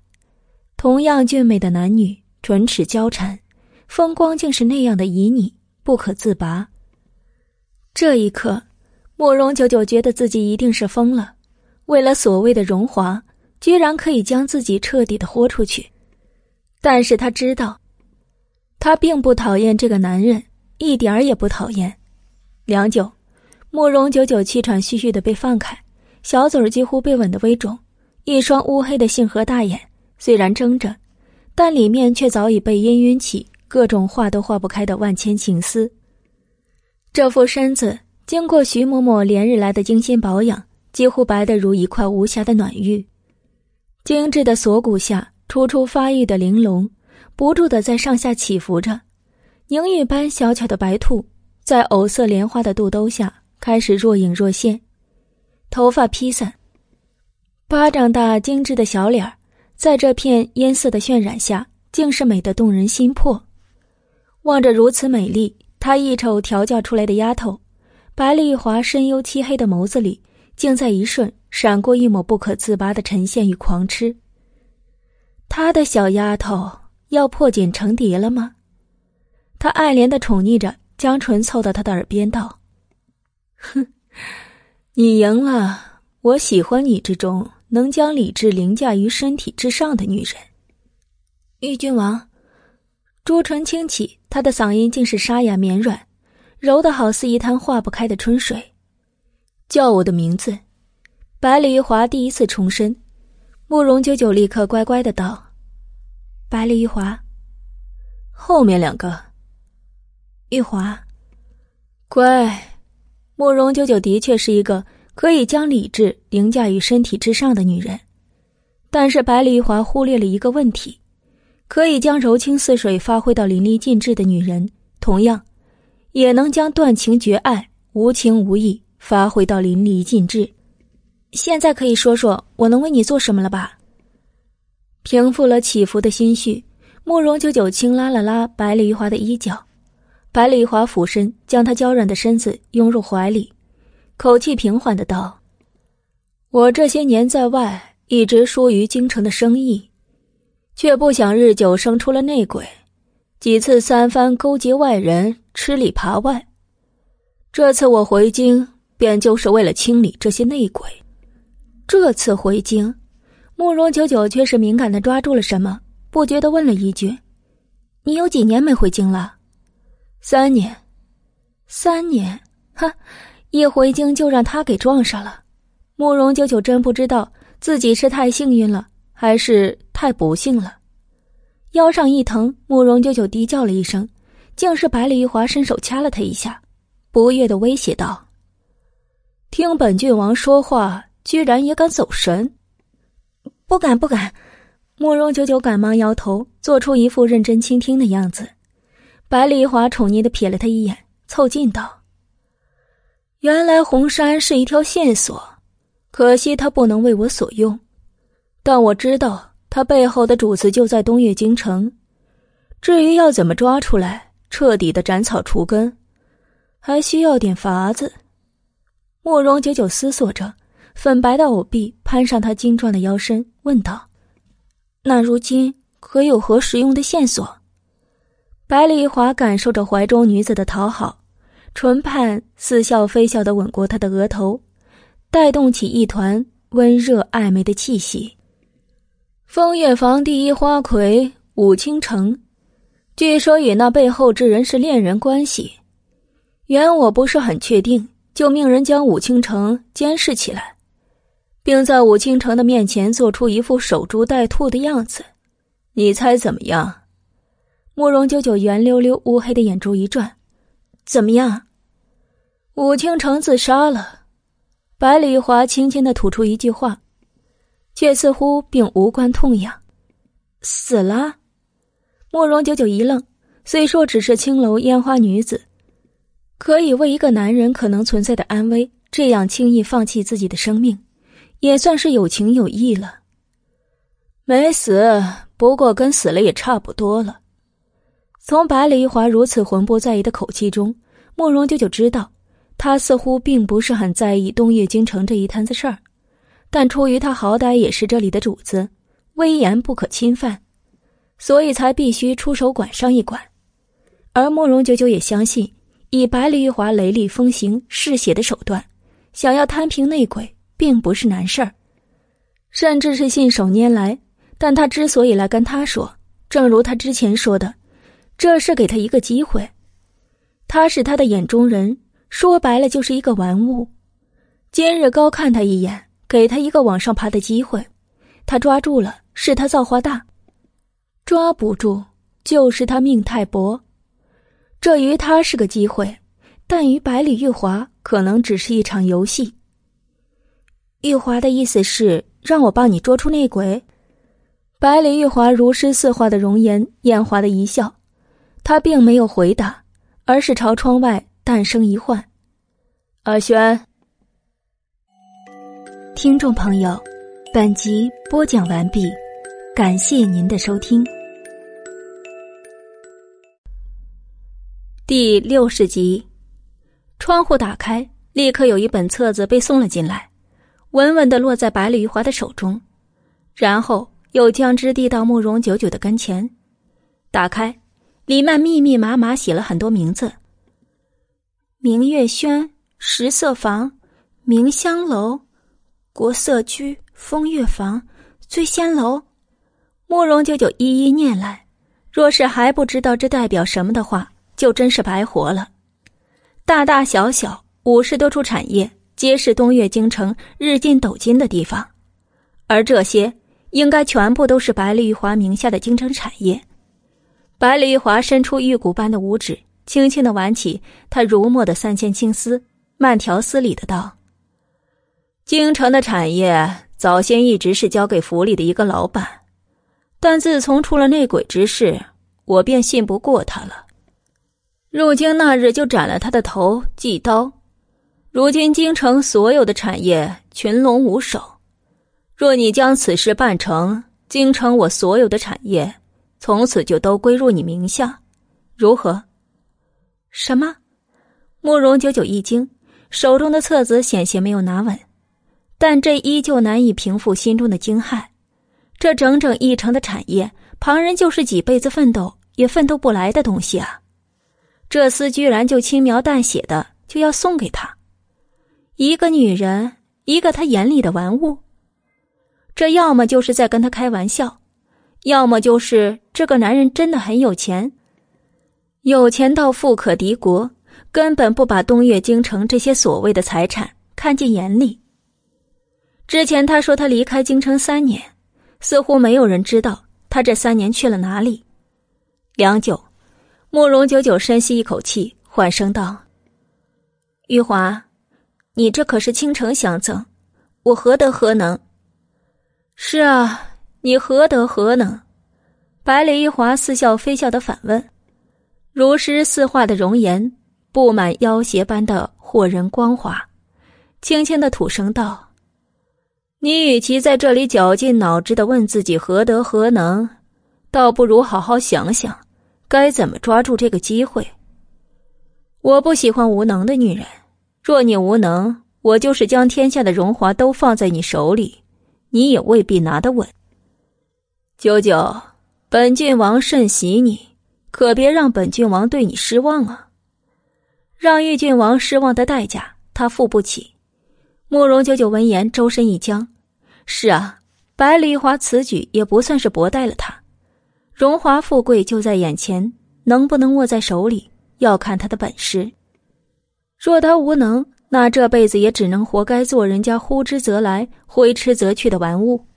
换句话说，现在的百里玉华对他充满了新鲜劲儿，待有朝一日自己失宠，恐怕下场依旧好不到哪里去。想明白这些，慕容九九活色生香般弯唇一笑：“九九明白，谢郡王抬爱。”百里玉华看着他如此风情美丽的一笑，忍不住又轻啄了他精致的眉宇。真是越发美丽了，若再养活几日，岂不是要成精了？慕容九九好笑，就算成精了，也是你的精。百里一花捏了捏他粉白的脸蛋儿，随即起身道：“我会专门派人协助你完成此事，所以你这次可要好好的动动脑筋。”留下这么一句话，白丽华已经推门离开。慕容九九呆呆的坐在榻上，一身软烟丝罗的内衫松垮凌乱，浑圆小巧的香肩半隐半露，发如玉，肌如雪，但一张不染尘埃的清丽容颜上，却是一片难得的严肃而认真。小姐，吃晚饭的时候，宁儿就一副欲言又止的样子，现在都吃完饭了，宁儿依旧是一副低着头盯着脚尖儿。不知道究竟要怎么开口的样子，慕容九九缓缓的放下手中的热茶，开门见山的就道：“你是不是要问我跟白丽华的关系？如果说第一次偶遇只是不幸的偶遇，那之后牡丹会前，小姐如此熟络的登上玉郡王的马车，宁儿便隐隐察觉到小姐跟玉郡王的关系似乎不一般。直到今日下午，她明明知道。”小姐是未出阁的清白女子，可居然还和一个异性男子窝在卧房整整一下午。若是让旁人知道了，小姐的清誉还要不要了？小姐，奴婢……慕容九九叹了口气，轻轻拉过宁儿逐渐精致的皓腕，道：“你我也算姐妹，我知道你定是心疼我，但我做事自有我的分寸。你若信我，就好好的留在我身边。”若不信我，奴婢信小姐。宁儿抢先就道：“奴婢只是希望，无论何时，小姐都不要委屈了自己。大不了，我们再回到以前的日子，宁儿受得起苦。”看着宁儿坚定的神色，慕容九九失笑：“ 傻丫头，就是再苦，难道还苦得过京城繁花似锦、砒霜美酒？苦得过脚下十丈红绸？”荆棘不满吗？这既然是他自己选择的路，纵粉身碎骨也要走上一走。你放心，不管我跟他什么关系，都只是暂时的，各取所需罢了。待一切结束，我跟他不再有什么关系的时候，咱们的苦日子可就真的结束了。他许他一场如花美眷，似水缠绵；他许他一场登天长梯。锦绣繁华，如此而已。但宁儿却听得似懂非懂，她只知道，小姐在搏一场荣华，她自当鞍前马后，倾尽所有的帮助小姐。一夜好眠，就算再难解的问题，慕容九九都有养足精神在思考的习惯。转眼天亮，刚刚吃过早饭，慕容九九正想着昨日百里玉华说过会专门派人来协助他，就听院外梅姨娘来了。她来做什么？自从上次苏氏失势，老夫人依旧无意掌家，家中掌家大权难免旁落，却不想那平日不声不响的梅姨娘也不知耍了什么手段，竟就将那掌家之权。揽到了自己的手中，想必若是禁足中的苏氏知道了，定是气炸了肺吧。正所谓敌人的敌人就是朋友，所以慕容九九对梅姨娘没有多大反感。说是来给小姐您送月钱的，宁儿如实的道：“送月钱。”慕容九九挑眉，各房各院的月钱从来都是自己派人取。这梅姨娘如此殷切的主动上门，怕是醉翁之意不在酒，请进来吧。院外，梅姨娘一袭鲜亮的梅色衣衫，踩着碎步已经进来了。这原就生的艳丽的妇人，再一精心打扮，只会越发显得容光焕发，风韵犹存。怪不得苏氏进族后，她还能得宠。贱妾见过大小姐。姨娘何须多礼，领月钱这种事，吩咐一句便是了，怎还劳姨娘亲自送过来？慕容九九不动声色，淡淡一语。听众朋友，本集播讲完毕，感谢您的收听。